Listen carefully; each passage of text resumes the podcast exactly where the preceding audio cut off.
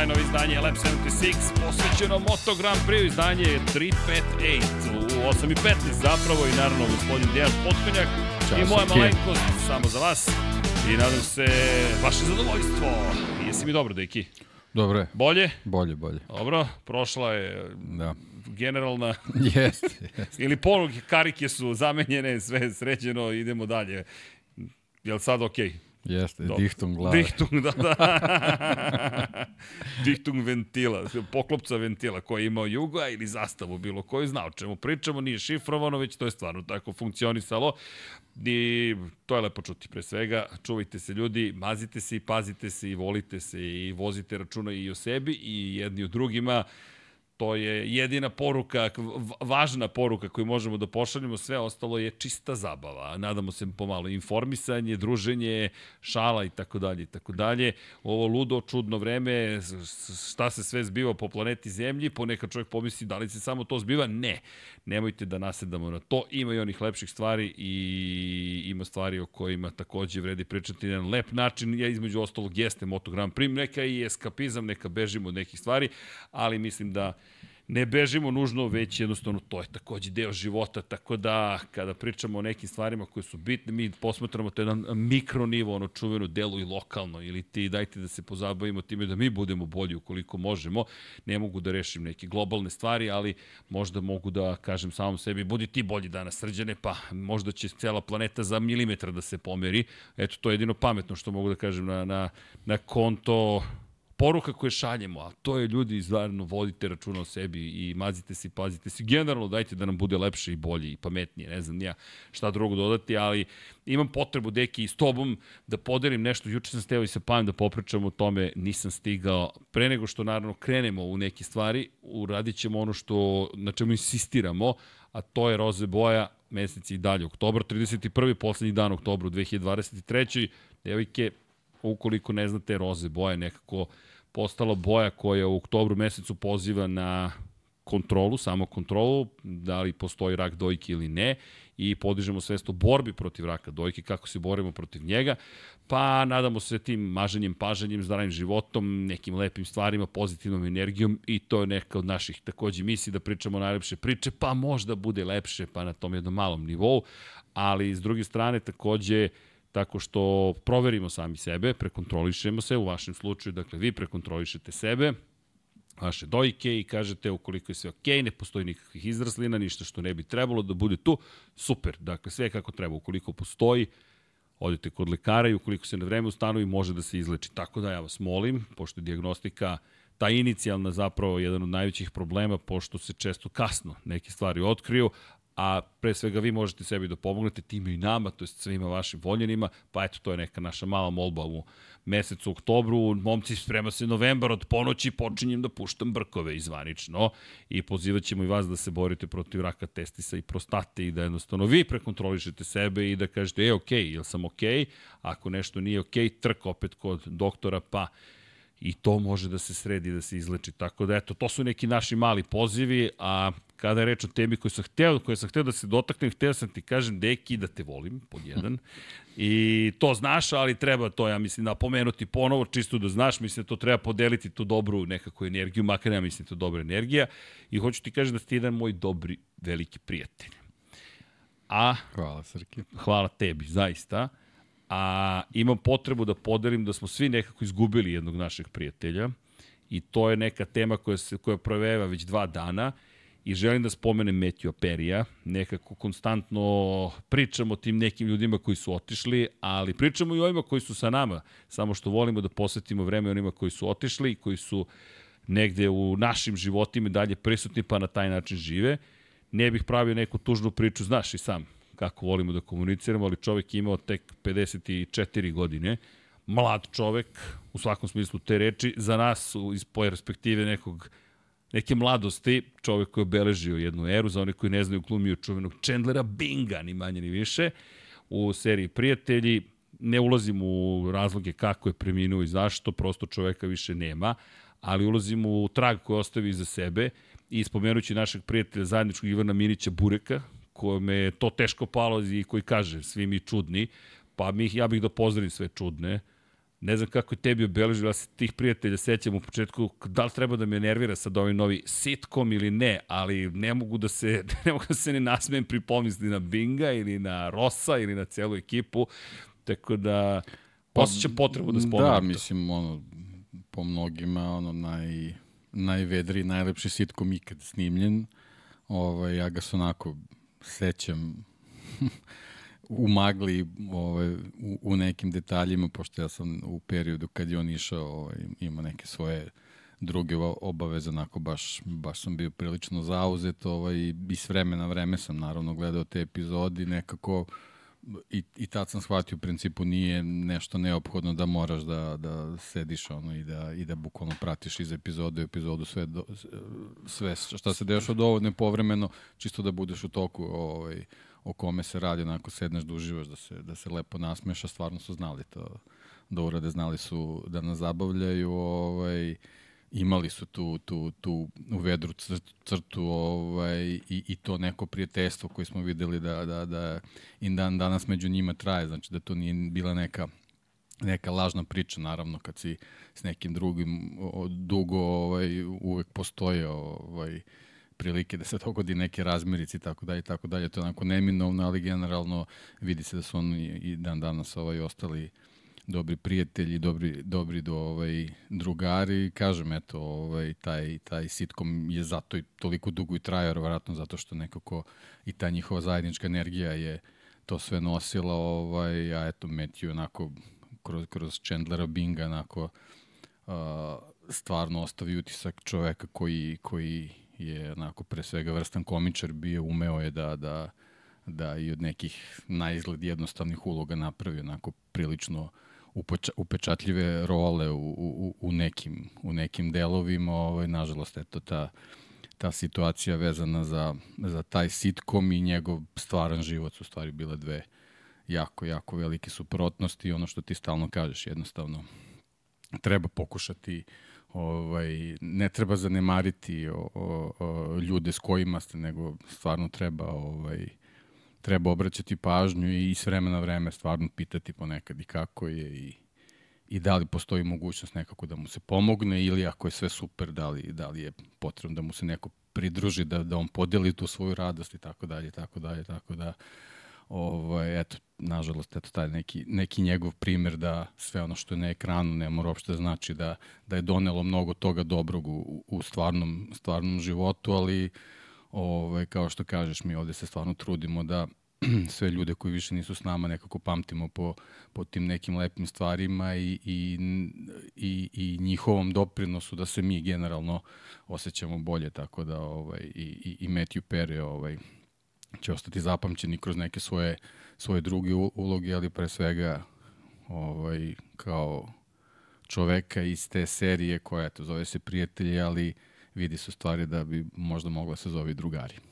Da te pitam, koja ti je njegova, može, drugari je dobra, do, dobar potpis, ali koja ti je njegova druga uloga koja ti je u glavi? Ja imam jednu. Uh, Pa ja imam ono zubice mekog srca. To, Whole Nine Yards, da, da, da, to je to, to sam te da ti da, kažem. Bruce Willis, Bruce Willis je tu super bio, da, onako, verujem da je tu bilo isto dobro zezanje dok se snimalo, ovaj, snimao taj film, tako da ono sad posle nastavci to, to ne Ne, to ne računamo. Nego, da, da, da, taj, taj nekako, ovaj, prvi film, naravno, naš on iščekivanja da imamo kako će to sve da odredi, naravno, on je, on je uradio na taj neki, neki, neki svoj prepoznatljiv način, mislim, jednostavno ta njegova gluma je bila neki zaštitni znak, više to bio Matthew Perry nego Chandler, ali ovaj, generalno, eto, i kroz taj film je onako ovaj, doneo tu, tu neku vedrinu i, i, i nešto u stvari čemu, čemu taj ceo svet zabavi služi, tako da a, može da se kaže da je, da je zaista istaknuti ovaj predstavnik te, tog dela umetnosti.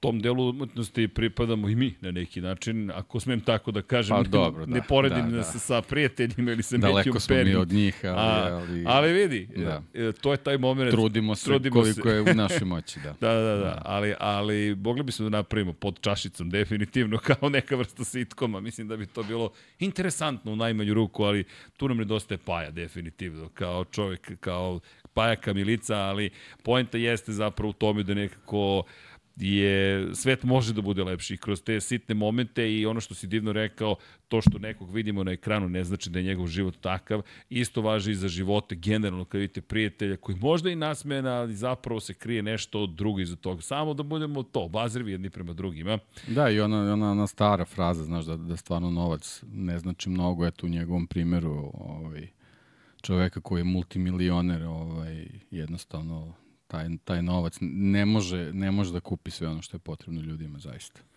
Ne može ono najvažnije, Tako to je. ti je ljubav Ta, na kraju. ma, dana. ne samo sve, sve, sve, Sve sve, zajedno. sve generalno što, što čini jedno ljudsko biće. Ne mora uopšte da znači ako, ako imaš i više novca nego što ti treba da ćeš moći to da, da, da ovaj, nabaviš za sebe. To se ne nabavlja na taj način.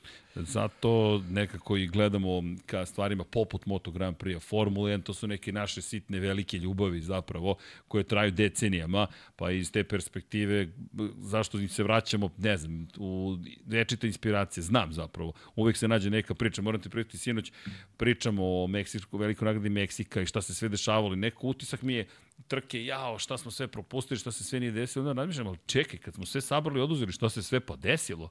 I onda odjednom čekaj, koliko priča zapravo imaš u jednoj velikoj nagradi, u jednoj priči i koliko zapravo se krije sakrivenih nekih malih epizoda i to ono što je ne, ne, meni mnogo lepo i iz te perspektive kada posmatramo automoto sport, to je ta ljubav. I ne zamerite ako to zvuči malo možda zastarelo ili van vremena, ne znam ja, sad je romantika postala otprilike pa, nešto staromodno.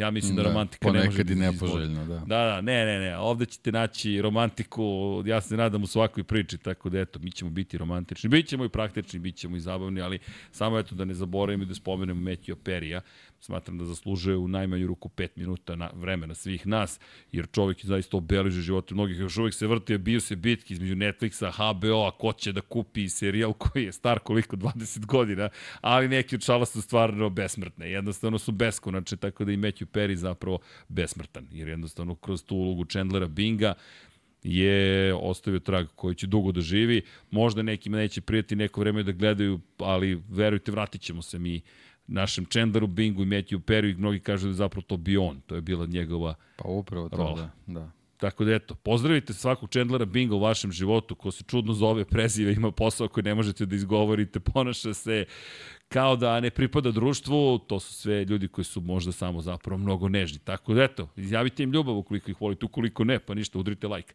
Šalu na stranu, ali neću da završim na, na nekoj tužnoj noti. Idemo mi dalje, Chandlera pamtimo, pamtimo Matthew Perija, a naravno svakako smo uzbuđeni zbog onoga što se događa u Moto Grand Prix, zato što se događa mnogo toga. Imao je Deki danas pitanje, čekaj Srki, zašto taj spetakolo, da te pitam? Ja kažem, zato što je ke spetakolo pao na Tajlandu i smeje se, kaže, ok, samo da proveri da li, da li, da li si postao najgori, nisam postao najgori, ali nije clickbait, verujte, možda malo, malo ide ka tome, ali zar ono nije bio ke spetakolo, zar ono nije bio spektakl vredan, pa jednog Valentina Rosija, u krajnjem slučaju jednog Marka Markeza, Danija Pedrose, Jorge Lorenza, Casey Stoner, ali čekaj, s izuzetkom Marka Markeza, svi su u penziji, a mi dobismo taj spetakolo. Ljudi, kakva tri heroja. Na kraju trke Jorge Martin je pobedio ispred Breda Bindera, koji je kažnjen, pa je zapravo Francesco Banja je završio drugi, Brad Binder treći, pričat ćemo i o tome, ali da krenemo upravo od onoga što jeste suština kakav spektakl. Deki, ono je stvarno bila senzacionalna trka. Volimo metodičnu analizu, ali ja imam potrebu za tom emotivnom, emotivnim izražajem. Pogotovo poslednje dva kruga. Potez Francesca Banjaje na ulazku u 12. krivinu, tamo sa spoljne strane, gde ga pitaju šta si uradio, Pa nešto što ćemo upotrebiti u budućnosti zapravo. ne znam šta će da upotrebe u budućnosti. Ja sam pomislio da je promašio tačku kočenja iskreno i pomislio sam ode peko. Rekao, kraj trke, kad on čovjek skreće, Martin pušta kočnicu, čekaj, čekaj, čekaj, čekaj, blokiram Binder koji na trenutak biće u prvi, nećeš, nećeš, to su dva Ducatija i mi dobijamo poslednji krug vredan, ma nema to trojki, ljudi, vredan istorije. Vidjet ćemo da li će biti istorijski, ali mislim da će biti istorijski jer svaka epizoda u ovoj sada epskoj bici ima svoje mesto u istoriji. Deki, kako si ti doživeo ba celu trku, sve ovo što se događalo? Pričat ćemo o sprintu i o kvalifikacijama, ali eto, pr ova poslednja trka stvarno je bila Pa, baš. iskreno, iskreno nisam očekivao ništa manje od toga, ali jednostavno To. takva je neka situacija ovaj, u toj borbi za titulu da jednostavno i od jednog i drugog vozača ne možeš da očekuješ ništa manje zato što u stvari e, jedan drugog e, praktično teraju da, da, da ovaj, budu, budu na, tom, na svom maksimumu i to je u stvari ta, ta čitava lepota ovaj, ove, ove završnice sezone i mislim da i nije moglo da bude drugačije pre svega zbog te čitave, sad možemo da nazovemo i uvertire koje se dešavala na ostrovu Filip sa, tim krnjim vikendom i, i ovaj, bez tog sprinta koji je verovatno jednom i drugom dosta značio ovaj, što se tiče bodova, mnogo više Jorgeu Martinu i to se sad vidi iz, iz uh, ove trke na Tajlandu, stvari koliko izgubio ovaj, što, što sprinta u Australiji nije bilo, ne, ne samo zbog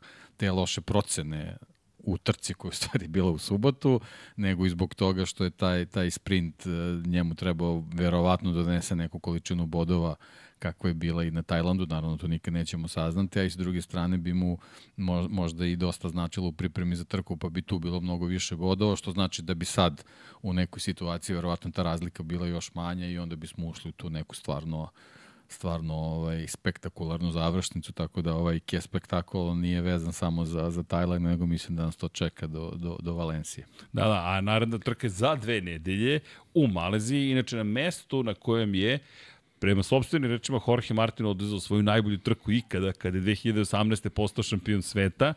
Rekao je, ovo je na nivou Kuala Lumpura 2018. Što dosta govori o tome za momka da. koji je tako mnogo toga proživio. A i Peko baš voli svoje prošlogodišnje izdanje ovde, tako da... Tak, ne ovde, nego tamo. Tamo, tako tamo, da biće zanimljivo. Da. Ali suzdržat ćemo se od najave, s obzirom na činjenicu da baš imamo, imamo slobodan vikend kao, dakle, jedan, a onda thriller za finale veliko. Malezija, Katar, Valencija, 7 dana za 7 dana za 7 dana i 26. novembra se sve završava i sad bukvalno, samo zamislite vozača u ovom trenutku. Dve nedelje, i onda kreće kraj kreće bukvalno kraj u svakom smislu reči. Subota sprint, nedelja velika nagrada. Subota sprint, nedelja velika nagrada. Subota sprint, nedelja finale sezone. To je to. Tih šest trka ostaje pred nama. Ali, da se vratimo mi ovoj, inače, toliko voli Kvala, uh, Kvala Lumpur, da ću vam reći i naredne nedelje jednu bitnu stvar. Jorgeov pas se zove Kvala da, čisto da znate koliko Kuala Lumpur znači Jorge Martinu i ta uspomenu iz 2018. Dete koje je stasalo u pravog ratnika. Martinator, ne znam koja je verzija Martinatora, koje mu je ovo osveženje softvera, ali Deki baš je naučio iz prethodne dve trke i pokazuje kvalitete čoveka koji može da bude šampion sveta Moto Grand Prix klase. Ono što mi se da opada, nema politikanstva, nema igri, nema ničega osim čiste brzine. Dakle, njegova misija je baš martinatorska. Imam jednu misiju, prvi, pol pozicija, prvi, pobeda u sprintu, prvi, pobeda u trci, kako ću da dođem do nje, e, to je sad proces kroz koji je prošao na naše oči i lepo si rekao, apropo Australije, došli smo u situaciju da jednostavno taj, taj nedostatak sprinta deluje kao da, da mu nedostaje. Ne zaboravimo, to je čovjek kao, koji je kao klinac osvajao pol pozicije gde god je stigao u Moto3 kategoriji. To ne spominjemo dovoljno, ali to je bio njegov potpis zapravo u nižim klasama i sad smo došli do toga da on kompletira u ovom formatu sve onako, za njega to kompletan vikend koji mu odgovara. Baš ono što si rekao na početku sezone, da će ovo biti za njega možda najvažnija godina, to je format koji njemu najviše odgovara. Pa da, on izgleda profil tog modernog Moto Grand Prix vozača ovaj, i možemo u ovom trenutku stvarno da kažemo, eto, možda prvi put zvanično šampionsko kova. Znači, on je neka, neka mustra vozača prema, prema kojem će se u budućnosti ovaj, birati uh, takmičar koji može da bude kadar da pobeđuje i u subotu i u nedelju. Do sad je bila ta priča, posebno u ovom prelaz, prelaznom periodu gde gde smo pre sprinta pričali o tome da je Moto Grand Prix sad postao takav uh, da je zbog te izjednačenosti jako važno da budeš konstantan, ali Jorge Martin je to pomerio na više nivo. On je konstantan u pobedama i u sprintu i na velikim nagradama i to je sad nešto ovaj, uh, što treba da ako tako nastavi da bude ovako prilično veliki domaći zadatak za ostale. Zadatak koji Peko Banjaja pre svega mora da savlada.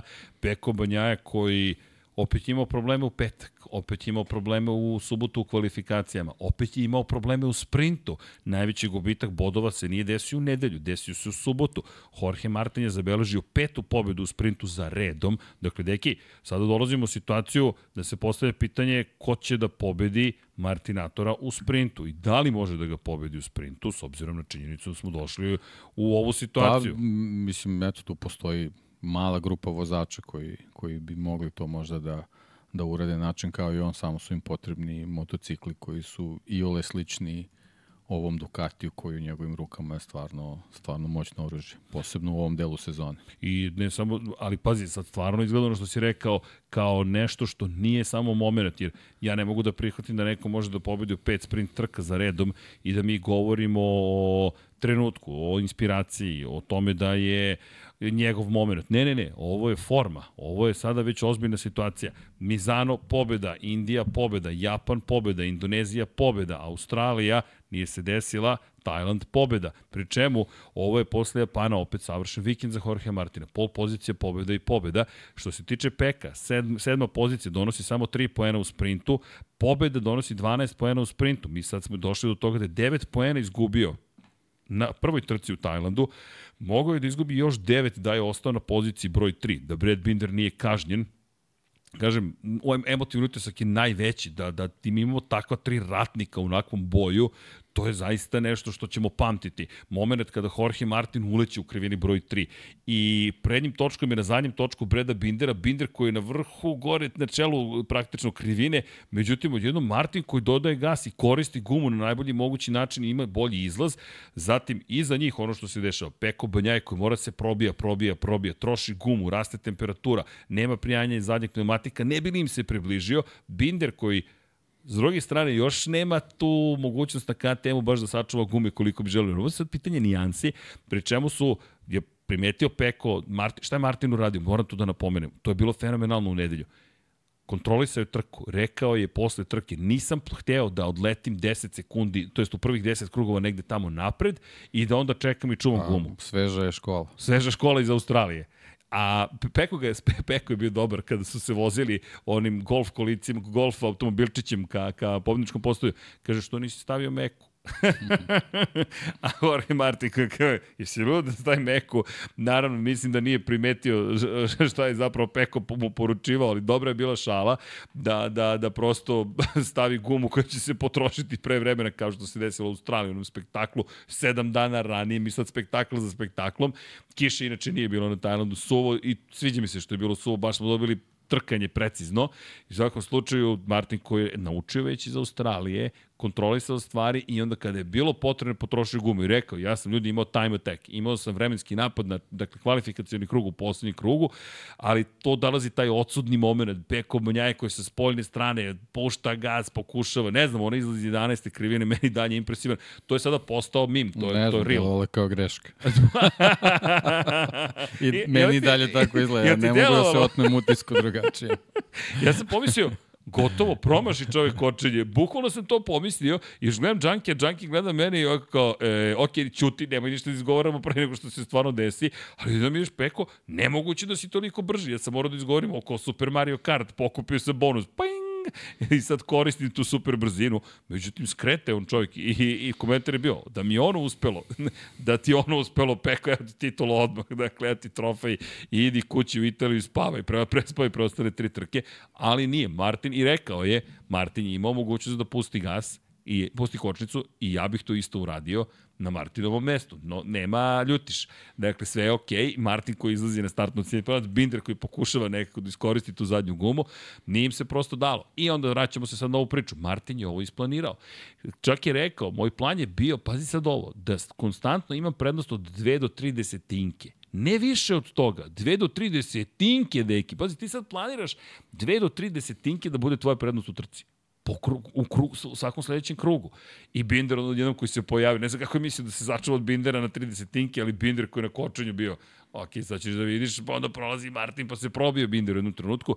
Baš je bilo napeto, od početka do kraja. Šta mi se dopalo? Režija, čestitam režiju ovoga puta, zašto? Na početku kompaktno, gužva je, sve se dešava, kamere su konstantno sa strane, klasični kadrovi. Onda u jednom momentu, na polovini trke, odlučuju da nam daju iz kruga u krug pogled iz perspektive vozača što za nas dvojicu znači čutanje. Dakle, sad gledaš, čutiš, nema šta da komentarišemo, ali meni dalo neki poseban osjećaj, moram da kažem, jer je bio samo zvuk motora. I sad čekaš, čekaš, čekaš, čekaš, šta čekaš? Čekaš poslednjih nekoliko krugova, čekaš. Tako da mislim da i ovaj novi režiser počeo polako da osjeća u stomaku Moto Grand Prix trke i da, da, da shvata kako da izrežira još bolju produkciju, da napravi još veću dramu. Baš mi se bilo dopalo, s tim što Džanki je ovako, čekamo da progovorimo, pogotovo ja, ja da čekam da progovorim, međutim ne da mi nikako da progovorim. Tako da je bio iskreno iz ove perspektive takođe to jedan super osjećaj i onda naravno ta, tih, tih par krugova čiste brzine i, i veštine, pri čemu nevidljivi ratnik koji se pojavljuje iznenada i ne spašava baš stvar, makar ne za svoju titulu, Marko Beceki neki nevidljivi heroj posle spektakla koji su ispred njega pa, zapravo perfektan spektakl bismo imali da umesto Bindera bio Beceki. To bi bilo to, to, to je kraj. To bi bilo to, ali to bi možda malo onda pokvarilo tu čitu priču, da bi to bila tri Ducatija. Eto. E, to, ovako to da, je, to ovako da. smo bar dobili i ole neki miks, tako da, da nećemo da se žalimo, to je, to je sve okej, okay, ali da, Marko Beceki Vidi, ono je ozbiljna bila trka da, Marka desetka. Becekija. Neprimećena, ozbiljna trka. Dakle, ko nije pogledao kako je vozio Marko, verujte, Marko Beceki je odvezao jednu od boljih svojih trka, samo što to otprilike niko neće saznati zato što se desilo sve zapravo iza ovih ljudi koji su odvezli jednu od najboljih trka koje smo gledali u poslednje vreme. Marko koji je bio na dve sekunde za ostatka, sve sa polomljenom ključnom kosti desnog ramena, sve sa, pa, i prošlogodišnjom verzijom motocikla, ispred njega su Binderov RC16 za ovu godinu, Martinov GP23, dakle ovogodišnja verzija Ducatija i Banjain GP23. Najbolje plasirani na prošlogodišnjem motociklu jeste bio Marko Beceki. I, i pohvale za koga pozicija broj 5 Fabio Quartararo na Yamahi. Ko s kojim pravom? Otkud ti ovde Fabio? 4,5 sekunde iza i Mark Marquez na poziciji broj 6.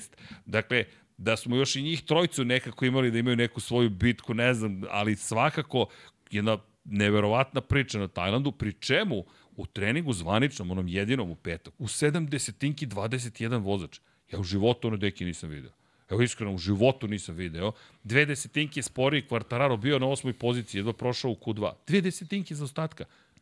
To je ranije pa, bila pozicija 2. Nadovezujemo se na ovu priču Jorge Martinu, to je taj moderni Grand Prix gde gde nema, nema više, bukvalno se u, u sekundama ne meri ništa i ti jednostavno moraš da budeš na maksimalnom nivou u svakom trenutku. To nema, nema neke preterane filozofije, a pošto znamo jednostavno da, da je motivacija vozača apsolutno maksimalna i prisutna u svakom trenutku, jedini uslov je da dobiju motocikle koji, koji mogu da im pruže to da budu u samom vrhu. I evo, kad se, kad se tako nekako desi da volšebno iz nekog razloga svi motocikli funkcionišu, vidimo da razlike praktično da, i nema. Da, da. I ovo što, što si pročitao, ovaj, ovaj poredak, da se nadoveže na onu priču ovaj, vezano za, za Martina i, i, i tu, tu njegovu um, recepturu koju donosi u Moto Grand Prix, šta je sad neophodno da, da radiš da bi bio svetski šampion, mislim da će to sve više i više se zakuvava ovaj,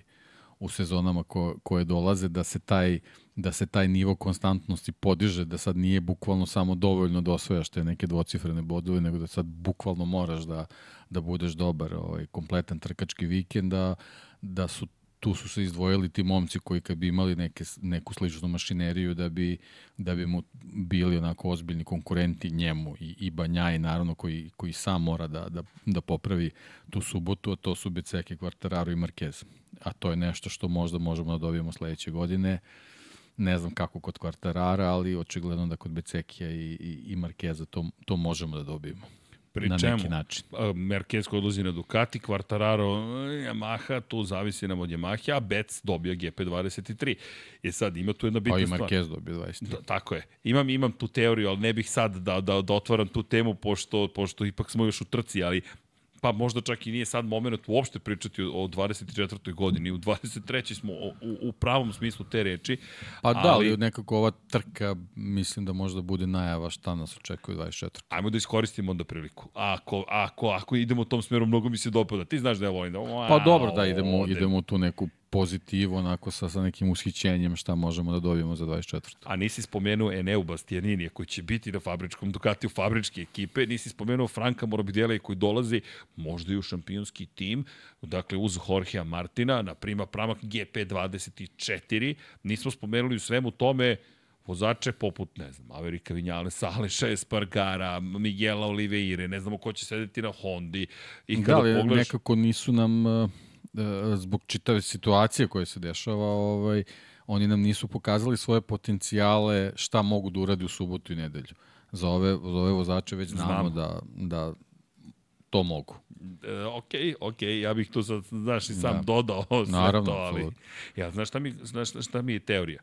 Već sada, pošto se uveliko diskutuje. Danas, ja ne znam koliko ljudi je prošlo pored mene. MotoGP, MotoGP, MotoGP, MotoGP, MotoGP, Formula 1, Max, Max, Max, Max, Max, Max, Max, Max, Max, Max, Max, Max, Max, to smo juče pričali. Ma, na, bilo je jače od mene da stavim onaj naslov. Dakle, bilo je jače od mene kao Max i sad Imaš sve, 16. pobeda, 51. izjednačila na prostoru. To smo sve već pisali toliko puta. Max savladao Meksiko, Max ovo, Max ono. Max, pa čekaj, Max, Max, Max, Max. Ja sad mi pa napred jedan Reels da se uradi, to možemo da uradimo sledeću trku. Dobro, samo reci, samo naruči, deki. Smijem se sam sebi. to je dobar znak, obećava već sada. ali, ali, pazi, bilo jače mene, rekao sam, ne, ja moram ovo da uradim, pošto nijednim novinama, mislim da mi na svetu ne bi dozvolili da napravim Max, Max, Max, Max, Max, Max, Max, Max, Max, Max, Max, Max, Danas već ne bi radio. Što bi bila greška, da. odmah da znaš. možda, možda u Marki Španskoj. On, oni to vole. Vole, vole. Oni to vole, da. Što i nije tako loše, da. neki, nije to mala novina. Pa da, da. Dakle. Ne, tričavi tiraž, da ništa spektakularno. Par miliona i dan danas, ali da, dobro. Kod njih nema spektakula. Nema kod njih je svaki dan spektakula. kod njih je, da, da, da. dobro se reče, mi smo da. samo ponedljkom i utorkom, znaš, inače bi to bilo, o, gorelo bi. Ali... Ne, ne, Marka, stvarno. Kad pogodi naslovno, onda pogodi. Da, ima, ima, ima, ima. Hvala ti, to znači jednog dana ću pogoditi thumbnail. da, verujem da su za, za Martina već spremili naslovnu. Ako za, bude za Valenciju, šampion. to, da, to, da, to, da. to, to. Kad god bude već je naslovna spremna. Pa ćemo e, da vidimo kako će da izgleda. Neću nastaviti odmah sa temom koju sam hteo da te pitam. Ho, jel imaš osjećaj, jel imaš osjećaj ko, ko će biti šampion ne, sveta? Ne, apsolutno ne. To, to, to me baš zanima.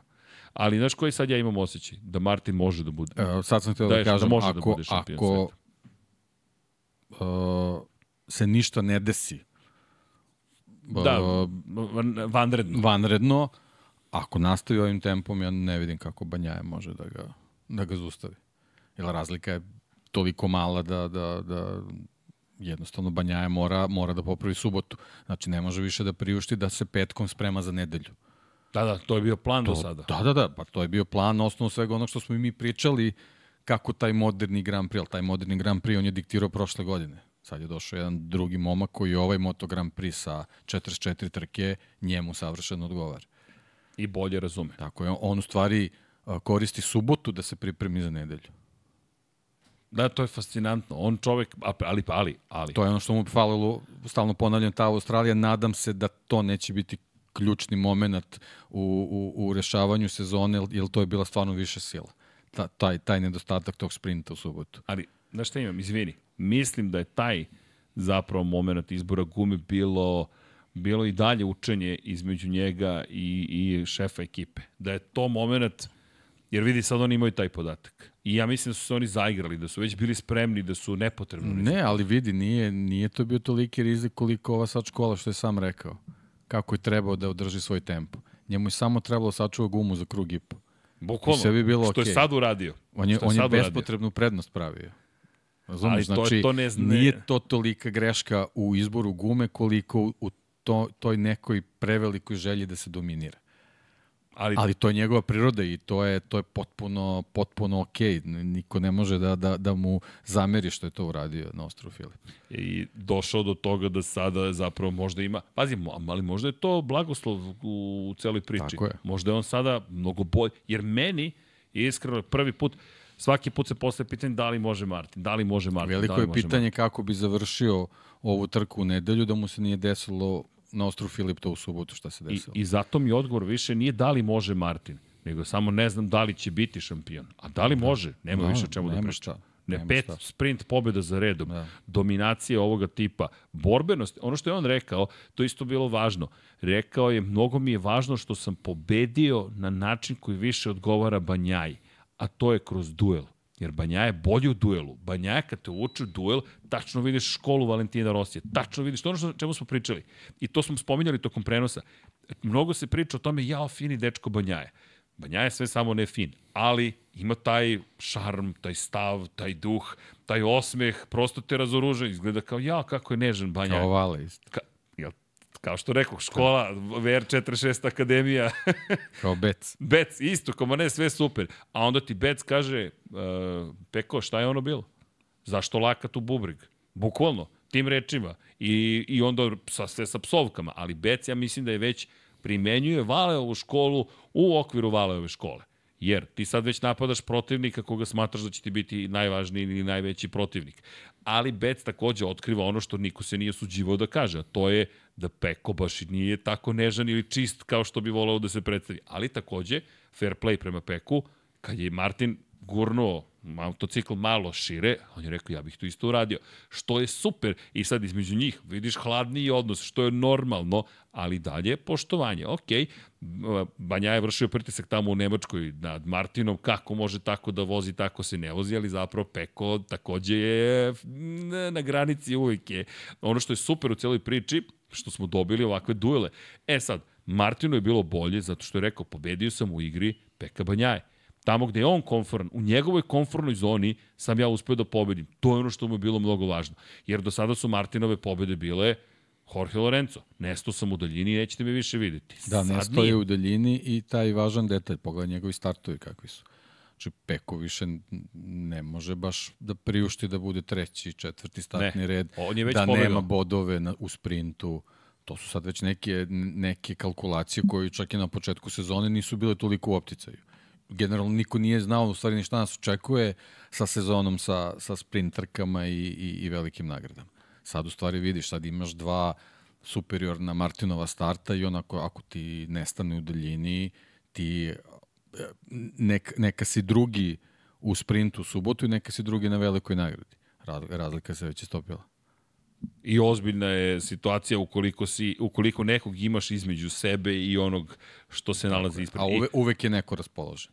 Da li će to biti uvek Pinder, Aleš Espargaro, Maverick Vinales, ne znam, pojavit će se u nekom trenutku Luka Marini, neko će uvek biti tu, neko ko želi svoju pobedu, Alex Marquez. Alex neko... Marquez, recimo, evo da se nije, nije desilo to, to sklapanje, vrlo je ozbiljan tempo imao. Jeste, i vrlo delovalo je da, da opet može do, do ali opet da. i sa njim tu postoji problem tog stalnog nešto se desi. Pa dobro, da, ali to, to je, to je njegov, priča. njegova priča, ali, ali poenta je ovaj, u, u tom njegovom tempu koji recimo u sprinterci može ozbiljno da ti, da ti poremeti kalkulaciju. A, a poenta priče je što o, koliko god pričali o vozačima koji mogu da budu raspoloženi na određenoj trci, o, sad već imaš onako provejavati oko glavu da je Martin brži od njih. I Martin jeste brži. E sad, sa, sa Pekom je priča da li u svakom trenutku može da bude brži od tih raspoloženih, koji njemu stvari prave, uh, kvare računicu. A Peko mora da osvoji ovu titulu. Imam teoriju, znaš zašto? Vratit ću se na trenutak na ono što si spomenuo malo pre sa Markezom i ostalim. Dolazi ti Franco Morbidelli u Ducati. Ok, nepoznanica. Dolazi ti međutim Mark Marquez, koji ne dolazi uopšte da se igra u pesku. Pri čemu Mark Marquez zajedno sa Markom Becekijem će dobiti GP23. Šta smo videli i ovih prethodnih godina? Prva polovina godine je. je mnogo pozitivnija put, tako da, je, da, da. za stari motocikl.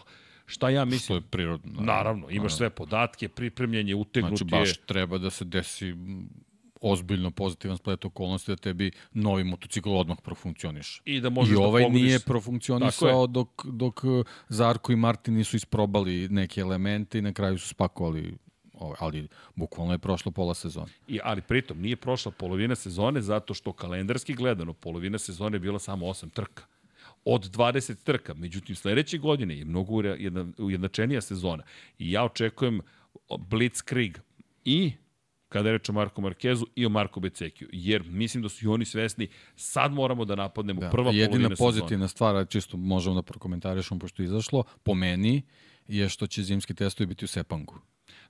Da, verujem u normalnim vremenskim uslovima i tako dalje i tako dalje što što za nove motocikle mnogo značilo ona staza to je staza na, na koju sad idemo jednostavno ovaj apsolutno sve elemente mogu da dobiju da vide da li su na pravom putu. E sad, zašto sam rekao da mora da osvoji titulu? Par stvari. Ako ne osvoji titulu, on odjednom nije the chosen one. Nije izabrani Ducatija. Ti sada imaš Casey Stonera, imaš Francesca Banja, imaš Jorge Martina kao šampione Ducatija u Moto Grand Prix nema više taj status koji je bukvalno neprikosnoven ako odbrani titulu osvoji. Šta je Paolo Ćabati rekao posle ove trke? Uz osmeh od, od, od uva do uva. Rekao je ono što je sada sigurno je, pošto Brad Binder više ni teoretski ne može da bude šampion sveta, to je ako osvoji titul, ne, to je to, je to, to je kraj. Rekao je ono što je jedino sigurno je da će Ducati godinu za godinom biti šampion. Osmeh, Nije rekao koji vozač. Koji će vozač biti, rekao je to ćemo videti. Ali ono što je sigurno je da Ducati osvoju titulu. I to je ono što je njima zaista izgleda naj, naj, Ne, naj, jako naj, je važno bilo da crveni Ducati ove godine bude šampion, to smo već sto puta pričali. O prošle godine. Pa da, mislim da ove godine nosi broj 1. Tako to. je. Ovo, pošto su to uradili, ove, ove godine apsolutno nikakav pritisak nije, nije bio. Što me dovodi do nalepnice s brojem 1. Jer ti kad je staviš, ti si klejmovo, ti polažeš pravo Tako na je. tron.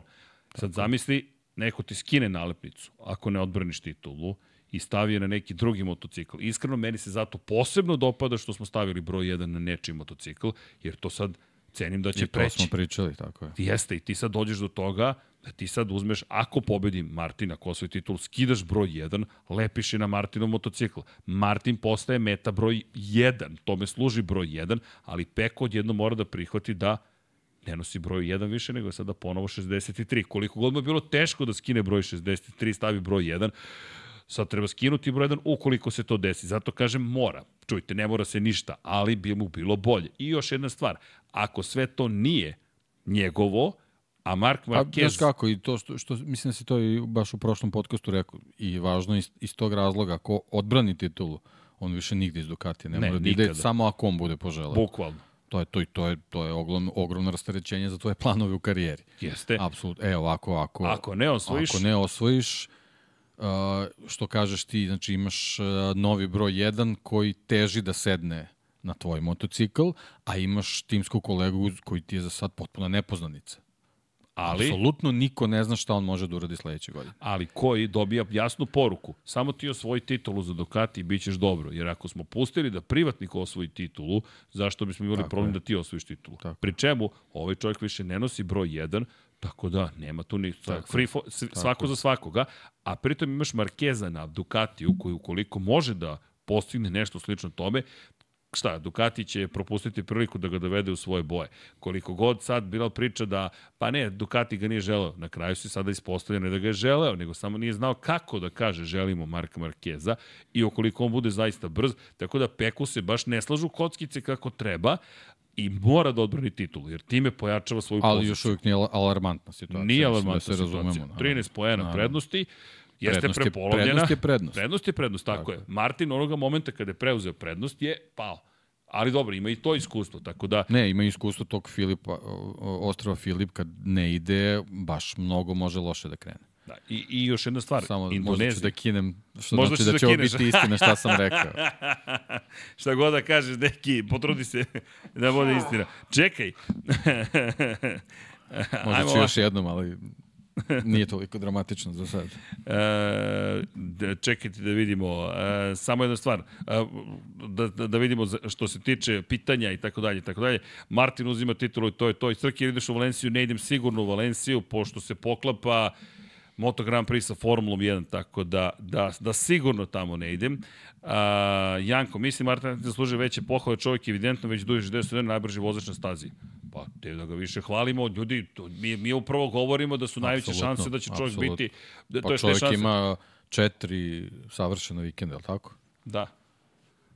E, Ne, pe, da, četiri, Četiri ili čet- pet, e, čekaj. čekaj, čekaj, čekaj, sada vidim da li je... Sad da se li... zaboravio da li, da li se broji ove, dobro. 1, 2, 3, ne, tri savršena vikenda ima i ima Jorge Nemačku. Martin. Da, ali na, u Nemačkoj samo nije imao pol poziciju. Ali, pa, ne, ne, mislim, misliš mislim na bodove. pobjede? Mislim na bodove, Dvostruke da, pobjede, da, da. četiri dvostruke pobjede ima. I čovek je da. fascinantan. Inače, samo da se razumemo, kada je reč o Banjaji, Banjaja u ovom momentu ima jednu, dve, tri, tri. Dakle, tri savršena Da. vikenda u kontekstu pobjeda. U, u kontekstu poena, da. Poena, da. poena, tako Da, je. da, pa da, pobeda, to, pobjeda, pobeda, u da. sprintu, pobjeda. Kada je reč o Martinu, Martin ima četiri, da zaslužuje pohvale. Pa upravo ga hvalimo, ja mislim, ceo podcast zapravo i upravo govorimo ono što je čovjek učinio. Jer A i meni, njegova potkošulja tu. po njegov Siledžika potkošulja, njegova, da. sileđika njegova je na stolu, molim vas, nemojte Janko, nemojte da... O,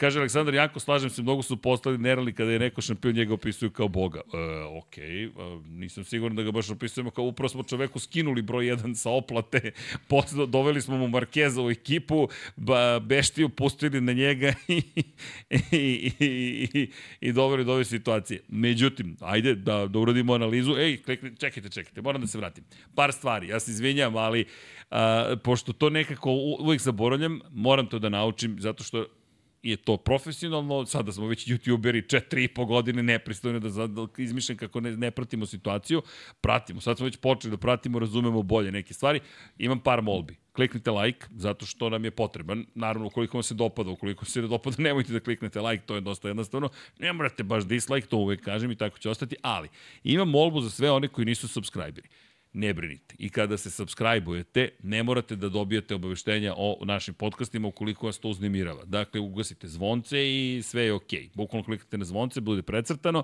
i nećete dobijati obaveštenja. Ko želi da zna kada smo u akciji, obično smo to ponedjeljkom i utorkom, jedan na jedan je ili sredom ili četvrtkom, Paja sa podkapicom četvrtkom, petkom je 99 yardi i uglavnom to je to. Dakle, da li će biti još? Svakako će biti još, no čisto da znate. E sad, zašto vas molim da se subscribe-ujete, to jest imam uh, molbu, bukvalno, zato što prošli smo 39.200 subscribera, značajno dođemo do 40.000, em jeste li je lep jubilej, ali takođe YouTube nam onda pomaže da, jel te, algoritam nas pogura i da još ljudi nam se pridruži i da bude još veća zajednica. I još jedna bitna stvar, pošto ste vi naši sponzori, kako? Vašim očima, vašim ušima, patreon.com kroz Infinity Lighthouse ili ako kliknete dugme join ili kupujete shop.infinitylighthouse.com, a samo ću reći ovo, šampioni su stigli! Deki, si zadovoljni kako izgleda izdanje? Ja sam baš zadovoljan, moram ti priznati, nije što je naša knjiga, ali ljudi, baš je ispala kako treba, baš, baš, baš smo zadovoljni. Tako da, eto, ko želi shop.infinitylighthouse.com, prošao nam je, jel te, sajamski popust, ali nemojte brinuti, produžit ćemo mi te popuste, to je sledeće nedelje, odmah da vam kažem, iako, kažem, nis, nećemo verovatno nikada biti klasični biznismeri, od utorka počinje sajam u Zagrebu, pa ćemo onda od 7. do 12. takođe imati akciju, pa onda verovatno ćemo opet imati akciju Crni petak da, e, i onda ćemo verovatno na kraju godine imati neku akciju. Tako da nema potrebe da slažemo da neće biti akcija. Ako ne uhvatite akcije, pa podržite nas, kupite, više ćemo da prihodujemo i trošit ćemo još više. Počela izgradnja studija u, e, proglasili smo ga Infinity Lighthouse rančom. Ti si, ja mislim, prvi izgovorio ranč. I to sam juče rekao, deki koji je došao Srki, ovo izgleda liči na ranč. Ok, onda se ovo sada zove Infinity Lighthouse ranč. Zašto Infinity Lighthouse? Zato što i Lab 76 ranč, jedan na jedan ranč. Pa ne, onda je Infinity Jardi. Ranch. Pošto Ja, on je- Infinity Lighthouse, to je već objekat. Dobro, ovo je Infinity Ono, Ranch. Pa da, Infinity ne treba ti Lighthouse. Da, Lighthouse ću da, da stavimo gore na krov. Pa da. Da, da, to sam već pitao, da li sme da se urade, nisu sigurni zbog aviona. Da li sme da ide sve da. to skroz gore ili da emituje gore na, na, na ođak zapravo toplane. Ali dobro, to je neka druga priča. Tako da, ko je u mogućnosti, kliknite subscribe, svakako like nam znači. Da Sponzora, ne bude kao vidite... Del Boy kad je skrenuo sa to ti Getrika. kažem. Sa loga tri antenom otprilike. Ali, ko nije Mislim, gledao možemo da probamo. pa sad vidjet ćemo šta će da se desi. Ali eto, tako da znate. U svakom slučaju, pravimo žurku gledanja trke u Brazilu.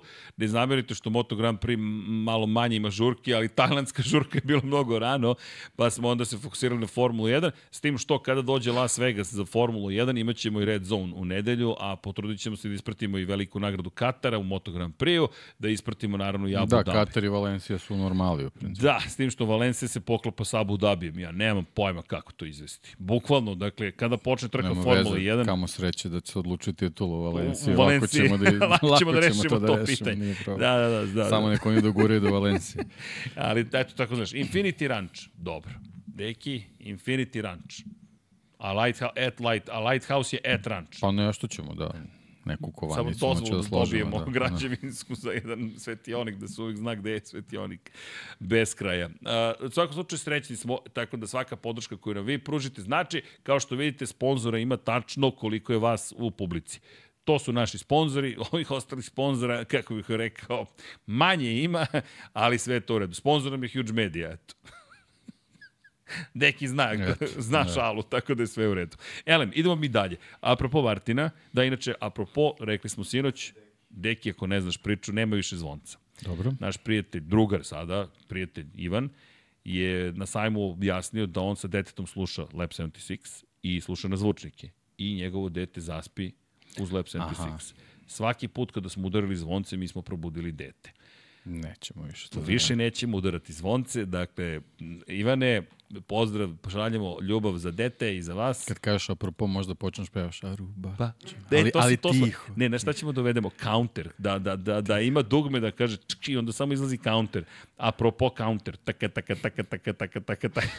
ne, ne, ne. E, znaš šta, Borislava da zamolimo da isprogramira neki AI, neki plugin da napravimo za OBS koji kad čuje apropo, on sam doda grafiku. Čk. Razumeš? I onda da imamo Borislave, ako slušaš, eto, to je ideja. Idemo mi dalje.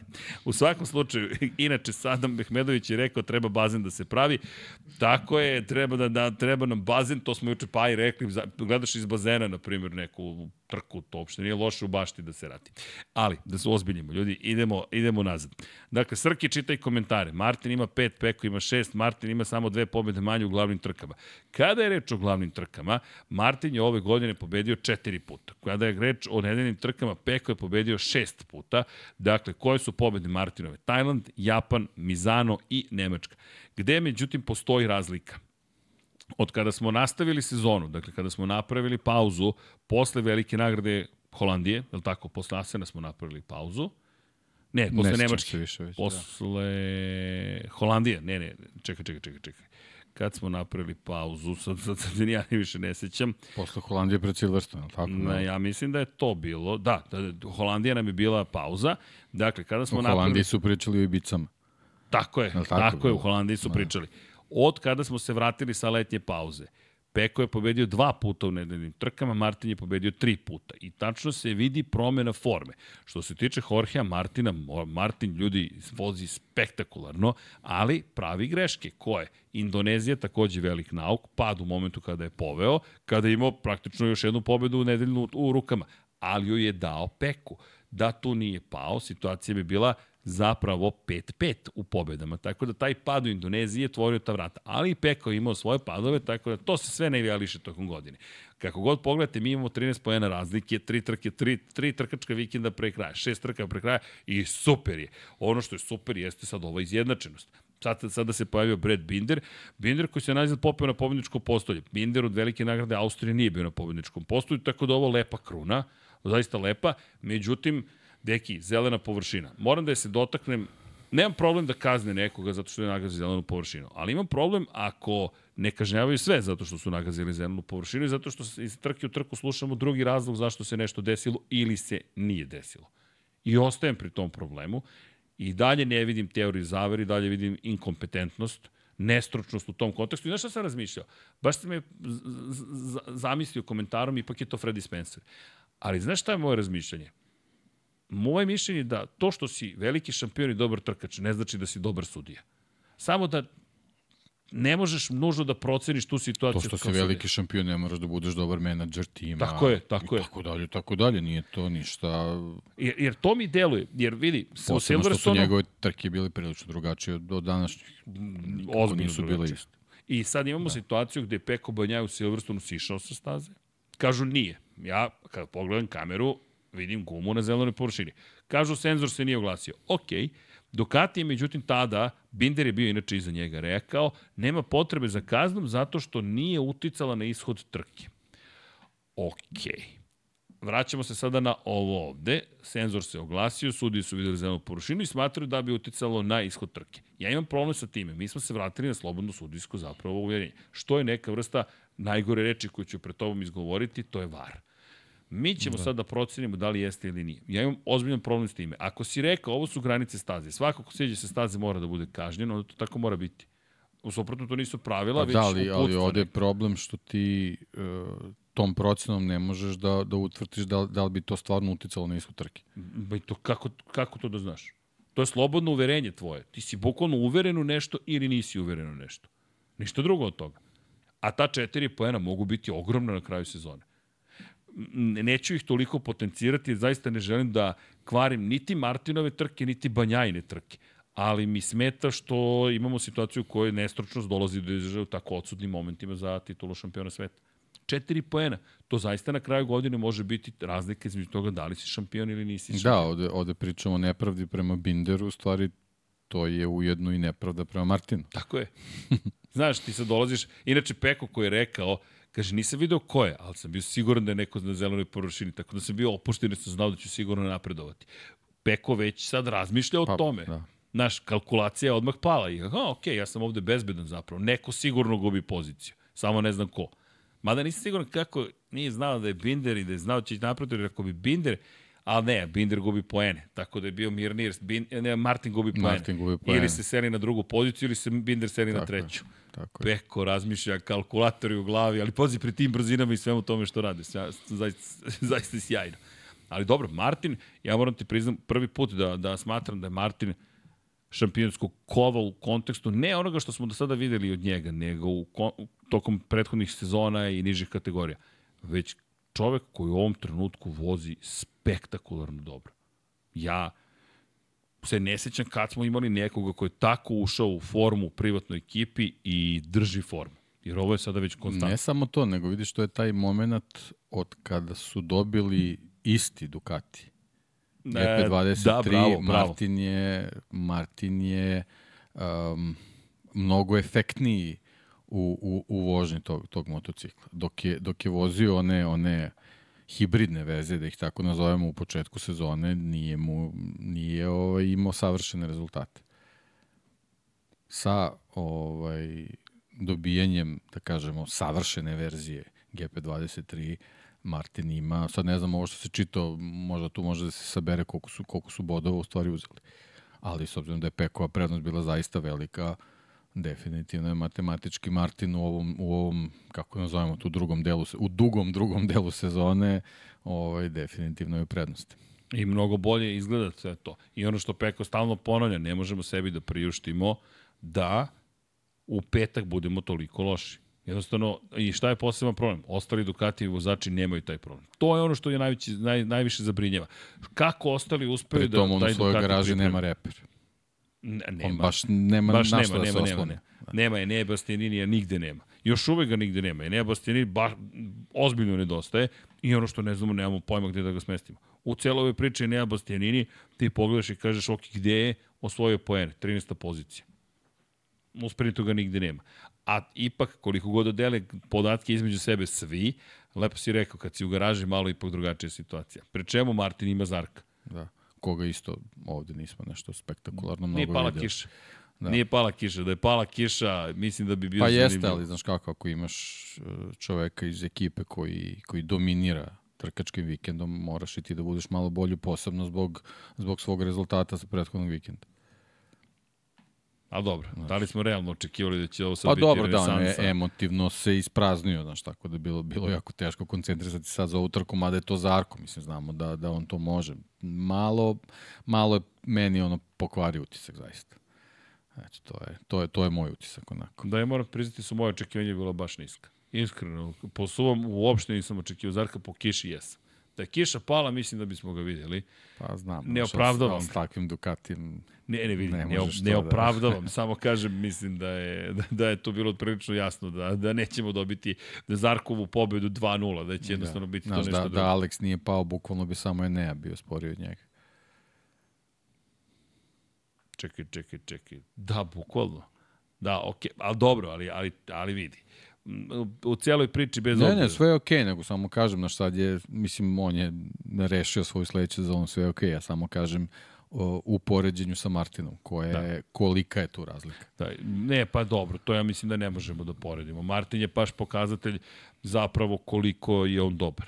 I zato ti kažem, meni je ova trka bila moment kada je Jorge Martin, neću reći postao šampion, ali mi je postao čovek koji titulu može da osvoji. I ne samo jednom, ne mislim da ovo godina u kojoj ćemo ga samo videti i onda sledeće godine da će nestati. Ne, ono što sam i rekao, sviđa mi se, nema politikanstva, nema igara, nema ničega osim potrebe da se bude na prvoj poziciji. U svakom treningu, u svakom krugu, u kvalifikacijama, u sprintu, u nedeljnoj trci i ono što je super, kako momak razmišlja o tome da dođe do pobede kako lepo razmišlja o tome šta, kako učiniti, pri čemu je Banjaja za ovu trku rekao, ovo je bila trka u kojoj se napada. I on je uradio sve što je mogao da Pri napada. tom imaš, imaš moment Pramaka koji je zaista, zaista postao ozbiljna ekipa. Jeste, baš je napredovao kao tim. Ovo je sada već trend, ti imaš situaciju. Da li ovo prvi put da, da zapravo beleže pobedu za pobedom kao tim? Do sada Martin nije imao pobedu Pa za moguće, pobedom, znaš, da, tako? da smo dosta dugo pričali ono čekajući njihovu pobedu, tako da ovaj, nije... Da, da, ovo je prva uzastopna da. pobeda. Da. Zapravo, ti kada pogledaš da je Martin pobedio u Indoneziji, to bi bila njegova prva uzastopna da. nedeljna Pramak pobeda. nema nešto mnogo pobjeda ovaj, za pojas. U, ali pazi sad ovo. Da, Pramak ukupno sa Zarkovom pobedom ima šest pobeda. Pet Martinovih, koji je prvi vozač u istoriji ko doneo pobedu Pramaku, četiri ove godine i plus Zarkova. Ali, da u Indoneziji nije pao i da je pobedio, to bi bila njegova druga uzastopna pobeda. Uz Zarka to bi bila treća uzastopna pobeda za Pramak i sada ova pobeda na Tajlandu bi označila četvrtu uzastopnu pobedu za ekipu Pramak koliko je Pramak spreman zapravo. Cijel tim koliko je spreman i koliko se izdigao i koliko se podigao. Pri čemu to pripisujem da osnovi koje je postavio Zarko, ali pripisujem pre svega Martinu. Mislim da je Martin taj faktor koji je doneo sada, što me malo iznenađuje, u Moto trojkama smo videli te kvalitete, pa i u Moto dvojkama, ali je bilo puno padova, problema. Ej, deki, mi zaboravljamo, taj dečko je slomio osam kostiju u Portugalu pre dve godine. On je imao takve povrede da se postavljalo pitanje da li će nastaviti karijeru. On je rekao da li je ovaj bol, bol koji osjećamo u ovom trenutku vredan svega ovoga. Znaš, to je sada zaboravljen pad, ali krivina broj 5, čuveni moment u Portimao, od momka koji, u kojoj beše drugoj trci u karijeri osvaja pol poziciju u Kataru. Ako se dobro sećam, druga trka u Kataru, to je bila velika nagrada Lusaila, on beleži pod svetlima reflektora po svoje pol poziciju. To, se sećam prenosno jer smo ga prekinuli u momentu kada je počeo da slavi. Ja sam, ja sam nisam izašao na vreme iz prenosa, pa sam ušao u vaterpolo zapravo. Pa su, da, mislim da vlada, vla, mislim da, da, da, da, da, da smo upoznati sa tom celom pričom, jer je bilo, Srki, mi moramo da sečemo ovo, a ja nastavljam da pričam o Jorgeu Martinu i samo je bilo cvik, i dobio sam poruku, nemoj to više da radiš. Ali da, zato pamtim tu Martinovu pol poziciju. Međutim, nisam očekio baš da će ovoliko da napreduje. Znaš kada sam odustao, uslovno rečeno, od toga da Jorge Martin može biti šampion sveta? Prošle godine u Maleziji. Kada je vodio i izleteo sa pozicije broj 1. Sećam se tog trenutka i pomislio sam, ipak to nije to. Ipak to nije to i ti si dalje verovao, pogotovo kada se ovaj format obelodanio. Tako da svaka čast, deki, hvalimo Jorge Martina, ništa ne brinite, momak zaslužuje apsolutno sve pohvale. I, i, i pazi, ta procena u Australiji, ma, uf, ma super je sezona, vidi, ali ono što mi se dopada, niko nije pobegao još uvek. Ni Banjaja nije pobegao, ni, ni Martin pobegao. Čestitke Banjaj, ljudi, tri druga mesta u četiri trke i ne zaboravite, Banjaji su prešli preko nogu u Barceloni. To se sada tretira isto kao kod Martina, polomljenih osam kostiju, e, kod Banjaje, pa dobro, prešli su mu preko nogu. Pre čemu Binder mu je prešao preko nogu. Preko zelene da površine. To, ne znam da li to nešto znači, znaš. On. Voli da prelazi preko površine, izgleda to. je. Vidi nije staza. Čim vidi površinu, prelazi. Da. da. ali dobro, smemo se zato što je peko dobro, ali znaš, mi više niko ni ne priča o tome. Zamislite vama da je neko sa 200 na sad prešao preko nogu, okrenuo nas ovako kao ringiš, kao iglu na, na magnetu i vi se vratite sledeće nedelje. Tako da, razumevanje i za Peka, razumevanje i za Martina. Ali trka koja je, da, baš ostavila bez daha. Pa i pohvale Bredu Binderu, neko najmanje pričamo o Bredu Binderu, pošto je čovek van da ove bitke za titulu šampiona sveta. Pa ne, pohvale čast. pre svega u odnosu na ostale KTM-ove. Bukvalno. Ali pre, uzo si mi pre svega zbog toga, pre svega zbog toga. Ali eto, nekako ova, ova staza je pokazala da, da, da, da se prave tu neke anomalije koje smo videli kroz, i kod Kvartarara i, i kod uh, Markeza. Znači, u principu svi motocikli su uh, sposobni da, da na određenoj konfiguraciji pruže ovaj, dosta, a onda se desi u stvari da, da se uh, otklon desi zbog vozačkog umeća i to su, to su na ovoj stazi pokazali Binder, Quartararo i Marquez. Da, lepo je bilo vidjeti da i Yamaha funkcioniše, da funkcioniše Honda, da imaš situacije u kojima ne moraš da razmišljaš ko vozi koji motocikl, već da razmišljaš ko je kakav vozač. Naravno, videla se i dalje prednost koju posjeduju što Ducati, što KTM, ali opet mnogo manja i odjednom rezultati koji su mnogo bolji. E da, jedini ozbiljan problem, moramo da napomenemo, nisam znao to tokom prenosa, moje izvinjenje, sada će to biti upisano u bazu podataka, ali Aprilia je Aprilia imala... Aprilia je gore. Gore, bukvalno. Mi imamo situaciju, deki, koja je sada već opasna po život praktično, gde su tri vozača odustala zato što nisu mogla da dišu. U čemu je problem? Dakle, hajde da iskoristimo ovaj Ducati. Hvala, deki. Da. ne, ne znam zašto sam to re. Deki koji sedi posmatra. pa ne, ne smo da diram srušiću nešto, onda bolje da... Elem, a, ako mogu da dobijem ovaj kadar, Vlado. Dakle, kako vozač spusti glavu, obično je spustio ovde, dakle, odmah ispod vetrobranskog stakla. Šta je problem? Sva toplota se zapravo kolektuje, to je skuplja ovde i izbija direktno u lice vozača kod Aprilije. To je fascinantno, ali sva toplota koju se skupi ispod oplate, dakle ovih vrelih motocikala u toploti Tajlanda, gde smo imali preko 30 stepeni Celsijusa na spoljnu temperaturu, zapravo preusmerava vazduh direktno na lice vozača. I sad, šta udišu? Udišu vazduh temperature skoro 70 stepeni Celzijusa. Ne samo to, to su isparavanja koje nisu preterano zdrava i to udišu vozači. Šta im se dešava? Dešava im se da ostaju bez kiselnika. Dešava im se da počinju da padaju nesvest. Dešava im se da počinju da dobijaju čak i trajna oštećenja pluća. Dakle, ko je prvi odustao? Prvi odustao Maverick Vinales i rekao, ljudi, nema, no, ja neću ovo da vozim. Zatim je odustao Raul Fernandez, zatim Aleš Espargaro. Dakle, ljudi, mi govorimo tri vozača od četiri znači, Aleš kad odustane, onda... To ti je sve ti je jasno ko dan šta se zapravo tamo desilo. U svakom slučaju, mi imamo situaciju, opa, izvinite, ovaj Ducati nam se će, da, dobro, sklopio se prednji kraj. Ali činjenica je da jesam ga slomio, nisam. Dobar je, dobar je. Dakle, štender je tu. Mislim da prednji točak mora samo da se na levu stranu okrene. Elem, pojenta je u tome da Aprilia ima problem koji nema nikakve veze sa brzinom, nema nikakve veze sa gumama, nema nikakve veze ni sa čim, osim sa time što zapravo ima prekomernu toplotu. Možda na desnu, znam da neka ne, strana. Mislim da, da štender nije dobro namješten. A, gotovo sigurno. A, to je, na, je naopački? A, da nema veze. A, možda i nije. U svakom slučaju, Pojenta je u tome da Aprilia zapravo mora da reši neke probleme koje deki zvuče kao da kao da smo u nekom čudnom filmu zapravo i rešavaju gotovo početničke probleme. Pričali smo o tome da su u padu forme u kontekstu toga da zapravo imamo situaciju u kojoj Aprilia zaostaje po pitanju razvoja u odnosu na početak sezone. S druge strane imamo situaciju u kojoj, bravo deki, to je to iskusno oko. Dakle, imamo situacije u kojima Aprilia sad ima jedan bizarni problem i imamo još jedan problem sa Aprilijom. Zvanično, prvi čovjek u istoriji sporta koji je kažnjen pomeranjem unazad u konačnoj klasifikaciji usled kršenja pravilnika o minimalnom obaveznom pritisku prednje gume je Aleš Espargaro. Da podsjetimo, od ove godine, to jest od ne znam tačno koje trke, mislim da je velike nagrade, da li Italije ili Nemačke, vi ne smete da imate minimalni izmereni novim senzorima pritisak u gumama manji od dozvoljenog jel te, minimuma tokom više od polovine krugova u trci. Aleš Espargaro je to imao i samim tim je dobio kaznu koji je upozoren i on može imati vrlo ozbiljne implikacije za šampiona sveta. Jorge Martin je dobio upozorenje, Mark Marquez je dobio upozorenje, Pole Spargaro dobio upozorenje. Dakle, Ducati, Aprilia, KTM i Honda.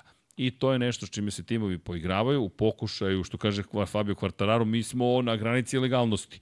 Ili jurimo minimalni pritisak, ili jurimo da kočnice koristimo način koje je to gotovo nemoguće. Pa dobro, mislim, to je suština trkanja na, na, na ivici, tako da sve je to okej. Okay. Samo što, odjednom dobijamo da, još jednu da- kalkulaciju. Da, pa jeste, ali moraš da kalkulišeš da budeš na, na ivici propisa zato što ćeš tako biti najbrži. Mislim, nije to ništa, ne znam što to tako dramatično shvati. To ti je, to ti je poput ploče na, na Formuli 1. Milimetar, milimetar. Milimetar, milimetar, sorry. To. tehnički pravilnik je prekršen. Tako da, Ali okay. nešto što o čemu vredi ja sa, sa, sa, tim, sa tim propisima nemam problem, zato što to je nešto što je eksplicitno i, i, i vrlo jasno proverljivo. Ja imam problem s ovim drugim gde nečiji oči trebaju nešto da, da odrede. To, tu imam problem. A ovo kad, kad, kad, su, ovaj, kad su cifre u pitanju, vrlo znamo da cifre ne lažu, tako? E, tako je. E, tako je. e, ima jedna bitna tu stvar. E, zašto to nas spominju? Ne zato što mi je dramatično što su ih kaznili, nego što je Jorge Martin upozoren, što znači da se on poigravao sa tim pritiskom u gumama, iako je vodio. Što mi govori da je Pramak tim rekao... Pa ne, on je upozoren zato što nije dogurao do polovine krugova, je li tako? Tako je. Sve okej. Okay. Znači, oni su u, u okviru propisa. Nemam ja problem s tim. Sve kako treba. Nemam ja problem s tim, tako je. ne, ne, okej, okay, slušam te zato što uvek postoji, uh, neću da kažem dodatna poraka, ali ono što jeste zapravo priča u, celo, u svemu tome jeste to jurenje upravo gde, gde je dozvoljena Tako, granica. Ja ću samo da imam problem ako neko nije dobro prebrojao krugove. Pete, a, okej. Okay, to, to... Ali ako je, ne znam, bio 11, a 12 je ovaj dozvoljeno, sve okej. Okay. To I, je taj limit. I ima, ima još jedna, cela, jedna, jedna važna priča u svemu, ali ono što je poenta jeste upravo što pitate Adriana Njuje. Dakle, kako on rasteže tu granicu. Rosbron. Pa, Rosbron, kogo, pa jel piše eksplicitno da se tako ne tumači? Ne. Žao mi je. Ja ću da tumačim ovako, imam dovoljno prostora da tumačim, ali s jedne strane hoću da, da, da, da istaknem da to postoji. Poenta je što je u motogram periodu skoro bila velika sloboda. E sad polako to počinje da se, da se dovodi u neki okvir. E, ima tu još stvari. Pazi, to meni govori da je hrabra ekipa Pramaka. Ono što si rekao, koliko je zapravo napredovala ekipa i koliko je spremna zapravo... Pa vidi, do skoro realno nisu imali šta da izgube. Sad je već ulog je baš, baš porasta. Ali ja imam utisak da i oni i Martin mogu to sada da iznesu. Mislim da ovo trka je bila trka stasavanja. Da je ovo bio moment... Pa, Filip i ovo. Pazi, pa, zajedno, ali zajedno. i Indoneziju bih ja dodao. Pao si u Indoneziji. Jeste, jeste, da. Izgubio si trku na ostrovu Filip na gumu, na izbor gume, to jest ne na izbor gume, nego na način na koji si koristio i sada si došao posle svega toga do momentu kada te svetski da šampion da i fabrički tim Ducatija pobeđuju i ostaješ bez sprinta koji ti toliko znači, ko nasušni hleb, i dođeš i uradiš, kao što si rekao, ono što treba da uradiš. Što moraš. Čista desetka. Tako je. Čista desetka. Martin za mene apsolutno čista desetka. Peko ima tu još prostora da se neke stvari, neke stvari dese. Ali ono što je meni lepo, kažete danas ceo dan sedim u našem voljenom kafografu, ja ne znam ko je nije prošao i prokomentarisao trku Moto Grand Prix-a. Dakle, bukvalno. I da, redovni MotoGP-evci, ali ne samo oni, nego Srki, Srki, MotoGP, MotoGP, MotoGP, MotoGP, ja kažem da, MotoGP. E, Formula 1 naravno nosi svoje uzbuđenja, na drugi način Max tamo ne dozvoljava da, da se desi nešto sveđe, ali imate mnogo lepih priča, poslušajte sinoćni podcast, otkrili smo mnogo toga i sami sebi, ali Moto Grand Prix, toliko uzbuđenja, ne, ne sjećam se kad je bilo pred finale sezone. Znaš, i sad se vraćamo u neko vreme gde priča dobija, u momentu prošle, prošle godine je bilo sa Fabijom i, i sa Banjajom, u momentu kada je Banjaja sustizao nekako, ali pred kraj već je bilo gotovo očigledno koliko će biti teško. Pa problem je što je Fabio nekako iskazivao nemoć. Ne da, da, on da. kao vozač, nego paket zajedno sa Yamahom. A u ovoj sad situaciji mi imamo dvojicu vrlo raspoloženih i konkurentnih vozača. Da, da, da. da Prošle da. godine samo problem praktično bio da li Peko može da izdrži taj tempo koji mora, mora da ima. I, i, A ovde, ovde sad imamo dvojicu vozača koji moraju da imaju taj tempo. Pazi, mi, mi bukvalno možemo do kraja sezone da imamo situaciju da se ova razlika održava. Zašto će obojica da budu na maksimalnom nivou? I da, da, ne, da nemamo nikakvu dramu. Da, inače, evo pitanje e, za, za, za, za Debanđa. Do kraja sezone, ako Zarko bude između Peka i Martina, kreće teorija zavere, Francus radi u korist Španac i sl. Ljudi, nema teorije zavere.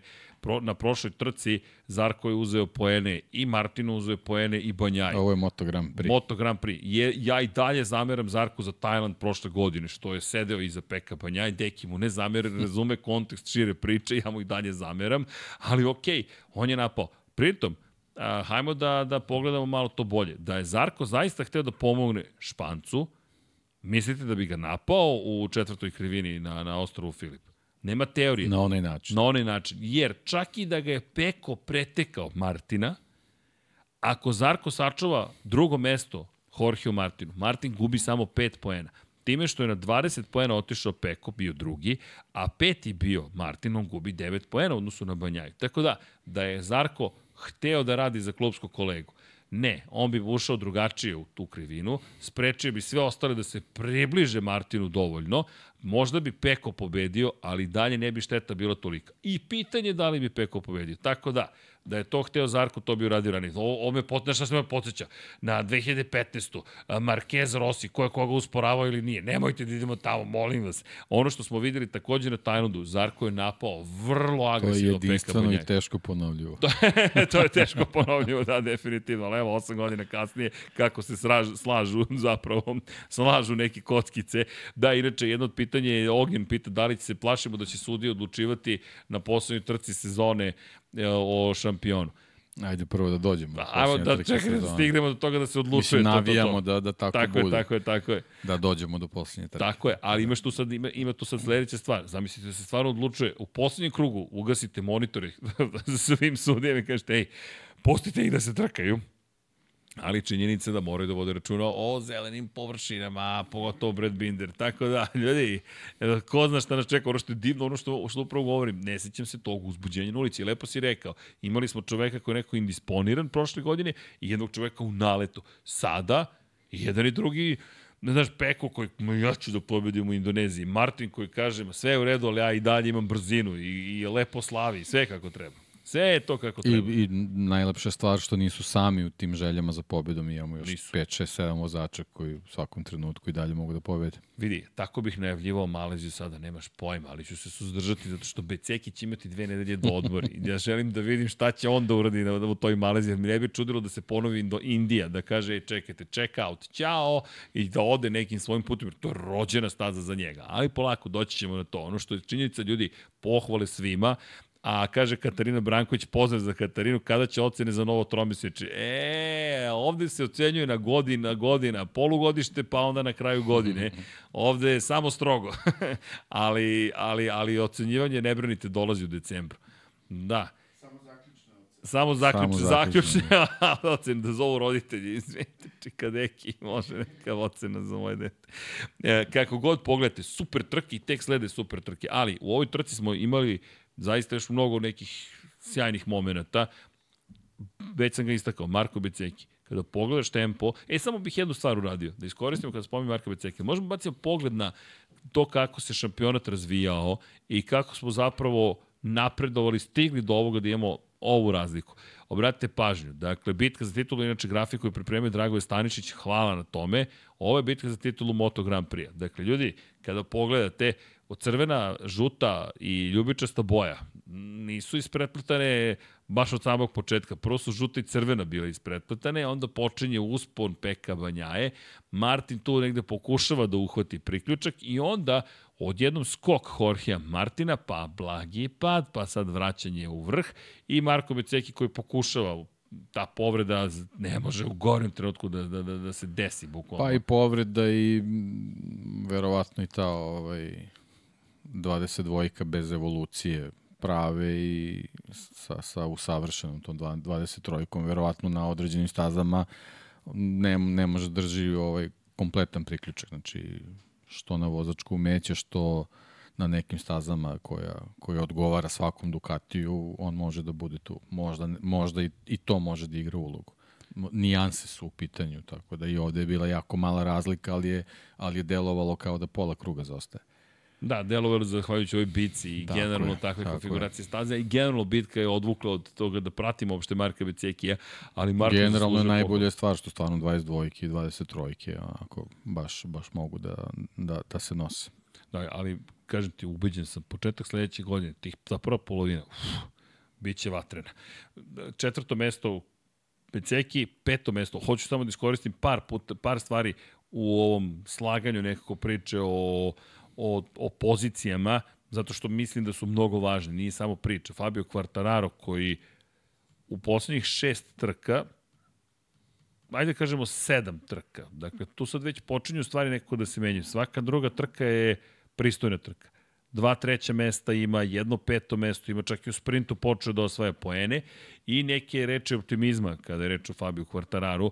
Fabio Quartararo koji nije baš često spominjao neke stvari na, na neki pozitivan način, je došao do toga da zapravo govori o tome da su uspeli da da su nešto uspeli da učine što što bi trebalo da promeni odnos snaga u budućnosti. E sad, nije prvi put da čujemo tu priču. Ja zaista mogu samo da se osnovim na reči svetskog šampiona nekadašnjeg da kažem ok, dakle nešto, će, nešto tu postoji, ali nisam siguran da li zaista prisustujemo nekoj mini renesansi, da li se nešto zaista suštinski menja ili je ovo jedan od onih trenutaka kada prosto nekako motocikl funkcioniše. Pa da, zato što pre svega mi nemamo te neke insajderske informacije, a one bi trebalo da se tiču pre svega a, da li postoji neki uticaj uh, na, na, na, na fabriku, ono što je Fabio nekoliko puta spomenuo da, da su se ovaj, jednostavno dogovorili da, da poslušaju njegove feedbackove i da, da ne, neki svoj zacrtani plan razvoja kako god to nazivaju, nazivaju ovaj, delimično izmene prema nekim njegovim ovaj, zahtevima.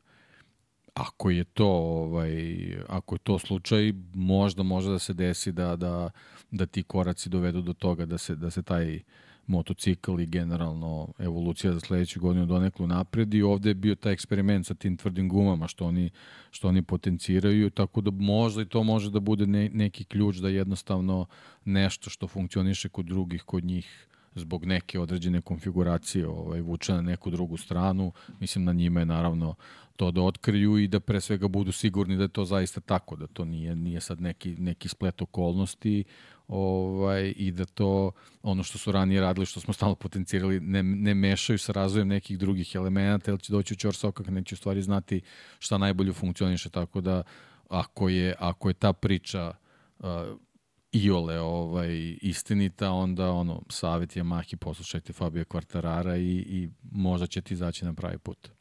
Da, inače, kada pričamo o Fabio Quartararu, moram da spomenem Yamahu na jedan drugi način. Johnny Rea. Prvi test u svetskom super, šampionatu, izvinjam se, Superbike šampionatu na Yamahi. I zanimljivo videti ga u belo-crnom kombinizonu Yamahe, inače već je oborio na, na tlo. Pa dobro. Šalim mislim, se malo. Ne, okej, okay, da, test je bio ovaj, ono, zanimljiv u smislu, eto, neki, neki vozači na, na novim motociklima, ali nažalost vreme je bilo katastrofa, Jest. tako da, mislim, i on je pao zato što je leto na baru, čovjek. Da, bukvalno leto na baru, ništa drugo. ovaj, ali dobro, eto, ono, probio led, ovaj, on overio motocikl, što bi se rekli, to je to. Mislim, sve u redu, ovaj, tako da bolje, bolje na ovom testu nego, nego kad krenu takmičenje, tako da, ovaj, Eto, i, on, je, on je u stvari eto, i pričao o, o svom nekom pristupu i upoznavanju sa motociklom i to je jako, jako simpatično pre svega zato što se radi o višestrukom šampionu, mislim stvarno legendi Superbike, sad možemo tako da ga nazovemo, gde je bukvalno tražio od, od Yamahe da, da sklone sve, sva elektronska pomagala, da, da se u tim svojim prvim krugovima bukvalno upoznaju on i, čista ovaj, sirova mašina Yamahe i kad, kad on bude ovaj osetio da je da je u potpunosti povezan sa, sa motociklom, da onda krenu da razvijaju vezano za, za, za, za te ostale elemente koji sad mogu da se koriste u Superbike-u. I to je u principu eto taj, taj neki način kako ti vozači stvari starog kova nadograđuju sebe i pripremaju se za, za sezonu. Johnny Rea je stigao u Yamahu, sezona je tamo završena, to nekako nismo prokomentarisali, nekako je prošlo pored nas tako jednostavno, je, ali Pa dobro, da, je poslednje neke dve, tri trke, malo smo i mi bili ovaj, zauzeti s nekim drugim stvarima, pa jednostavno nije fizički bilo vremena da, da se onako posvetimo trkama, pa onda malo bilo i neozbiljno da, da komentarišemo samo zato što smo pogledali rezultate i to, ali, ali generalno ovaj, eto, imamo sad sad priliku da, da, da se pripremimo za sledeću sezonu kroz, eto, na primjer, nastup Alvara Bautiste u Maleziji i tako dalje, tako dalje, tako da pričat ćemo Da, još sledeće Superbajku, nedelje. Da, da, da. Da, eto, lepo i simpatično je da na tom testu Remy Gardner bio na prvoj poziciji, neće ići u Repsol Honda. e, Čisto da spomenem. Čekaj, čekaj, sad kad spominješ Repsol Hondu, dovodiš mi i do pozicije broj 6 svakako, ali deki, si čuo najnovije tračeve? Ne znam na što misliš. Na prelazak iz jednog vozača iz VR46 Pa, ekipe. da, nije to prelazak. Ne, nije, nije nego Trači. trači. Da, da, da, Navodno trači. Pa dobro, je... znaš kako, ja verujem da um, jeste jedno mesto ostalo upražnjeno, ali vidim da je to ovaj, svima jako zanimljivo i ono što smo i pričali, uvek može da se pusti tako neki aber da, da se malo zakomplikuje situacija, da se, da se podignu cene nekim vozačima i tako dalje, tako dalje, tako da ovaj, ništa meni nije to ovaj, ništa nije čudno. Jedino što mi je čudno već je ovaj, stvarno zalazimo duboko u, u, u kraj godine da, da, da se to još da se to još nije nije rešilo posebno da da Honda to još da još nije rešila. To mi je jako čudno Mislim da su sada u fazi, ok, ajde da napravimo bolji, dobar izbor, najbolji koji ovog trenutka možemo, nego samo da napravimo izbor. To mi je utisak. Konačno, pa dobro su se setili pa, vidi, ali deki bolje ikad nego nikad. pa jeste ali- jeste nego kažem već ulazimo u novembar mislim baš je onako ovaj priča ne znam što, što dalje idu sa tim ovaj, samo sebi prave dodatnu nervozu nekim stvarima kojima generalno ne bi trebalo da se bave. Mislim, znaš, oni ne biraju vozača koji će sledeće godine biti svetski šampion na Yamahi. Na, Da, na ali- Hondi. Ali mi je zanimljivo, inače za one koji ne znaju, navodno je Alberto Puđe razgovarao sa Lukom Marinijem, ni manje ni više, što je zanimljivo iz, iz, iz velikog broja razloga. Pod jedan, Luka Marini ima ugovor sa VR46 ekipom, pod dva, Luka Marini je Valent, brat Valentina Rosija, dakle to je Pa, kao... nažalost, to mu i dalje jedini, ovaj, kako bi to nazvao? Adut u pregovorima. Dobro, i treće, nije nepouzdan vozač, Pa samo da, što nisam vidio ništa specijalno Ništa do sada što bi posebno u odnosu na timsku kolegu. Znam, ali da biraš, ali, ali mi je bolji od Fabio Diđan Antonija izbor. Moram ti, mada, drug, znaš šta mi je čudan mi je Ne, izbor? uf, pa Fabio, ne, ne bi se ja sad baš s tim a, složio. pazi, sa, e, da, da, ne, ali pazi, Fabio je brz, ali tek kad ga otpuste. Ali Luka je imao pol pozicije, imao je te brze momente, ne vidim, znaš kako mi to, kao Raul Fernandez i Remy Gardner. Remi koji je pouzdan, Marini koji je pouzdan, ne, ne mislim da je spektakularno, da se razumemo. Ja mislim da Marini je ostao ove godine u to je za sledeću godinu šampionatu zahvaljujući vezi koju ima, jer 2025. ako ne bude na nivou ostalih Ducatijih vozača, šta onda? Hoće postati... Pa da, ja sam, mislim, ni- nisam htio da kažem ovaj, da, da je... Ne sviđa mi se što e, mi se- Fabio što se ne slažeš. Antonio mnogo bolji od Ali je Marini, nego od jednostavno nije Luka Marini mnogo bolji od Fabio Ne, nije, nije. Znači, Ali nije- Je, Ali ima više rezultata pozitivnih. pa, da, da, recimo. Ovaj, Ne, vidi, ako Jest, m- jest. da nije, ajmo ovako realno, da nije polu brat, to je brat Valentina Rosija, da li bismo o Luki Mariniju razmišljali ozbiljnije? Pričamo realno. Nije Lance Stroll, ali je opet to porodična veza. I imao je sjajne neke trenutke, ali nikada nije otišao dalje od toga. Alex Marquez je dvostruki šampion sveta. To i dalje nekako važi. Ne nekako, to je ozbiljna jedna činjenica. Ali takođe Alex Marquez, ako sledeće godine ne počne da završava trke, svešće se na brata Marka Markeza. To je moj utisak. Pa, evo ovako, znači Alex Marquez i Fabio Di Gianantonio, vozači koji su Zajedno u istoj ekipi. garaži, znači, uh, utisak je da Fabio Di Gianantonio nije nigde bilo, je li tako? Da. Ovaj, ove sezone, dok sa druge strane Mark Marke, uh, Alex Marquez je non stop bio tu, je li tako? Razlika je 24 boda u šampionatu između njih Da, dvojice. Fabio je sada veoma blizu. Da, Fabio je sada ti veoma na blizu. kraju pravo podlačiš crtu šampionatu i kažeš Broj čekaj, poena. broj poena i ono, koliko je neko puta pao, uništio koliko motocikala i tako dalje tako dalje. Mislim, to su, to su isto stvari koje se gledaju. Tako da, ovaj, ne znam, nekako je bezbolnija bila ta varijanta sa, sa Diđan Antonem, ako je on taj izbor za, za Repsol Hondu, ali ovaj, sad da se, da se to toliko važi u odnosu da li treba da se dovede Luka Marini, mislim da to ne znam, meni ne bi, ne bi vredilo toliko energije da se troši oko toga. Ali dobro, okej, okay. Puđi se, evo, razgovarao, sve okej. Okay. Mislim, to su jednostavno sad trenutne situacije, s obzirom da je, da je sedište upražnjeno, treba videti, saslušati sve, porazgovarati sa, sa svima i staviti sve opcije na stoj. I, i to je potpuno okej. Okay. Ali kažem sad da je, da je tu tolika neka razlika, stvarno ne bih ovaj, Znaš, mislim, tu, tu vredi razgovarati, tipa se pojavi situacija da možda uvedeš Fabija Kvartarara ili ne znam, nemam pojma, Maverika Vinjalesa koji se spominje, pa onda, onda da kažeš hajde da, da vidimo šta i kako, ali Marini Diđan Antonio nisam zaista onako, eto, neko moje mišljenje, ne, ne, ne bi tu toliko trošio energiju, posebno ako, ako postoji situacija da su već ono, skloni da jednog od njih dvojice dovedu, da, da se širi priča, ne vidim koliki razlog, ali možda može da postoji taktika da su ti razgovori s Marinijem iz nekog razloga vođeni da bi se posla neka poruka i, i štabu Fabio Di Antonije koji da, znamo da, da uopšte nije naivan. Tako da, je. imamo tri igrača trenutno u priči, to je vozača, ali igrača u igri. Miguel Oliveira, koji je rekao da ga vređa da dobije jednogodišnji ugovor i da neće bez dvogodišnjeg ugovora ni da razgovara. Zatim Fabio Di Antonio, koji pokušao da spasi karijeru, i Luka Marini koji bi mogao da bude, kao što ti kažeš, pion zapravo u celoj ovoj igri. To, to je to. Kada bi morao da biramo od ove trojice, nemamo, nemamo čemu da razmišljam. Miguel Oliveira mora da bude prvi izbor. Petostruki pobednik i čovjek koji je najzbiljniji vozač od spomenute trojice. S druge strane, Luka Marini, zašto mi je preizbor u odnosu na Fabio Di Antonija, ne zbog čiste brzine. Mislim da je Di Antonio brži na čistu brzinu, ali mi je nepouzdan, to jest kao da je potrebno da bude pod ogromnim nekim pritiskom da bi rekao, ok, ajmo da izvučemo maksimum iz sebe. Marini, s druge strane, često uspeva u kvalifikacijama da bude u prvom ili drugom startnom redu, nikada nije to kronisu u trci, pa mi je to negde pokazati da je možda Marini bolja opcija, ali to biraš i dalje, kao što si rekao, ne neko ko će ti osvojiti titulu, već tražiš neko rešenje koje će ti omogućiti da prođeš kroz 2024. Ono što je problem, da li zaista želiš da odeš u Repsol Hondu, ne zbog Repsol Honda, već zbog onoga što je Olivire rekao.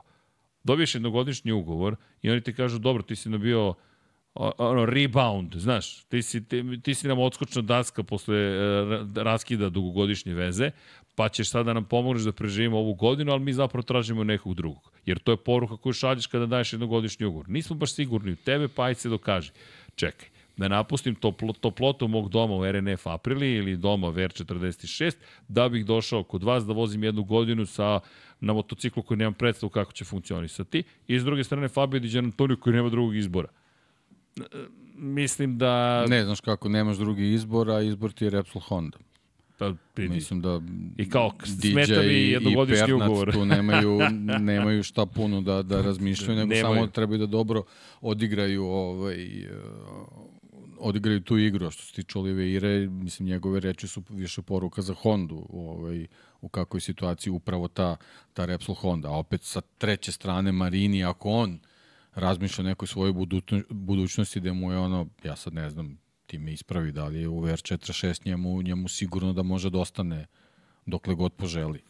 Pa, Na zato primer, kažem, Nisam ovaj, baš... A, znaš, sa druge strane, trebaš neko, neku svoju poziciju koju imaš za sledeću sezonu, sigurno pri tom ekipa dobije ozbiljnijeg sponzora, gradi se, raste, pri tom dobijaš šampionski motocikl, sedaš na njega, kogod osvojio titulu, ili da ideš u tu neizvesnost Repsol Honda koja osim tog svog imena trenutno nema, nema šta, šta puno da ti pruži, ne znam ovaj, da li tu treba nešto, nešto preterano ovaj, razmišljati opet sa druge strane i treba razumeti Luku Marini ako je došlo tog razgovora, naravno da, naravno da je, da je se ovaj porazgovarao, zašto bi, zašto bi odbio da, da, da pogleda kakve su sve, svo, sve, sve opcije koje onako prilično mogu da mu promene to karijere, tako da apsolutno ne vidim ništa, ništa loše u tome da, da se porazgovara uh, ovaj, i da se sagledaju sve opcije koje postoje, mada kažem, mislim da je to možda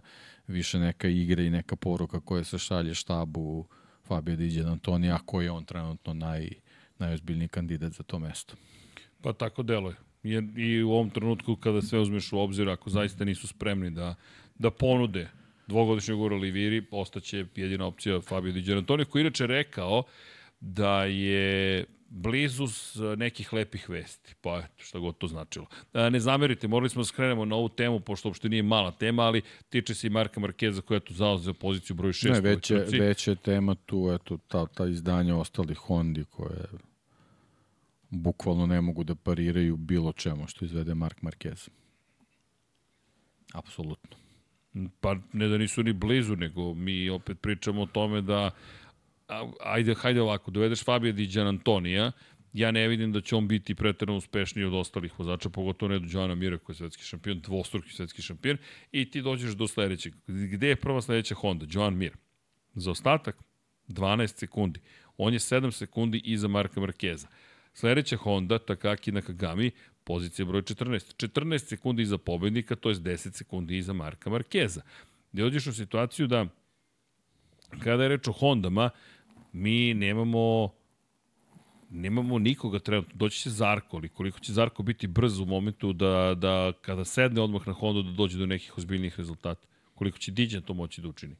Honda je već u problemu, ogromnom, kako god pogledaš, ogroman je problem. I ako Joan Mir ne bude dovoljno dobar naredne godine, oni nemaju nikog u toj ekipi na koga mogu da se oslove.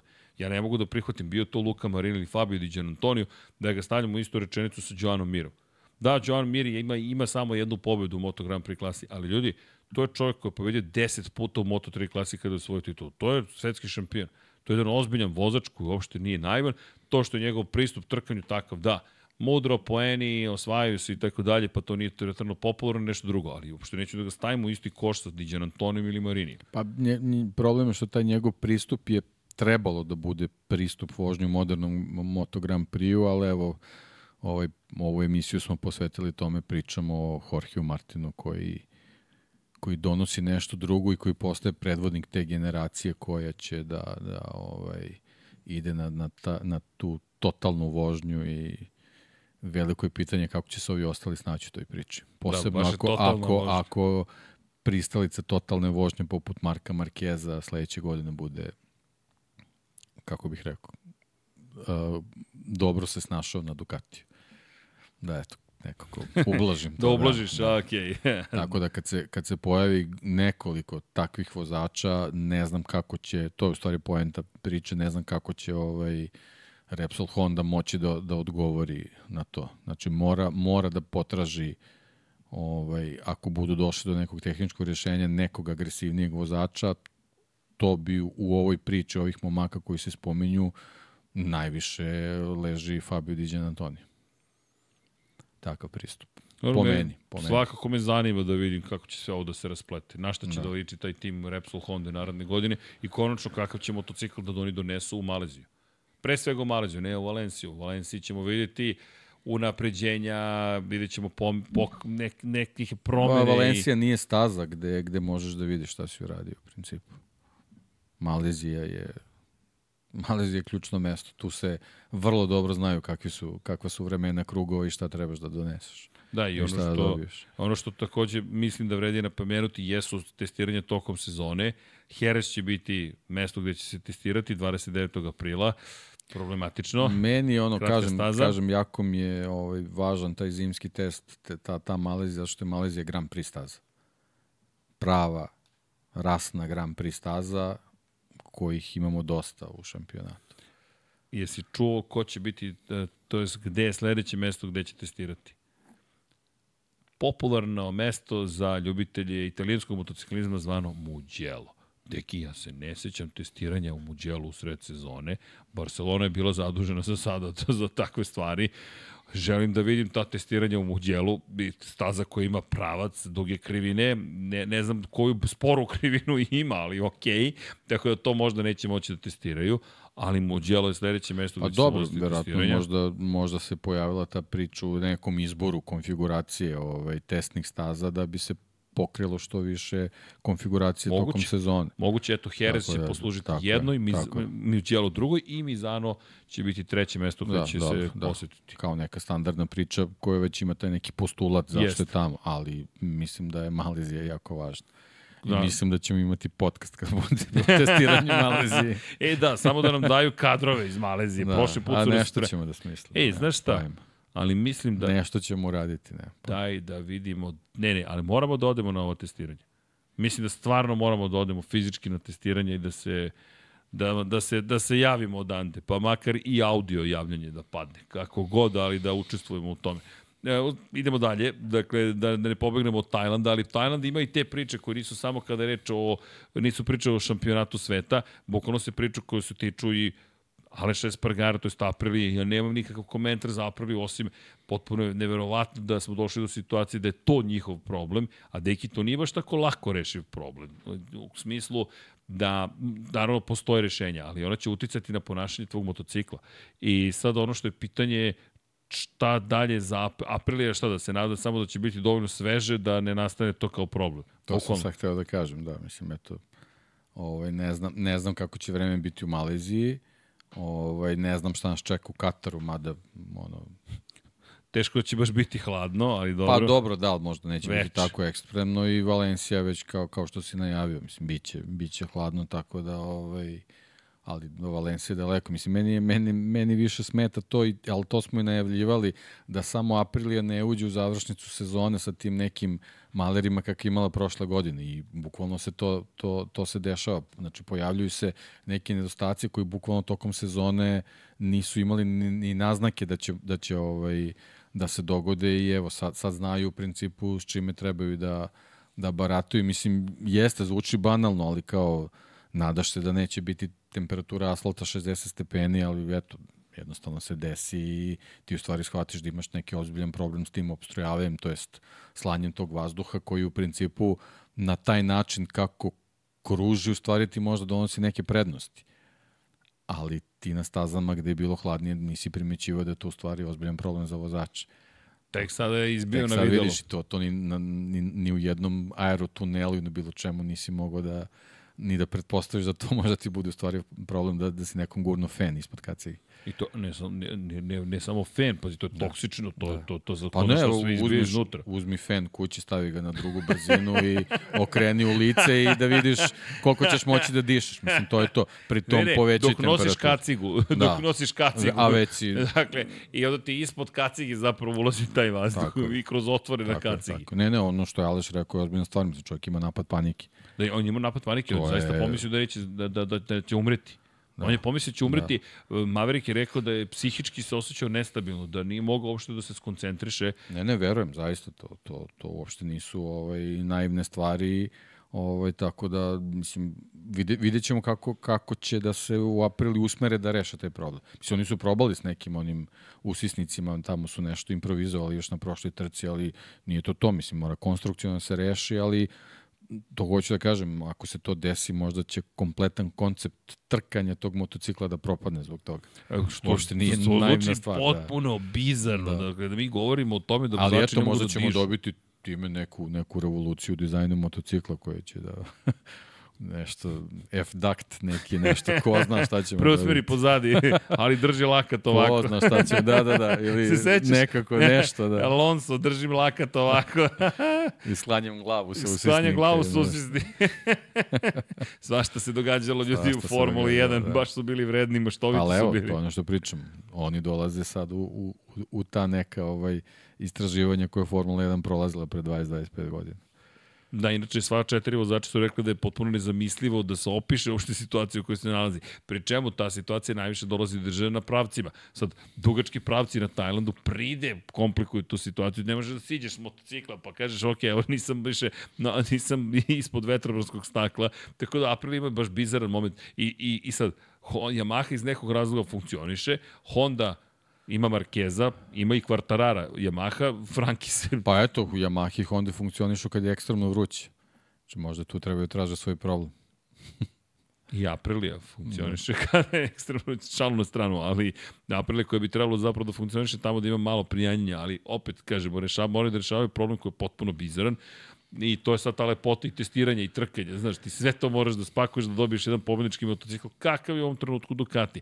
Inače, u, na, na Tajlandu, kada je reč o ostalim pričama, kada, kada je reč o onome što se događalo u Moto Grand Prix kategoriji, dakle, kad spomenuh malo pre Luku Marinija, Luka bio je treći u, u sprintu, međutim, Luka je opet odmah izgubio na startu praktično odmah na startu izgubio praktično poziciji, sedmi je bio na kraju glavne trke i opet neko njegovo običajeno mesto, nije on loš, on je osmi u šampionatu sveta, ne mogu da kažem, e, on je loš vozač, zato, ti, zato i kažem, pre mi dolazi odnosu na Diđu, ali opet sve razumem šta, šta i ti govoriš. Međutim, dotakao bih se jednog čoveka koji ne bih baš skroz da napravim hronološki napredak, Jack Miller.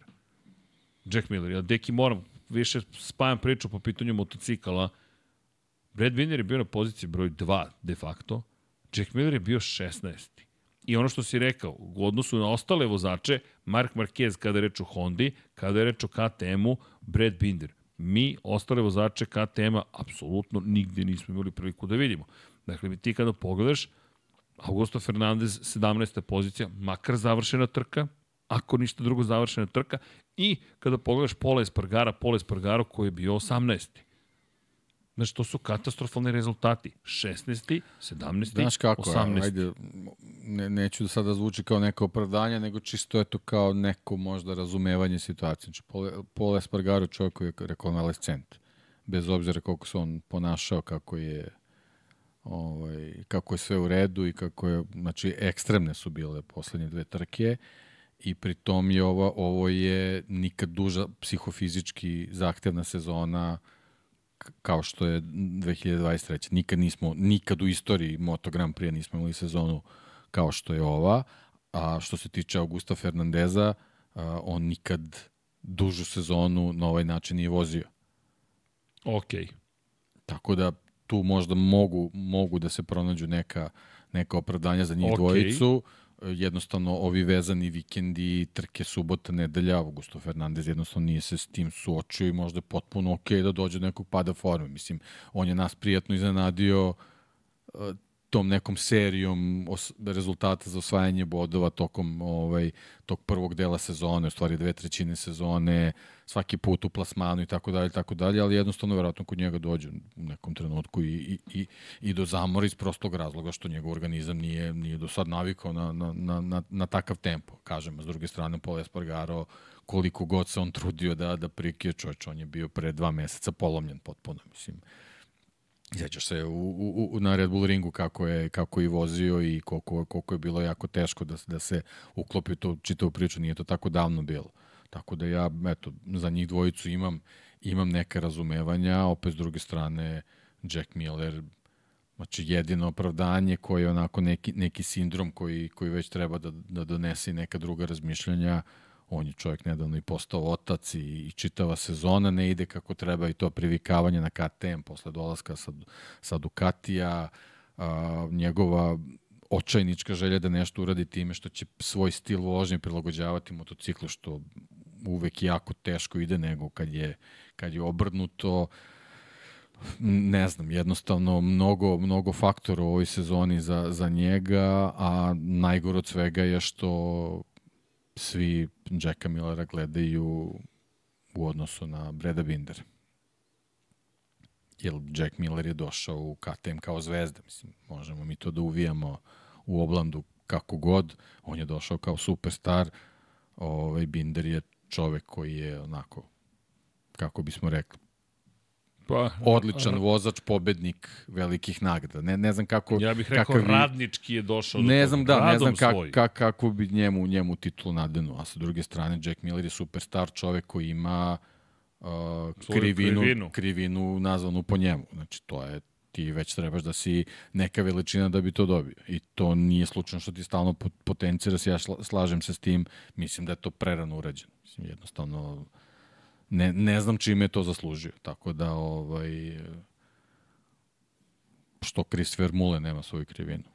Ne znam. Dobro, nije ni bitno sad. Koji, ok, ok, sad si otišao. Od, odlazimo u neku drugu si. priču, ali nije bitno. Neću sad da, da, da, da koristimo o, o, ovu priču, da sad ne, ne znam njega brutalno napadam, ne znam ni šta, ali jednostavno ovaj, daleko, daleko od toga da neke svoje da je svoje potencijale pokazao ove sezone i ne može to da bude samo opravdano time što je promenio ekipu, što, što se teško prilagođava motociklu, eto ima tu pozitivnu situaciju vezanu za svoju porodicu koju možda, možda na neki način se odlači i misli i možda i, i za njega ova sezona, sezona preduga već je toliko ovaj, možeš i da odsustuješ od kuće ovaj, da, da, da, da jednostavno se ne, ne osjećaš dobro, tako da ne znam, mislim, ako, ako stvarno želi da, da ostane u Moto Grand Prix, to baš, baš mora ovaj, iskoreno da se menja taj pristup. Jack Miller se izvukao, ja bih rekao, ove godine. Kada pogledamo Pedro Acosta gde je bio i ko je tu trebalo da dođe, mislim da se zaista izvukao. Neću pričati još o Pedro Acosta, doći će njegov trenutak, pošto čovjek zaista, iako nije pobedio Fermin Aldegar izdominirao, a Costa odvezao jednu svoju važnu vožnju, rekao bih, mudru, ali zadržao bih se na trenutak na ovoj celoj priči. Jack Miller, kao što si rekao, potpuno van forme. Znaš kada će da ući u formu? kao i Diđan Antonio, kada ga otpuste. To je kada budu rekli, nećemo produžiti ugovor sa tobom, onda kreće opet taj moment. Da, ali, ali tu je problem što u KTM možda mu se desi da nećemo produžiti ugovor s tobom i ne voziš sledeću trku. Ja, to može da bude ozbiljan problem, to, to može lako da mu se da. desi, da. ali ok, nadam se da neće. Ja se isto nadam, ali... mislim stvarno, ovaj, on, on treba Moto Grand Prix zbog nekih svojih kvaliteta koje, koje u prošlosti je pokazao da, da, da, da posjeduje, ali generalno on zaostaje, nemam pojma, nisam vidio, to je trocifreni broj bodova u odnosu na Binder. Ne, Čekaj, gde mi je... Jack Miller je trenutno baš... Binder 249, Miller 144, 100 bodova razlike. Če, ti nisi, nisi bio na ona stara četiri trkačka vikenda, kao da nisi bio tu. Znaš, to je a mislim pričamo u odnosu na, na, na pobede. Znači, a savremeni je... Moto Grand Prix je surov, kao što surov, si rekao. Surov, nema, surov. nema šta. Znači... I da, zaboravio sam jednu, izvini, bitnu stvar. As je pisao o tome, a to ne smemo da zaboravimo. Hvala, deki.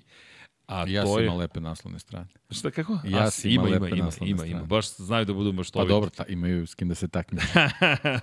Ali stvar je tome što je As pisao o tome da zapravo je navodno Borgo Panigale, to jest Ducati, spreman da čak Jorge Martina prebaci u svoje redove i da čak postoji mogućnost, pošto ugovor Ducati ima, Ducati ima ugovor sa Jorge Martinom, nema pramak sa Jorge Martinom, on je vozač koga je tu postavio Ducati, navodno bi čak i ukoliko ne osvoji titulu, postojale neke opcije da završi crvenim bojama naredne sezone.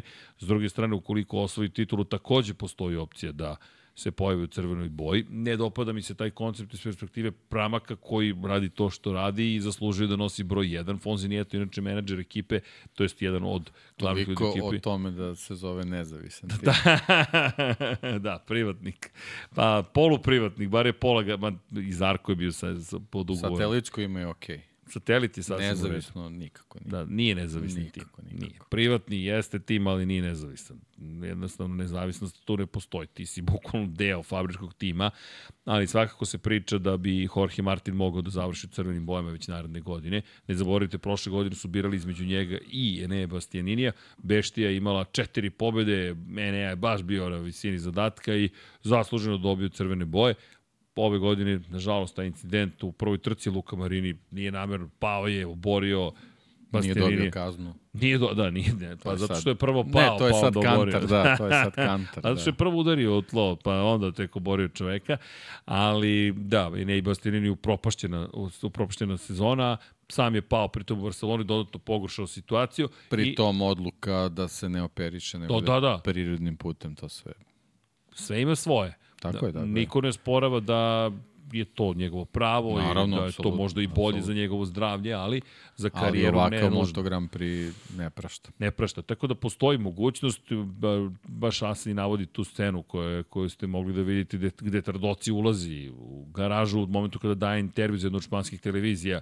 Jorge Martin i kaže, zaista smo hteli da ga pobedimo, ali bravo i gde ti sad odjednom vidiš Ducati koji menja polako svoju priču i ne bi me čudilo zaista da na kraju, ako osvoji titulu, kažu, ej vidi, Ovaj broj 1 mnogo lepo stoji u crvenim bojama, konačno ti jesi naš vozač, možda će dati foto opportunity, oni čuli foto op pramaku, slikajte se sa šampionom i idemo dalje, a i Dalin je potvrdio inače sve su to nekako signali da će svi imati podjedake uslove, kako god postoji mogućnost, apropo Jacka Miller i tih surovih momenta, da čak vidimo i surov za ekipu Pramak, koji i Fonzi to rekao, s jedne strane bi bio presrećan za Martina, zaslužio je, s druge strane, bol u srcu otprilike. Ali dobro, idemo dalje, vidjet ćemo šta će se desiti kada spomenu Bastianini, rekli smo već na početku 13. pozicija u ovoj trci, nema baš mnogo toga čime bi se mogao pohvaliti. Jednostavno, nemamo za šta da se uhotimo i da kažemo, ej, se nemam se dešava nešto pozitivno.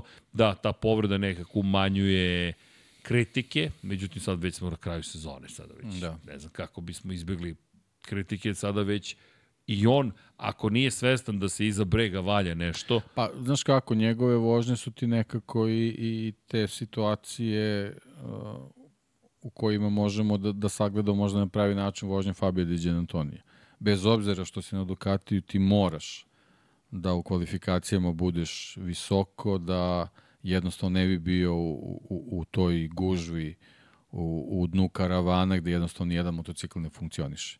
To je, to je u stvari ključno. Znači jednostavno moraš da budeš, ono već smo pričali, ja mislim još pre dve sezona, ta, ta famozna prva tri reda, sve, sve ovaj, što si dalje od toga jednostavno sebe dovodiš u problem i, i jednostavno nisi u mogućnosti da na pravi način iskoristiš potencijale motocikla, a ne, a ima taj dodatni problem što on praktično i dalje je u treningu, on i dalje je uči da, da vozi ovaj 23-ku, ali jednostavno mora da bude bolji na kvalifikacijama da bi mogu tokom trke nešto da uradi. To njemu ovaj nije strano da, da, da tako vozi, ali jednostavno ove sezone kao u, u ranijim, ranijim sezonama na, na Ducatiju, možemo i tako da kažemo, jednostavno ovaj, je, je moglo da prođe, sad više ne može tako, sad više nema nadogradnje kroz grid tokom trke, nego jednostavno moraš moraš kroz kvalifikacije da se što bolje plasiraš da bi na startu trke mogao da se izboriš za, za što bolje mesto. On je to izgleda shvatio u Barceloni, samo što, eto, nažalost, ovaj bio je malo preambiciozan i onda je dodatno sebi ovaj, zakomplikovao sezonu. Ovaj, da li će imati dovoljno strpljenja za njega, ugovor kaže da, da bi trebalo, opet s druge strane svedoci smo da ti ugovori u moderno vreme nešto i, i ne znači puno.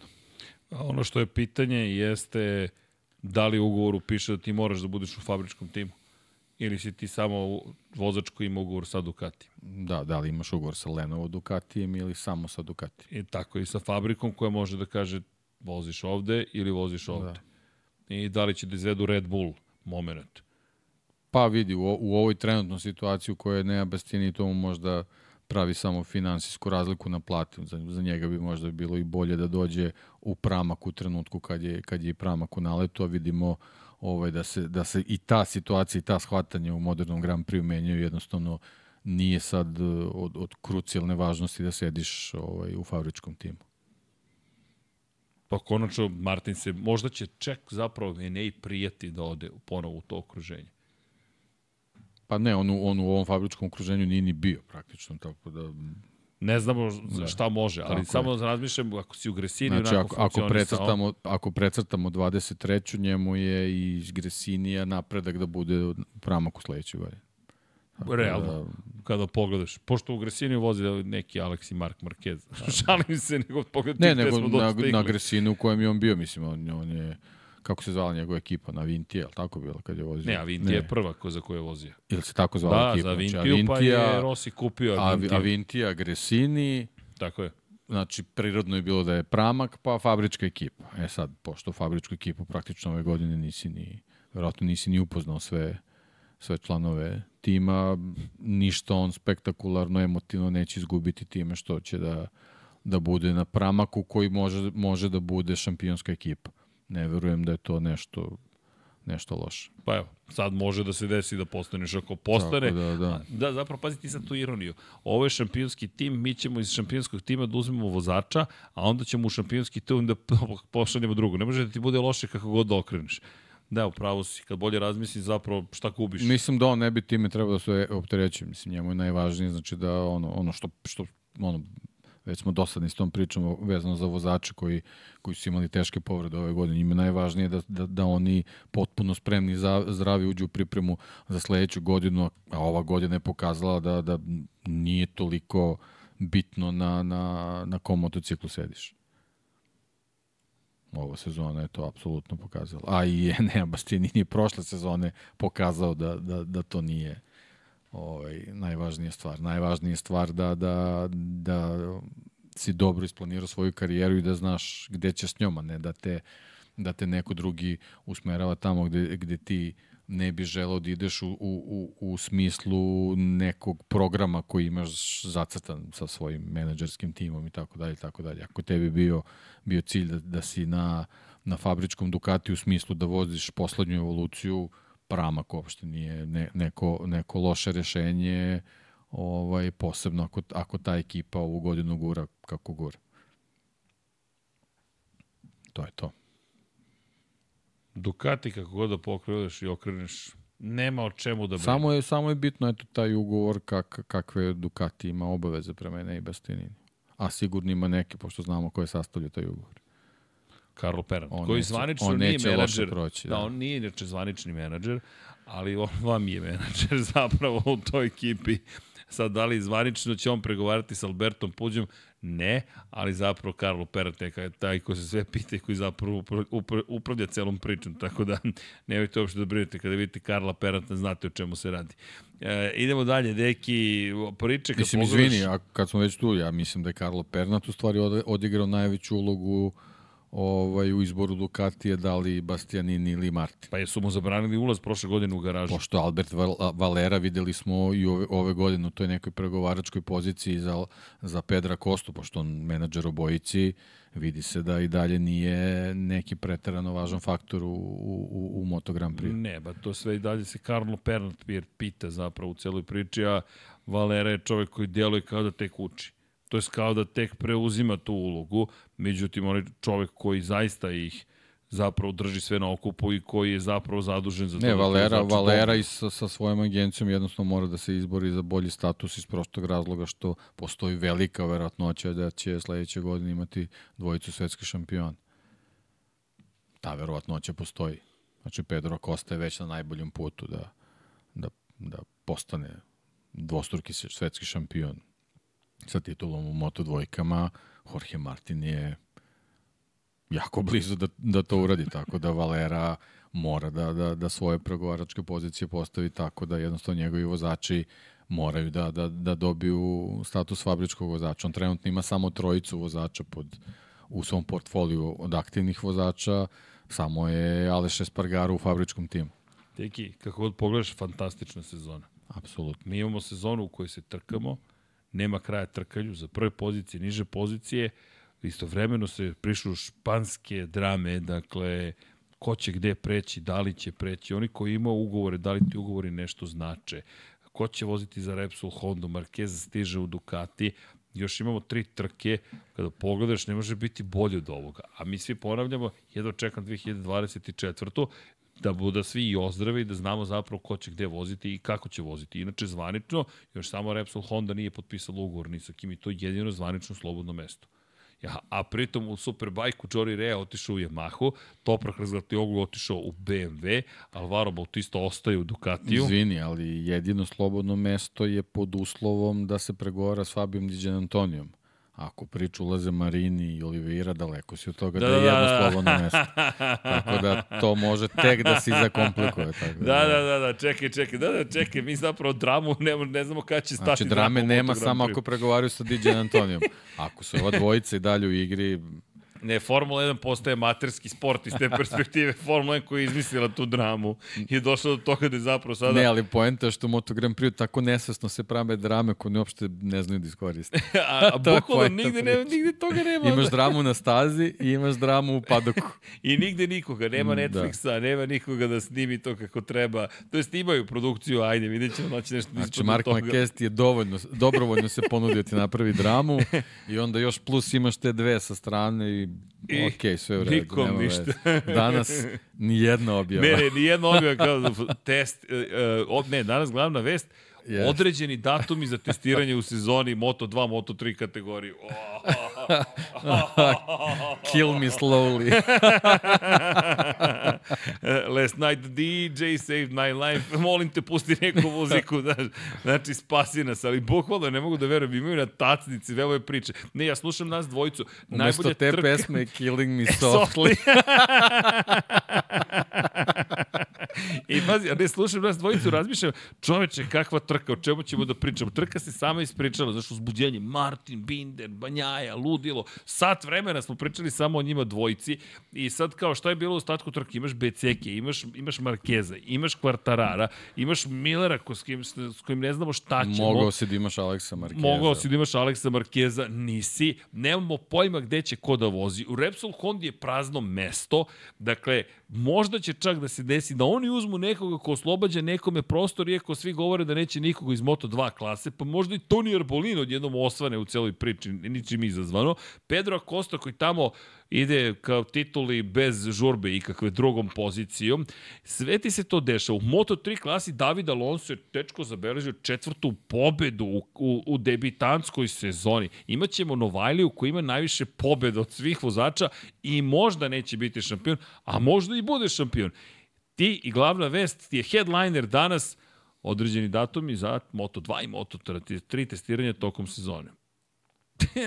I ti sad stati da kažeš, ko bi direktor marketinga, otpustite ga odmah. I ljudi, ja ne tražim se jeftini senzacionalizam, ja samo tražim da neko njih kaže, ljudi, ne, samo kakav da, da, šampionat mi imamo, kakav da, sport imamo. Da publici koja je sve veća, je. o, dodatno pojasniš koliko je zanimljivo u Moto Grand Prix šampionatu. O tome se radi. Čekaj, Ništa više. smo oborili tempo komunikacija, pa ti pogledaj šta mi imamo.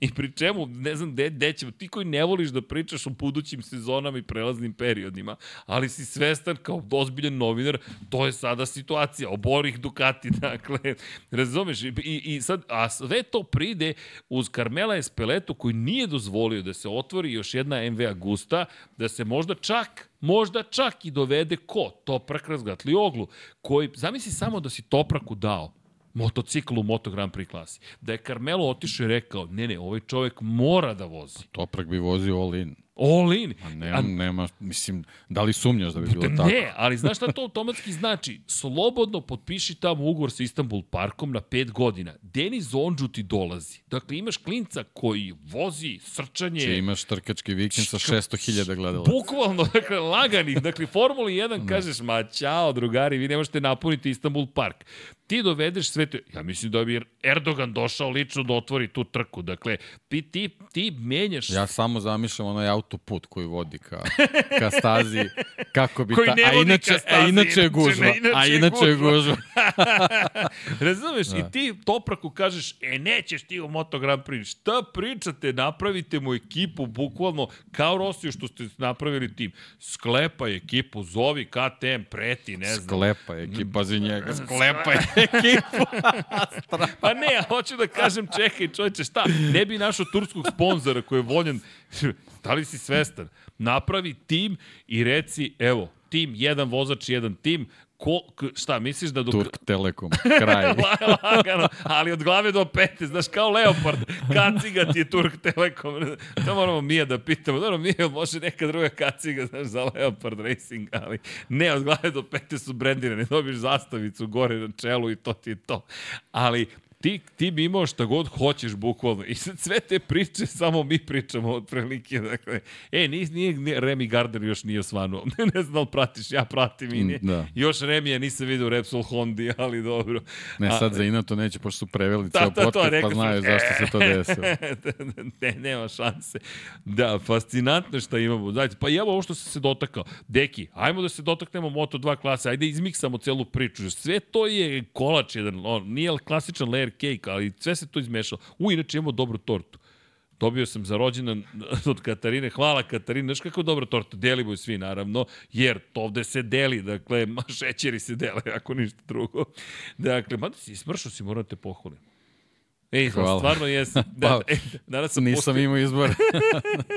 na, na, na četiri časa grobnika uh, pišu uh, Miksu, inače da pozdravimo i Tokija, da prazna Pozdrav staza na, na grobniku. Za timske kolege. I ja kažem, 2. decembra, vo, 2. decembar. Šta 2. decembra? ja se šalim jer 2. decembra je trka Twingo kup, trka kupa.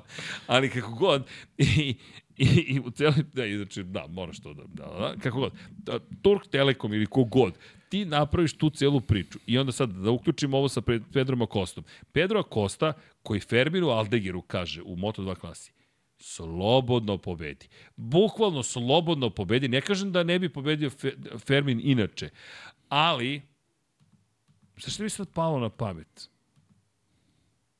Zašto, zašto mi je Fermin, toliko mi odzvanja u glavi? I ovo nije uvreda, ne želim da uvredim nikoga u napred, kažem, izvinjavam se ukoliko se neko nađe uvređenim, ali je se sećaš u Big Bang, to jest u Štreberima, Kornji Flermin kod Sheldona? Da, kad glumi, da, kad glumi da je vanzemaljac. Nema veze, to je samo moj mozak zapamtio, Gornji i Donji Flermin. Kako god, sad mi znam zašto mi je Fermin od već godinama nešto me, na nešto me podsjeća. Elem, Fermin kao vanzemaljac. Čovjek je nestao u daljini, druga pobjeda u karijeri i zašto je sada toliko tražen koliko jeste? Zato što je ovo ona verzija Fermin, Fermin Aldegera koju smo želeli da dobijemo, gde on, dečko, dominira bukvalno. Ono je klasična dominacija bila, pri čemu Pedro Acosta, hvala, evo, Fermin Aldeger, ljudi, hvala Dragoju Stanišiću. Samo pogledajte od sedmog kruga, do 14. 1.36, 1, 6, 1, 6, 2, 6, 1, 6, 0, 6, 1, 6, 2, 6, 3. Kraj.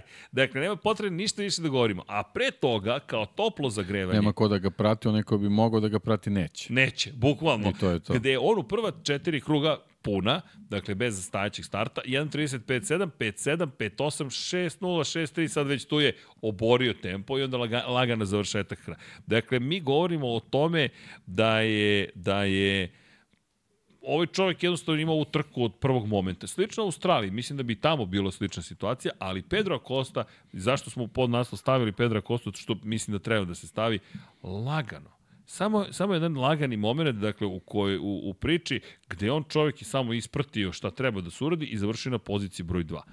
Jednostavno, teki bez drame, bez bilo kakve potrebe da se pravi neki cirkus, čovjek je odradio svoj deo posla, i došao do toga da on zapravo ne mora previše ni da brine. Drugo mesto do onih 20 pojera, 300 zapeta, 5 bodova, Toni Arbolino, to ti ono, mislim, nije, nije još ni blizu da se poredi na taj način, ali to je ono za Alana prosto su govorili, kad gledaš kako vozi, tebi deluje da je spor na stazi.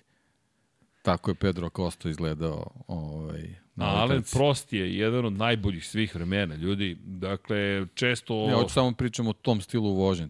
Ti jednostavno, kad njega gledaš, imaš utisak da je, da je, da je najsporiji spor, to, to, na stazi. To, to, to. Da. A nije. A nije. Naprotiv, ne da nije spor, nego... Meni je tako delovo na ovoj trci. Inače, Bernie Eccleston baš u predgovoru za F1 šampione govori o tome da njemu Alan Prost bio najbolji vozač. Zato što je pobeđivao bez obzira na okolnosti, na brzinu, na bolid. Šta god je bilo potrebno da se pobedi, Alan Prost je bio spreman da to učini. Tačka. To je lepa rečenica. Da, ba... e, pozdrav, imamo i stigla je i publika u studiju, tako da imamo... Ne, ne, posebno ovaj, simpatije prema Alenu prosto iz prostog razloga što je to ovaj, šampion sa najviše titula i pobjeda ovaj, koji me je vozio. Tako da... Stvarno? Da, čekaj, čekaj, deki. Da, Val, Val Torrens, uh, ovaj, uh, kako se zvalo, Andros Trofej, one, one trke po ledu. Po ledu? Promocija. Te vozio? Dastera i, I ja, imao sam, deki, imao sam čast pa mi sad tek to saznajemo. Da se vozim sa Alanom Prostom, tako da... I? Pa, I? Kako? Šta reći? To je taj osmeh na licu. O, da. Ne, to je, to je isto, to je, to je ta priča da se uradi sve što treba kako bi se pobedilo. Ovaj, oni su lepo osmislili promotivne aktivnosti za Dačiju Duster na Andros trofeju, da bi Alan Prost taj dan vozio 150 krugova testiranja i pripremio se za sezonu. da, da, kao, evo, vozim... Mi uopšte nismo bili bitni, ali, ali smo se lepo proveli. Vozim tako Dekija. Da, tako je, tako je. A, fantastično. Gde smo otišli, da. otišli smo Pedra, kod Pedra Koste. Da, Pedro Coste P, Alan Prost je AP.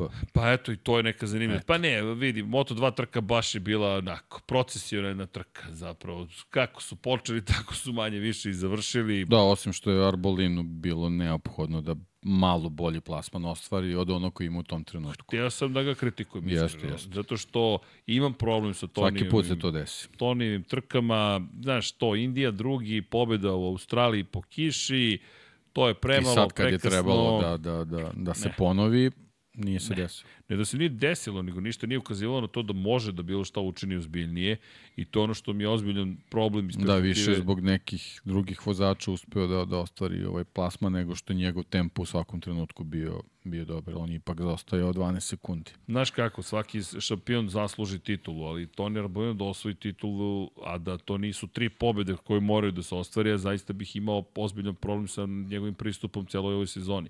To je celoj, drugoj polovini sezone. Jer u prvoj polovini sezone treći, prvi, drugi, četvrti, prvi, drugi, drugi, to su, to su rezultati šampiona. I onda sedmi u Holandiji kaže, ok, kiks pred leto. Deseti, šesti, sedamnaesti, četvrti, drugi, jedanesti, šesti, prvi, četvrti. Čak nema ni kao kod Manuela Gonzalesa neke konzistentnost, neka nešto, neki konstantan Pa rezultat. dobro, vidi, kad pazi, on i sad je bio četvrti, ali da ga da toliko ne, ne, ne napadam, ali jednostavno nekako Ali nije to ova dovoljno. trka je bila, bila situacija da, da nastaviš taj dobar niz, znaš, da, da malo uneseš nemir kod Akosta. To je bilo to, jel, znaš, smanjuje se broj trka, sad već ta matematika nikako ne ide u tvoju korist. A, vidi, matematika odavno ne ide u Da. tvoju korist, ali jednostavno Toni nekako... A mi, mi navijamo sa zanimljiv još jedan ćemo šampionat. kraj u pa, Valenciji da naravno, padne, naravno, samo što to naravno. kako sad stvari stoje, teoretski ostaje samo šansa i ništa Pa više od Malezija toga. već može matematiku potpuno da... Da, da dovoljno je da bude ispred Toni Da. Arbolina i to je to. Već sada imao šansu da osvoji titulu, ali nije to potreslo Pedra Kost. Ne. Ja vozim Pa ono nije što... ga, nije ga ni Australija potresla. Da, i to da isto. se trka nastavila, Kosta bi, bi još otišao u plasmanu. Da bio bi vratno na je pobjedičkom postoju. da, Da, da, da, da, li bi pobedio? To E, je sad to je ono što treba ne da zabrine Arbolin. Dobro, ali Pedro je već otišao. On je već da. zaista otišao. Ne, ali evo, i, i to je sad ova priča koju, koju- ovaj, pričam vezano za Moto Grand Prix transfere. Viš koliko se promenilo taj njegov odnos od, od, od, od trenutka kad je shvatio da, da, da odlazi u Moto Grand Prix. Koliko je stabilniji. I bez ikakvih nekakvih velikih grešaka u ključnim momentima. Da, napravio je onu grešku u, u da kažeš, pripremnom krugu, ali sada to nije ponovio. Mada, hajde, ta greška, ne znam, to mi je neka bizarnost ove sezone, da vidimo toliko grešaka ljudi Da. koji se bore za titulu da greše u pripremnim krugovima. To, to, to ne pamtim da smo imali u takvom broju. Ko zna gde, gde su, gde su sa, sa glavom, Sa glavom, u tom da. trenutku. Da, ali sad kad je Pilo potrebno nije napravio grešku. Odradio posao, završio i mislim da će Malezija biti samo taj moment. Ajde da Pa završi. vidi da, da nije bilo te greške u Australiji, sad bi možda već pričali o šampionu. Pa pogotovo izvesno, jer ta, de, osvojio je 7 poena, da je došao do, do, do treće pozicije imao bi 16 poena, to je već 9 poena više, u ovom momentu ima on 62,5 poena Da. prednosti, dakle sa tih koji 70 bi 70, bio. dakle, ok, ne bi još bio, ali manje više to bi bilo to. Trebalo bi mu jedno četvrto mesto i to je to. to je, pa, I u svakom slučaju u ovom trenutku, da. kada budemo najavljivali Maleziju, pričat ćemo o tome. U svakom slučaju Malezija, ali Arbolino pobeda. Mislim, mora, mora da ne, ne pričamo ovo kao prognozu, nego kao nešto što Arbolino mora da uradi. Inače, na pobedničkom postoju Somkjet Čantra, samo da To pohvalim okej, da, Somkjet, to, da. to je To, da li si očekivao Vidi, nešto drugo da se desi? Ne, najzad, vidi, najzad na Tajlandu, da. znaš, najzad se to desilo i to je ono što mu bilo potrebno. Jedna lepa trka odvežena, izborio se za svoju poziciju, pobedio Toni Arbolina i publika koja je dobila savršen uvod zapravo kroz to što se on popeo na pobedničkom postolju u jednoj trci koja nije baš bila preterano uzbudljiva i ono što mi je bilo super, nekako obori temp, ne obori tempo, nego kao da se tonus malo energije spustila, se znaš, kao, jao, pa trka, ništa se nije desilo u ovoj trci, ali evo ga naš tajlanđani na poziciji broj 3, kao neka lepa radost, ipak mi je lep dan, i onda bum, ona eksplozija u Moto Grand Prix-u, a pre toga, kao dob na dobrom koncertu, uvod koji je bio savršen. Neću pobeći od Moto 2 klase, ali nemam, nemam nešto pametno da dodam. Deki, Pa mislim nema ovo, praktično bi bilo padovi. samo, da, brojni padovi da, da, da sad pobrojiš gde je ko završio, mislim. Ali nije- znaš šta mi je fascinantno, izvini, Jake Dixon u Australiji pao, Jake Dixon pao na Tajlandu, I pao, Ćele- baš pao. baš pao. Celestino Vieti, pao u Australiji, pao na Tajlandu. Sergio Garcia, pao na, u Australiji, pao na Tajlandu. Ti kada pogledaš, ponavljaju se ljudi koji su padali. Zonta van der Gurberg, već niže treći pad za redom. Znaš, to su ono što mi je bilo zanimljivo. Gledam, isti ljudi padaju u jednoj i drugoj trci, i po suvom i po kiši. Pride, ko je još pao? Alberto Sura je pao. Brojim samo one koji su pali zato što ih je mnogo. Taiga Hada, čovjek takođe pao. Pogledaj Joe Robertsa, pao. Znaš, ti, ti imaš opet trku koji samo padaju i baš izgledalo onako loše. Filip Salač, pad, pad, 17. mesto. Trenutno smo baš u lošoj pa, fazi. Pa dobro, pao i on, čini mi se, on je podigao On je pao, da, ok, možemo da znači, da računamo kao pad. Da, Ajmo, da, pad da. da računamo. I ti sad imaš situaciju gde nije mi pretarano visok kvalitet Moto2 klase iz te perspektive. Znaš, ne mogu da prihvatim da je Dixon treći u šampionatu. Pa da, ali ja ne mogu da prihvatim da imaš Alkobu, Lousa i Bindera na 13. 14. i 15. mestu. Takođe. Na primjer. Na isto, slažem se s tom, deki. Znaš, to mi je ono što mi baš mi zasmetalo. Da, da, da je nekako pao kvalitet. Da ti jednostavno umesto da dobiješ napredak, Manuel Gonzalez je sada bio deseti. Samo se ide nizbrdo. Alonso Lopez je osmi. 25. pa nije klasifikovan, pa sada je osmi. To mi je jedna od najvećih priča. Kanet, 11. A, duga sezona u smislu velikih pauza i onda mnogo vezanih vikenda. To je verovatno za ove momke napor. Baš je napor. Ali znaš, I ta vrućina, mislim, i to se ne, Ja, ne to- to- podnosi jasno, svako isto. To je činjenica. verovatno i to. I Činjenica. tu se odvajaju neki, da kažemo, dobri vozači od, od šampionskog kalibra. koga bih pohvalio, koga bih pohvalio, iskreno, ozbiljno bih ga pohvalio, koja je loša pozicija, znam, možda ćeš se ti, možda se nećeš složiti, Albert Arenas, ali znaš zašto? Uh, ne bi nikako. Znaš zašto? Samo način na koji je vozio. Uf. Sedma pozicija je loša, ali je dobro Ali- vozio. Prvi krug je katastrofa bio. Jeste. Katastrofalan prvi krug. Znači, kočenja, a, bežanje iz duela, katastrofa mi je bio u prvom Ali krugu. posle toga, da znam da tebe a, boli. Uf, uf, ne, ne, ne, prvi krug mi je bio da onako u srce ovde. osobito loš prvi krug, stvarno. Ali- Baš je, baš je onako, ni- nije, nije to dobro. ja Nikako mislim dobro. da će Arenas biti dobar u završnici. Ne znam zašto, ali neki osjećaj ima. Pazi sad, pazi sad, ovo je samo osjećaj. Ne, ne, sve je okej, ali kažem, Argumenata ja, nemam. ja sam taj prvi krug ispratio i onda sam vratio zbog njega još jednom, samo da vidim da da li sam nešto propustio, ovaj, baš, je, baš je bio onako potpuno van, van duela i potpuno van ritma. Ne, ne znam zašto se to tako desilo. Znači, prvi krug očajan. Ja mislim da će on nešto da uradi dobro do kraja godine. Evo, iskreno, to mi je samo neka moja misla. Ništa Nadam drugo. se samo da se na španskom ćorava koka ne kaže Arenas. Nadam se da nije. ne, vidi, ja možda, možda vidim nešto što ne postoji, ali ja ti kažem, deki, znam da ti jedan od onih... Navijam za tebe da vidiš nešto što ne postoji. ali imam, imam iskreno neki osjećaj da će da uradi nešto dobro. To je moj osjećaj. Ali ne bih nastavio. Ajde, broj 75 bude prvi, to je 76. Tako je. E, to mi je malo pre malo na pamet, znaš za koga? Za Jorgea Martina. On je 88 zapravo od uvek bio, pa pošto Miguel Oliver ima 88, onda je morao da preuzme 89. Ali, pazi sad ovo, zapravo Miguel Oliveira nije hteo 88. Svećaš koji broj želi zapravo Miguel Oliveira? Pa i sad ovo, 44. Ko nosi 44? Pole Spargaro. Ko je želeo zapravo da uzme 88 sada, hteo je da uzme Pedro Acosta. Ali pošto je uzeo 88 Miguel Oliveira, onda pita Oliviru da li možeš da mi daš tvoj broj. A Olivira kaže zašto? Zato što će Pole Spargaro da ode van šampionata, da ode na 44, ali mu Olivira kaže ne, zato što sam pobeđivao sa 88 i to je sada moj broj.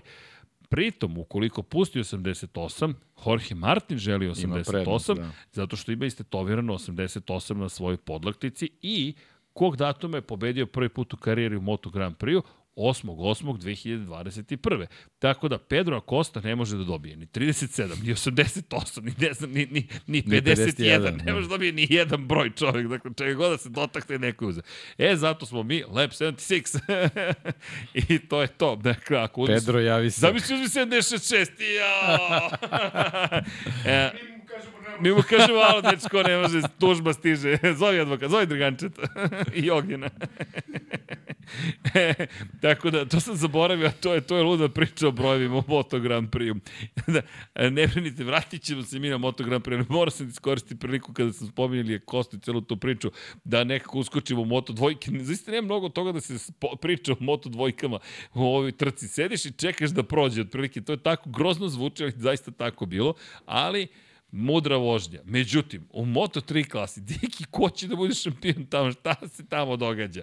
Dakle, Ćaume Masija, dva, dve pobede, dva, dva druga mesta, dve pobede, pa šesti, osmi i četvrti, umeđu vremenom povećava svoju prednost u šampionatu, iako nema pobede, nema plasmana na pobednička postoje, 230 bodova, 17 više od drugoplasiranog Jumu Sasakija, koji je pao zato što je imao bizaran moment David Munoz, koji je ostao bez brzine u sred krivine, sklanja se Ivan Ortola, uleće od njega Jumu Sasaki. 205 poena, dakle samo 25 poena manje, za Davida Alonsa koji je zabeležio četvrtu pobedu u karijeri i u svojoj debitanskoj sezoni i postao Novajlija godine izvanično. I, pazite se, pazite se do ovo, Daniel Olgado koji takođe ima 205 poena, koji je 14. 13. 6. u poslednje tri trke, na sve to dodajte Denis Ondžua koji sada kada je trebalo ima pol poziciju, najbrži krug i završi na petoj poziciji. Sad ima 191 poen ili ti 39 poena manje od vodećeg u šampionatu sveta. Ovo je bila trka za Deniza Ondžua, međutim propuštena prilika, nije ni izgledao kao da može da se bori tokom same trke, ali ja bih krenuo Davida Alonso. Deki, David Alonso, dete je čudesno. Stvarno čudesno. Sad već kolumbijsku himnu podsjetio nas je na Juan Pablo Montoju. Sad to se već zna. Četiri pobjede. Niko nema četiri pobjede ove godine osim njega. Ma poenta je što nima isti broj bodova kod Daniel Logado, koji je bio do pre... Dominantan. Pet šestarka. Pojam. To je to, da. Da, ne tako da svaka čast zaista. Treći je u šampionatu sveta. Klinac je, i ja mislim da oni idu na titulu. Iskreno, ja mislim da su razmišljeni, sad nisu već šta možemo Ja da mislim da oni ide na pobede. Na pobede, to, to, to, to, to. Ej, pobeda. Znaš, ovo će doći. Ovo će Pobeda, doći. podijum i pa kako se, kako se otvori priča. Pri čemu? On je pao je na prethodnoj trci. Samo zamisli da je svoju 10 poena. On, je, on bi bio na 15 poena od vodećeg u šampionatu. Potpuno šašava sezona. I, ali super sezona. Kad pa, pogledaš... naž, nažalost, ovaj, zbog svega šta se izdešavalo, on mi je veći rival Masi od Sasaki. Nažalost. Ne, Jumu, neverovatno šta se Jumu dešava. A Jumu, zaista. Od, od prošle godine, od onog otvaranja, od, od otvaranja. oklopa, Da, da. Neverovatno šta se čoveku se izdešavalo. Ja ne, ja ne znam da li on sastavio recimo pet trka da nema nešto. Da, da se nešto nije desilo. To, to je prosto neverovatno. Od toga da samog I, sebe ali neverovatno je kako on, kako on mirnoćom to podnosi. Ili makar izgleda mirno. Ali sad je pustio suze. Jeste. Sad je pustio yes. suze. Sad je prvi Možda put... ga i bolelo. Oh. On ba, baš je zveknuo. Žestok udarac. Zveknuo je. Baš je bilo, ali to ti kao da je neko stao u mestu prosto.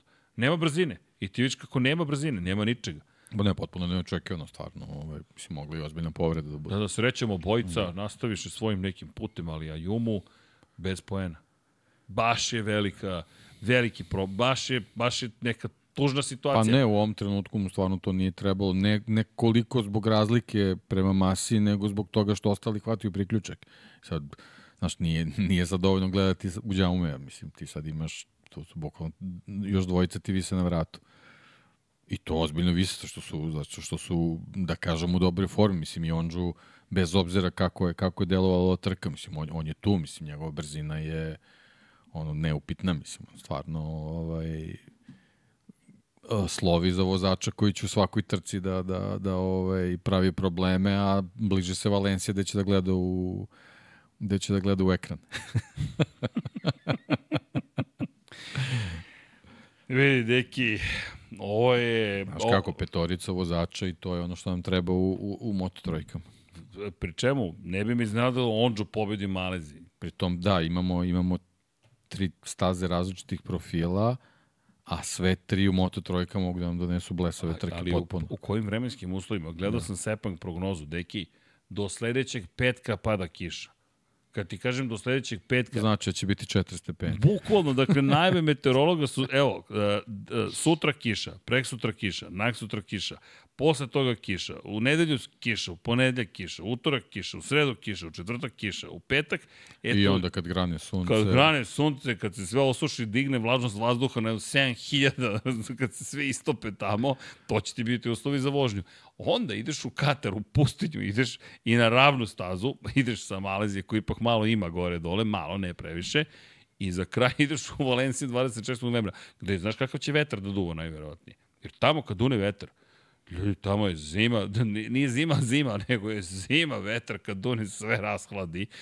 I to su ti staze koje nas očekuju. I ne, ja, ne, ja ovde stvarno nemam pojma šta će da se desi. Pri čemu čekam Masija da počne ponovo da, da, da, da malo se pomeru napred, jer vidi, ovo su prilike zapravo, ovo su pa, prilike. O, ovde je bila prava prilika za njega, pre svega zbog te neke Leopardove reputacije tih brzih motocikala na brzim stazama. Znači, nekako nije mi ovde nije ovde ispunio možda ovaj, sve ono šta su, šta su očekivali. Možda i njih ta, ta, ta, ta vrućina malo, malo sputovala u toj nekoj pripremi motocikla, ovaj, posebno zato što ni, ni, ovaj, ni Moreira nije bio ovaj, na, na tom nekom nivou, a znamo da, da, da i oni ovaj, svoj, svoj motocikl znaju da, da pripreme na sličan način kako to i Leopard radi i, i ovaj, možda, možda tu te neke ključne poene koji bi malo onako i njemu dali ovaj, malo više vazduha ovaj, je, je izgubio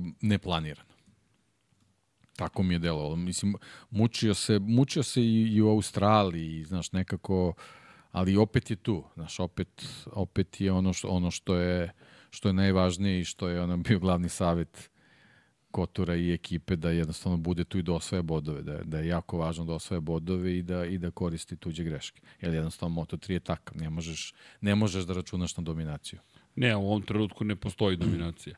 Pri čemu ti sa, sa ovim klincem koji ima četiri pobede imaš jednu nevjerojatnu priču u kojoj se uključuju drugi klinci. Tajo Furusato, deki, pozicija broj 2 Tajo Furusato, koji je dominantan bio pre par godina u kupu talenta Azije, evo ga prvi put u karijeri na pobjedičkom postoju i ne na neki slučaj način, on je stvarno odvezao dobru trku. To je problem Asije. I to, što se tako neko pojavi. pojavi se. Pričemu se pojavio Colin Vejer, koji nije se sada pojavio, on se pojavljuje, sad je krunisao ne, da, on je, svoje. on je već 3-4 trke tu, ne, ne, šta, malo i on je imao sreće i kontakt u Indiji, jest, znaš, jest. pa malo... Indija tak, da. To, Indija to ga je koštala, bilo, da, da. ali sad je na trećem Evo, mestu bio. Ali to je ono za sve te klince. Doći će podijum, polako, nemoj, Doći će. nemoj da se... Doći će. Ne, nije, ne možeš u Moto trojkom da kažeš sad i nikad. Znači, jednostavno, polako, dolazi. Ako si brz, doći će a brzi su. Yes. I ozbiljno su brzi. Pri čemu Tajo podiže formu lagano. Sedmi, sedmi, drugi, to sada već postoji redovno pozitivni rezultati. Furusato izgleda sve bolje i bolje. Novi neki Japanac se pojavio. Kažem, Vejer sve pohvale. Četvrti Masija, peta pozicija za Ondžua, šesti Olgado, Olgado koji opet se spašava, opet je, Olgado je takođe morao da siđe sa staze u tom incidentu kada, da. se Munjuz, kada je zapravo Munjuz ostao bez brzine i Sasaki kako udari u Munjuza zapravo je Olgado morao boći On je Albor, Albor, Arbolini Al, taj problem. Da, da, da. da. Izgleda to, to izlačenje konstantno, nikako da bude neka čista trka da si, da si tu da dominiraš. Da. Ali dobro, Mislim, eto, ovaj, on je tu i dalje probaju i mislim, generalno zanimljivo je bilo. Evo sad gledamo ovaj, mi smo imali, znači, prvih 13 vozača u 2,5 sekunde. To, je, to su moto trojke, to je to je to i tu je sad na, na momcima koji konkurišu za, za šampiona da, da, da iskoče i da, i da budu u samom vrhu. Ovo je staza malo nezgodna bila zbog tih zbog te poslednje kredine i svega toga, možda ni oni nisu najbolje pripremili te svoje napade i to sve, ali generalno ovaj, jako je važno bilo da pobegnu ovoga puta. Ne možeš kad imaš trojicu ovaj, momaka koji su jako ovaj, raspoloženi za vožnje, a onda imaš i Alonsa koji plus konkuriše za taj visok plasman. Teško je, ovaj, ali, ali sa druge strane nama, nama i zanimljivo zbog toga, tako da ovaj, ja ne, nemam ništa protiv da se ovako i nastavi. Posebno kažem što imamo ovaj, u nastavku još te tri trke koje su potpuno staze potpuno različite konfiguracije plus Katar koji se vozi u, u tim specifičnim uslovima, tako da ovaj, mislim da će bude jako, jako zabavno, a za njih jako zahtevno. Katar, moto trojke, startno ciljni pravac, tako poslednja je, krivina, tako je, tako je. Pazi. Posljednja krivina, pa imaš da, da ideš. A Malezija? Da, Malezija I isto. Malezija Malezija isto. Kad isto. izađeš iz poslednje 15. čekate Da. dalek put do, do kraja. Jedino što je uska, ne mogu baš svi da prođu u levku. Obično i To ne je- prođu da. svi. Nažalost, ali dobro. To je, da, da. ali dobro. Ali vidi, da. dve trke u kojima, ne, sve se to odlučuje u poslednjim krivinama, nema šanse da bude drugačije. I u Valenciji isto može da bude. Ona pretposlednja duga leva te vodi do oštre u levo. Ne, ne, Valencija, ako uđemo sa, sa petoricom vozača koji konkurišu za titulu, zamisli to. Pri čemu, čekaj, samo da pročitamo ko su sve španci. Jaume Masija, Daniel Olgado i potiče iz Španije David Alonso, kolumbijac koji je rođen u Madridu. Ali imamo Ayumu Sasaki kao predstavnika Japana i Denis Ondžu kao predstavnika Tursku. Samo zamisli ako Ondžu bude imao šansu da osvoji titulu.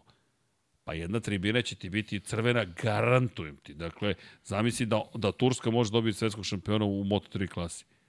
Što nas vraća opet na priču, što niste dali topraku ceo jedan motocikl, ali dobro, to je već neka druga priča. No, svakako uzbudljiva trka. Nema ovde šta da se ovde analizira. Ovo su te one trke klasične, BMW je shvatio. BMW sledeće sezone u, u svakom gradu u Turskoj otvara po jedan salon motocikla. pa ne, ti dovodiš najveću zvezdu apsolutno u svoje redove, još ako im se složi sezona da bude dobra, pristana. Složit će on. A On, on- je all in. Ne, on je all in, Ne, da, ali on jeste all in. On je baš sve ili ništa.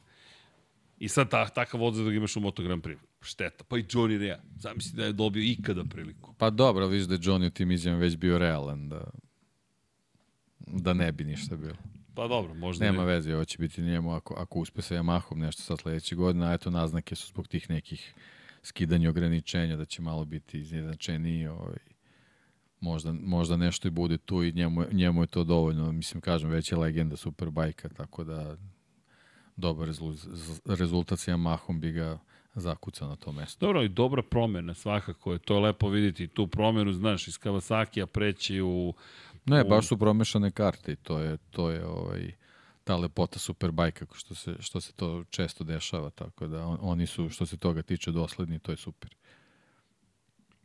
Ja da čekam, moram to Desi priznati. se vozači tako vežu, 5-6 titula, mislim, to je nekako još od, od Fogertija, mislim, jednostavno tako je nekako, znaš, vezani su Pa evo, ugovorom. Laro počinje Pa da... da, Alvaro, Rea, Fogerti, mislim, to smo, to smo imali u prošlosti, mislim, jednostavno tako se nekako složi, jednostavno ugovori su takvi i, i, i ta dominacija motocikala traje dok se, dok se nešto ne desi ili se ne pojavi neki, neki rival ili se tim nekim propisima zašto ja nisam ovaj, jednostavno to, to promeni, ali, ali se deci i ne znam, eto, i pričali smo o tome i ti ja, mislim, meni je, uvek, uvek mi je Superbike sezona zanimljiva, bez obzira šta se, šta se dešava. I Te- ko je gde. Uvek, uvek se nađe nešto zbog čega bude zanimljivo. Ne omane. Ne oma. Ne omane. Tako Pa čak i da je pojedinačna trka, zaista ne omane. Lepo je za gledanje. Topla preporuka. Gledajte, pratite. I mi ćemo se potruditi više da pratimo. Ove godine, eto, ranč nas je zbunio. Nismo planirali ranč, moram da priznam. Neki smo planirali ranč i u najluđim snovima. Pa, na početku godine sigurno nisam. Ver, ne, ni, kada se pojavila prva priča da postoji mogućnost, smo bili okej. Posle Asena nismo. Ne, posle, ne, ne, ne, bukvalno, ni, ni, čak i u momentu kad je postalo, počela priča, neka se zbija, pa kao, je ovo realno? E sad, ne da je realno, nego sad, e, sad, sad, sad smo tu, sad smo u igri. Sad je Johnny realno. sad je, ne, sad je Toprak, all in. Tako sad je. Toprak, sad vozimo Topraka, jedan stopi. U to ime kliknite like, share and subscribe i sve ostale lepe stvari. I ono na što vas pozivamo jeste kliknite ljudi subscribe kad ste već tu sa nama i družimo se. Da, inače, kaže Dragan Matić, molim vas da barem 15 minuta u nekom podcastu posvetite, posvetite čovjek još pre 17 godina bio prvak, a, a i danas uzima titule. Vidjet ćemo šta će da uradi Malez. Šalim se. ba. Šalim se, ne. To je Ne, ne. prilika taman. To bi bilo, Posle te trke, ajmo da. ovako, trebalo bi da uradimo portret šampiona, realno. Ja mislim da bi bilo u redu da svake godine posvetimo jednu emisiju portretu šampiona za tu godinu. Analiza godine, ako je prvi put da pričamo o njemu, ko je taj čovek, šta je sve postigao. Kako ti to zvuči? Nemamo mnogo podcasta između sezone, ali može. Koliko ćemo imati? Tri. Kako te, Da, teki, se. kada živimo kosmos, vidiš Da. i ti ja se gledamo ka- kad ćemo da živimo. Znate kako, biće, a ka, i kaže, biće, da, znam mnogo toga, ali ljudi, vi učestvujete sa nama u pravljanju nečeg što mi se nadamo da je jedna predivna priča. Stvarno se nadamo da je predivna priča i Infinity Ranch sad postoji, to veruj mi nikad mi nije palo na pamet u životu. Da nisi rekao Infinity Ranch, znaš kad vidimo ona slova, onako zakrivljena, Infinity Ranch, kao da je sunce neko u pitanju. I onda dođeš na ranč i šta te čeka na ranču? Pa, sve te čeka na ranču. Motocikli, muzičari, ne znam, zabava, kokteli, bazen. To je logičan ranč, je li tako? Tako je. Tako je. Neke tribine, sedneš Da, na vidjet ćemo, vidjet ćemo, pričat ćemo o Razvijamo, tom razvijamo. superbajku, ovaj, ne znam koliko si ispratio pre desetak dana, malo više možda, možda dvadesetak dana, ovaj, Kawasaki je predstavio hibridni motocikl, Ninja sedmicu, tako da vidi, tu možda neka, neka druga budućnost krene u, u superbajku, tako da ko Pa zna šta tu čekaj, sve može se kada dešava. smo najavili hibrid? Da. Kada smo najavili hibrid? Na početku ove sezone pričali smo o zapravo Ducatiju koji je trebalo da zapravo ne koristi lanac, pa se onda to nekako ne, ne, nestalo, ali da, Kawasaki koji, koji koji radi ono što smo najavili zapravo sa tim hibridom. Pazi, te, šta smo pitali se onda? Zašto? Pa, brzina, obrtni moment, ubrzanje, dobiješ neku novu, to je zaista zver, ljudi, to, to što Kawasaki se pripremio, to, to, je, to, je, to je neki novi koncept kada je reč o, o, o apsolutnoj brzini, nije to samo maksimalna brzina. Deki, Samo mogu da mislim taj motocikl kad startuje. I ovako startuje super brzo. Mala masa, velika konjska snaga. Sad dobijaš obrtni moment, pride u celoj priči. Ne znam. Vole bih da vidim hibrid dotaktni. Da. Iskreno. Kako kažu, 450 kubika, ekvivalent je snage motociklima 600-700 kubika, kaže, a ubrzava kao hiljadarka. Tako da, za par godina kad se to usavrši, A usavršit će se.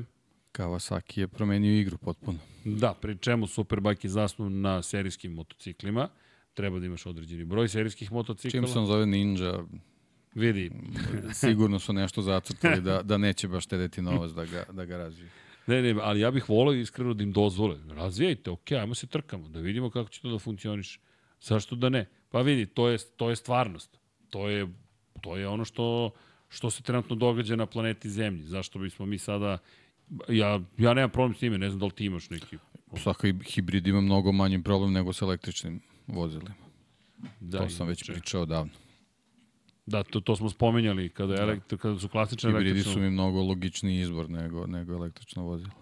Ko nije ispratio, potrudit ćemo se to za sledeću emisiju da nabavimo zvanični video pa da ga legalno pustimo da vidite prosto kako to izgleda, ali ljudi potražite na YouTube-u, imate To izgleda simpatično, malo onako, još je, još je neobičan, ali ovaj, kao pravi motocikl je, mislim, sad malo je reč onako smešno, ali, ali zaista ovaj, se Kawasaki potrudio da ta Ninja ovaj, dostojno nosi to ime. A Ninja se pojavio, to, to znači ćemo Top Gun hibrid da gledamo sledeći. Zavisi kako njihov marketing bude radio. Ali verujem da će im neko prići da im uzme pare. I, I da li misliš da će snimiti Top Gun 3? ne, a, a, Ne deki. znam. Vraća se. da. Ponovo. I pojavljuje. Ali sada... Ne, neću, neću, neću. Juče sam imao Netflix scenariju, danas neću da idem tako daleko. Dovoljno je za jednu nedelju, mada ja meni nikad nije dovoljno, ali dobro. Uh, Deki, u svakom slučaju, vidiš da Superbike nam provejava i da bi trebalo da, da trebalo bi time da se pozabavimo. Superbike je osnova svega, nema šta. I morali bismo da uradimo jednu analizu, ako ne, šampion, ako ne sezone šampiona svakako. Može. Može. Istorijat, što Može. se mene tiče. E, nikakav ajmo da uradimo to. Pa To, da. to, to bi bilo Može, lepo. može. Ja, znaš šta još moramo da uradimo? Je, znaš šta moramo da uradimo? Mm, ne znam. Šta nisam Bolje, zaboravio? bolje da ne znam. Bolje da ne znaš, ali koga si imao u fantaziju? Koga si imao u fantaziju? Ja, ja, ja u fantaziju više ne mogu da zamenim vozača koliko sam izgubio novca. Slušaj ovo, moj fantazij. Ajde. Enea Bastianini, Dobro, Joan Zarko, dobro, Miguel Oliveira, dobro. Jack Miller. da ih otpustim sve. Da, vidi, ja, ja Sve. u fantaziju uh, osvajam prosečno 124,25 bodova. Dobro. Čini mi se, samo da, vidim, samo da proverim, možda nisam dobro, ali tako nešto, što je, što je loše u principu. Da, 124,50 bodova, ovog vikenda sam osvojio 100, uh, prosečni, u stvari, broj bodova je 124,54. A ovog vikenda sam osvojio 124,50. Znači, Dobro. u totalnom sam proseku. Dobro, pouzdan A moji, a moji vozači su, hoćemo isto tako unazad kao što si ti, Ajde, Joan Mir, dobro, Alex Marquez, dobro, Miguel Oliveira dobro. i Peko Banjaja. Ali Peko Banjaja je jedini koji mi drži ovaj banku na nekoj, na, nekoj pristoj, na nekom pristojnom nivou, tako da ja u principu ove asove ne mogu ni da zamenim i da hoću. Tako da ja sad guram ono kako sam i rekao do kraja sezone s ovom postavom, pa Pa pada, šta bude? padam, padam po 100, po 100 pozicije po trci, tako da ovaj, mislim da neće, da će ponestati ovaj, eh, pozicija u, u Lab 76 ligi koliko ja kao kamen padam dole. Ja sam u ovom trenutku na poziciji broj na 578. E, znaš šta je samo poenta? Što imam tri neiskorišćena busta, ima tri trke do kraja. Tako da ja Iskoristi palim ih. to, pa upalit ću i to je to. Ja imam dva. Da. Ali znaš ko je prvi trenutno? Jug Bogdan drugi, koji ima još jedan boost. Lemi 46. drugi ima još jedan boost. Juventino je treći, nema više boostova. Mesija je četvrti, nema više boostova. Agent 007 je peti, nema boostova. Team Music 9, Team Music 9, dakle, bez boostova šesti. Ordanić 1, sedma pozicija, jedan boost. Brka 21, osma pozicija jedan boost. 1609 je deveti, pivo, pivo, deseti, ni jedan ni drugi nemaju po boostu. Zatim, Adam Medjica Ver 46, pa Omer FC Inter, Pajsing, Pičigi, Picigin, Picigin Racing Team, dobro, dok ja pročitam da vidim koji je jezik zapravo, Škoda Fabija, zatim koji ima boost, Pop i onda Stefnik Racing, koji ima dva boosta do kraja sezone, trenutno na poziciji 16. Pratimo Stefnika, ajde da zapamtimo, Stefnika da pratimo. Ali vidi, Jug Bogdan ima još jedan boost. Da. Mogu ti pročitam njegov tim. Hoćeš unazad ili od prvog vozača? Ajde od prvog, Od prvog. od prvog. Francesco Banjaje. Dobro. Jorge, Jorge Martin. Martin, okej. Znaš komu je treći? Brad Binter. Marko Beceki. Marko. E, Znaš komu je četvrti? Brad Binter. Joan Zarko. Eto, tako da A, da imamo Lemi. Juže Bogdan ne iskoristi taj jedan boost i Ej, Lemi ima sve to isto, ali umesto Zarka ima Vinjalesa. Dakle, titul odlučuju Kakav Zarko kiks. i Vinjales. Ne, ne, ne, a, ali u Maleziji Vinjales pobeđuje. a, ako bude 40 stepeni. Mm, ok, nisam o tome razmišljao. nisam o tome razmišljao. Pošto smo najavili temperaturu asfalta od 60 Dobro. i vlažnost vazduha 99%. Dobro, ne, ja znam. Da pokažemo pehare. A da, A što da je pokažemo pehare? Što da pokažemo pehare kad niste došli po pehare? Šalim se. Juže, Bogdane, drugi, Lemi 46, Juventino i ostali. Šta dobijate na kraju sezone? Bestijaninija, 23, još uvek čekamo da preuzme svoj pehar, makar se 22.. javi. Iz 22. Dakle, dakle, evo ga. Opa, tu je. Karl Marx, javi se. Dakle, preuzmeš svoj srebrni trofej iz prethodne sezone. Mi smo trofeje napravili. Da ne bude da nismo napravili. I suvi potok. E, znaš šta? Mi ćemo sada da napravimo od ovoga Reels, ali ne od ovog scene, nego ćemo lepo da se organizujemo, da snimimo, stavimo na sve društvene mreže, na TikTok i da pozovemo ljude. Ne znam gde ste nestali, ali treće mesto za suvog potoka. Eto. Pa da znate. To su priznanja. lepo je to imati u Lepo. vitrini. Ja bih to volao da imamo u vitrini. Odatle sve kreće od trofeja. Možda treba velike da napravimo, u Volki, velika nagrada. Znaš, da bude ili ko Maksov od porcelana iz Mađarske. pa ako preživi, preživelo je. Eto vidiš, nisam zaboravio fantazi. E, Vlado, si ponosan na mene. Mada moram pristiti da me on podsjetio kada ih je stavio ovde iza. Nisam pozorno, a, ok, sad razumem Da, šta hoće što da nisu jedini. A, da, da, da, da. A, tri igrača su mi zadnja. Jog Bogdan je svetskom fantaziju na 17. poziciji. O, idemo! Kaže, Boško, kaže, sad mi jasno zašto je Miller bio onoliko loš na tanu da bio je kod Crke u ekipi. A, Da, nije, nije, došlo još par ljudi po trofeje, nisu baš svi Jesu, došli, jesu. ali, ali došlo je par ljudi po trofeje, pogotovo za 99 yardi. Da. I Da. mi idemo Shayli da odnesemo trofeje. Da, Shayla idemo, ali samo da nam da pošalje poziciju za vizu za Veliku Britaniju. Znaš kao Shayla može pozivno pismo. Da, tu, tu. The user has been blocked. Ne, ali dobro, pozdrav. Kaže Slavko Krtić, dobro večer, imam pitanje. Da li mislite da će Matija Binoto preći u April ili Hondu kao tehnički direktor, pošto trenutno nije zaposlen? Prvi put čujem da bi Matija mogao da stigne u Moto Grand Prix, ali mi se i te kako, i te kako dopada. Priznajem, dopada mi se. Mati je trenutno uživo u vinogradima širom Evrope, tako da možda trenutno nije zainteresovan za to. Matija, da, da nije, nije bitno. ali Matija uživa, nemojte da brinete. E, da, inače, Dixon nije pao, nego očistio Vijetija. Dobro. To fakat. To, to, to, to, to, nije, e, izražavanje mi nije bilo precizno. Tako da, hvala Dragane Matiću. Dixon, da, Dixon je imao loš vikend. Ali pogledaj sad i njegovu formu. U momentu kada je počeo da pobeđuje i da postiže neke dobre rezultate, prosto se ništa prosto nije desilo. Od Silverstone sve krenulo. Da, da, od onog momenta kada je izgubio baš kompas. I živce, i kompas, da, da. i bodove, i, i priču o Moto Grand Prix-u i sve. Moguće da je tip vozača koji ako mu ne ide sve od početka do kraja kako treba, Tip ne može osobe. da podnese to. Ne mora Da, vozač. tip osobe, da, ne Da. vozača, pravo si. Dobar je on vozač. Ne, pa svi su dobri vozači, samo lepo si rekao, tip sportiste, ajde, tip osobe, Da. to je to. Ne možeš da podneseš. od vozača koji ima sve simpatije od onog Lemana i onih suza do, do toga da neko počne već da sumnje u tebe. To je jako kratak put, a ogromna, ogromna razlika A- u, u a- poimanju. A vrlo brzo se to sve desilo. Pa da, da, Baš se vrlo to. brzo desilo. Da, deki, hoćemo polako da se Pa, pozdravljamo, ajde. nećemo, danas smo kratki, samo 3 sata. Pa dobro, Šta nam je? da. Ok, spremamo se za, za veliku završnicu. Da, ja moram da priznam, ne zamerite, ali ovo nije nikako kukanje, ali mi dobro preteko smo prošli, što se tiče prošle nedelje.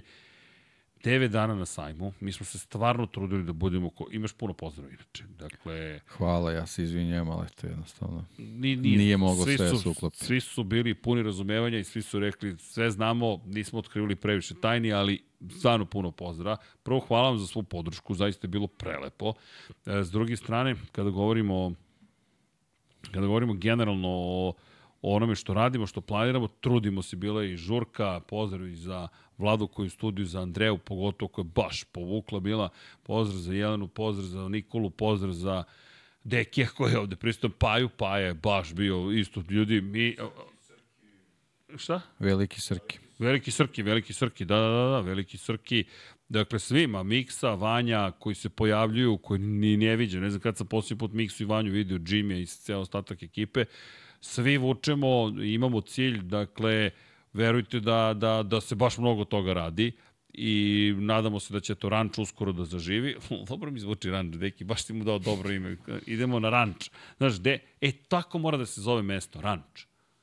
Ranč, gde Moj ideš? teca, teča plac u Čortanovcima nikad nije zvao plac, uvijek je zvao ranč. Tako je, Ali dakle, pazi, ranč u Čortanovcima ima dva č. Ranč u Čortanovcima. Ranč Č. Če, Hoćeš če. da se zovemo Ranč Č. Č, č, može, Ranč Č. može. Ranč Č. Ranč č. To je dobar brend. Gde ideš na Ranč Č? Pa da. Šta radiš na Ranč Č? Onda praviš samo epolete sa onim od č gore, onim kukicama. Ranč Č. Č Č. To nam je pozdrav. Č, č, č, čao. Čao svima. Ne.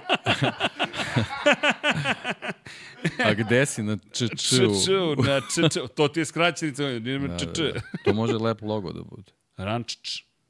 Ok, ništa, moramo da zovemo Brđu. Brđu. Brču. Brčo, javi se Brčo.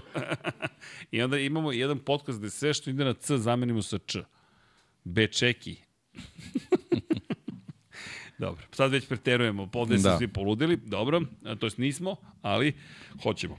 nego da odgovorimo na pitanja kad smo već tu ljudi pitajte, mi se lepo, lepo zabavljamo. Kako će Srki da prenosi trku u Valenciji koliko ona bude odlučila titulu Moto Grand Prix klasi? To smo se već dogovorili. Dakle, da kada bude trka, ukoliko se bude odlučivala titula, nema šta. Pa je ja počinjemo, ve, bukvalno smo se već dogovorili. Dakle, najavili smo sastanak i počinjemo trku Formula 1, tamo je titula već ne odlučena, nego je bila odlučena u maju otprilike. Tako da, ali da li zabavna sezona, svaka trka je zabavna, to je naše viđenje stvari, nego krećemo sa trkom Formula 1 i 10 minuta pre početka prenosa Moto Grand Prix-a, ja se lepo pozdravim sa Čika Pajom, završava Paju sezonu u Abu Dhabiju, prelazimo u kabinu koja je posvećena Moto Grand Prix-u i radimo Moto Grand Prix trku, Aleksandar Đankić i ja.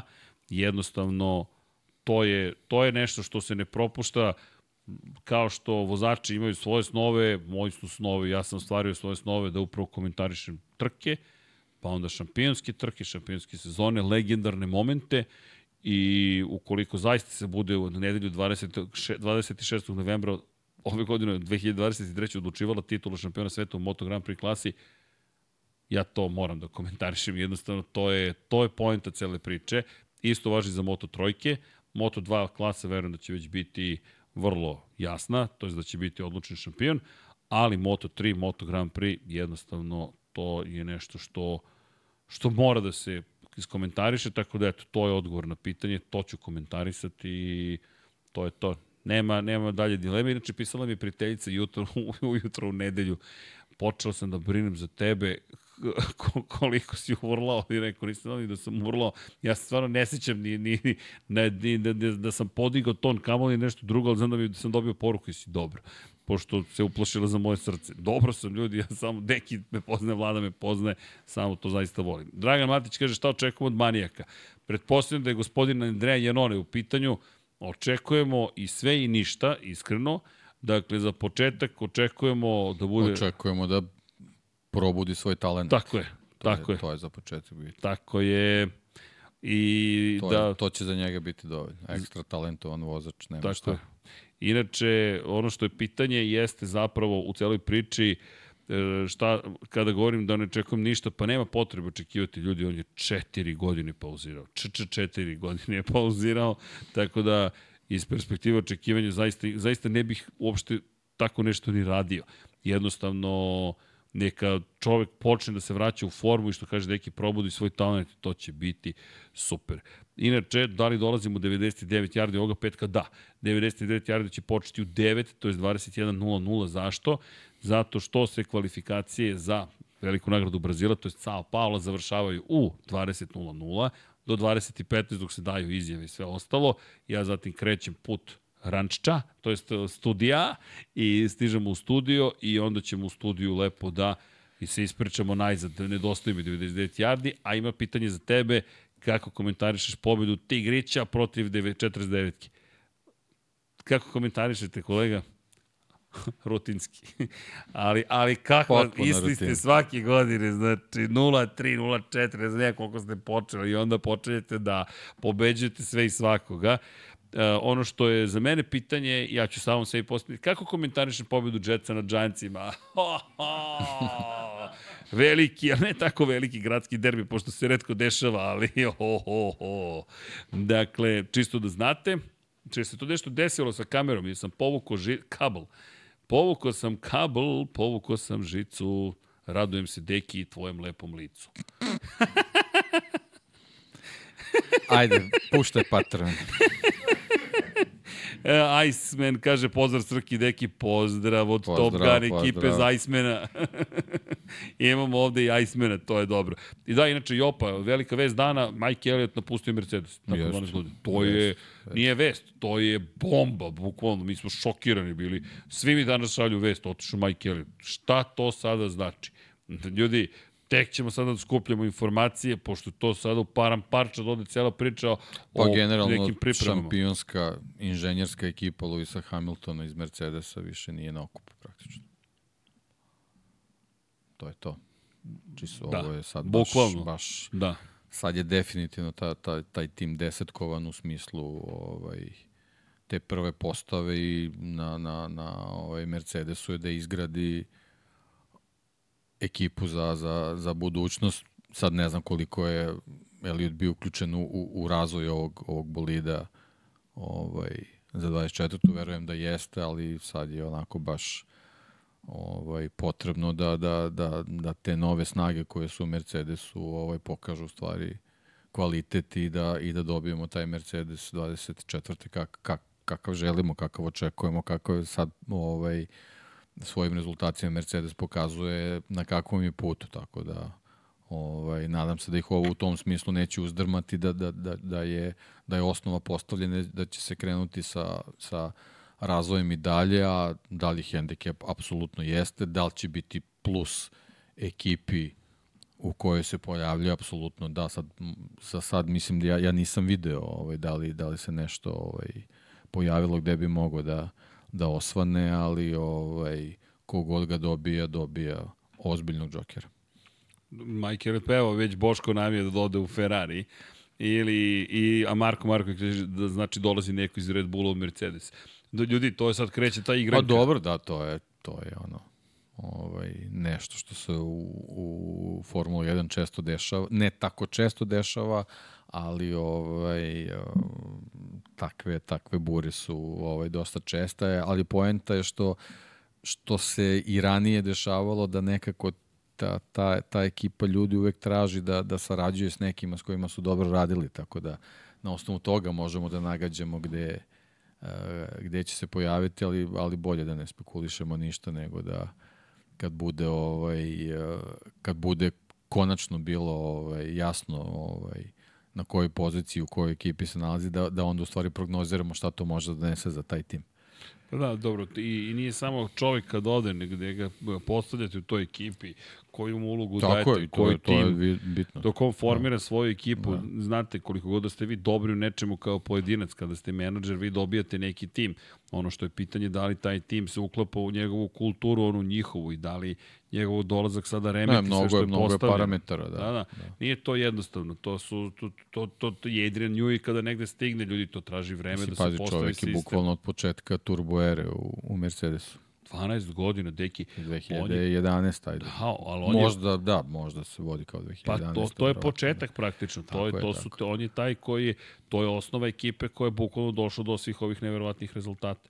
I onda kada pogledate sad, svi, svi su otišli, bukvalno, svi su otišli, nova era Pa dobro, počinje. nekako, znaš, dođe do tog zasićenja. Mislim, on... to je potpuno, potpuno normalno, posebno kad radiš, uh, znaš, nos, nosite taj projekat koji, ovaj, gde imaš praktično misiju da, da nešto postane uspešno i onda kad, kad dođeš do tog nivoa, ti bukvalno sebi onda podižeš standarde iz, iz, iz meseca u mesec, sezone u sezonu i onda kad, kad se zaređe ta, ta niska uspeha, jednostavno dođe do zasićenja. Jednostavno ništa ne može večno da traje potpuno je prirodno da, da, da se ovaj onda i menje sredina, posebno što su svi oni ljudi i od karijera i na taj način i traže nove izazove, a verovatno i finansijski moment bitan i onda ovaj, postoji, postoji ti elementi, naravno uz, uz element gde svako od njih verovatno sanja da bude što nezavisniji i da, i da pokuša da dodatno izgradi svoje ime, tako da ovaj, sve je to razumljivo i, i, i nekako potpuno prirodno, samo što je to nama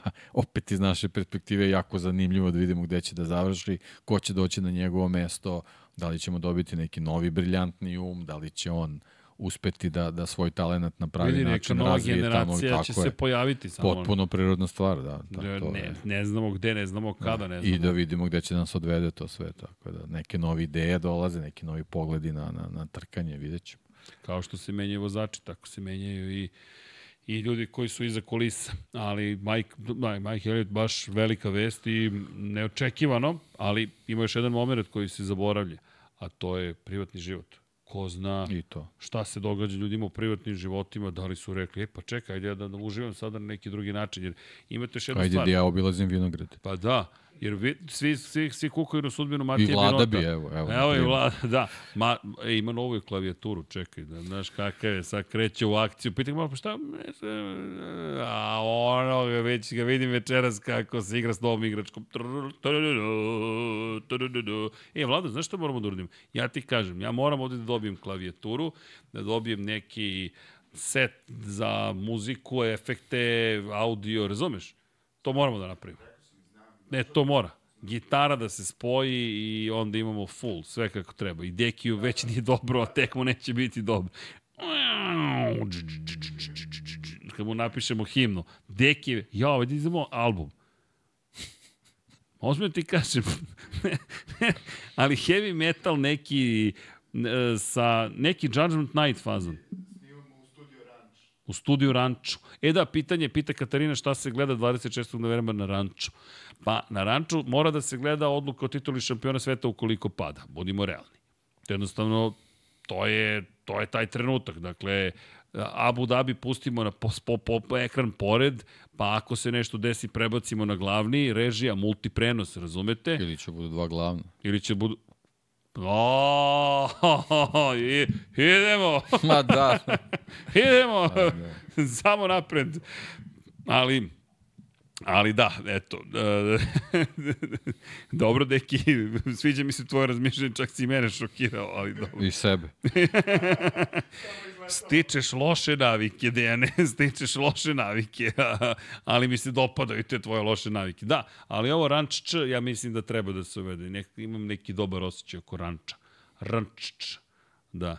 A možda, nema veze. Uh, otići ću predaleko ponovo. E, Vlado, vratimo se pitanjima. Čekaj, odgovorili smo na pitanje. Zna, uh, da vidimo još nešto. Gasi svetla, kaže Bakadu. Dobro, i vale da dođe na veliko otviranje Infinity Rancha, tako je. Kad je on mogao da do, otvori i da pozove Kenija Robertsa, Da, Ranč potiče od Kenija Robertsa. Inače, zašto se Augusto prebacio na broj 37 kada je nosio broj 40 u Moto2? Broj 40 u Moto2 klasi je zapravo rezervisan bio za ekipu Sita Ponsa, koja je imala sponzora koji ne znam da li će nastaviti saradnju sada s nekim ili ne, tako da ako prođete kroz broj 40 kroz godine iza nas, svaki čovek koji je unosio broj 40 je zapravo bio vozač broj 1 ekipe Sita Ponsa i to mi je sponzorisani broj. Niko od njih nije hteo zapravo da nosi taj broj sam po sebi, već su to brojevi koje im je ekipa dodelila jer je to bio deo ugovora da se vozi za Sita Ponsa. Tako da Debanđa, čisto da znate, to nije njegov broj, nego je to broj koji je sponsor platio. Eto, to je... Tako da znate da nije on, on, on je 37 trebalo da bude, ali prosto nije. I danas 40 nosi Aron Canet, tako da eto. Dosta je zapravo situacija tu drugačija, ali jednostavna suštinski, eto. Dobro, sponsor Ponsa je bio, da, HP40. Pa to je to. To je upravo ta priča. Dakle, jednostavno, sponzori su rekli svoji. To je redka situacija da sponzor insistira na broju, ali eto, nije loše ispalo, njima je to lepa promocija bila. E, dakle, Peko je napravio uzbudljivo sezonu, imaju dosta padova, još u Barceloni je vratio Martinu trku za naslov. Pa, između ostalog, to ono što smo i pričali, u jednom momentu Peko počeo svojim padovima zaista da otvara stvari, ali ono što je, zašto je sada drugačija situacija, Martin je pogotovo trkom pokazao upravo da on može to. Pa nije, nije Peko imao toliko o, veliki broj padova koliko je Martin u stvari konstantan u samom vrhu. To je ono što fascinira. Martin nije samo konstantan, nego je konstantan u vrhu. Da, pobjeda, I pobjeda. to je pobjeda. novi moment koji, sa kojim Peko mora da se izbori. Nema on preterano veliki broj padova. Odustajanja, kako god se, kako god se zvao. Pa dobro, kako sezona otmiče, da. procentualno gledano, evo ovako, Peko 1, 2, 3, 4 pada.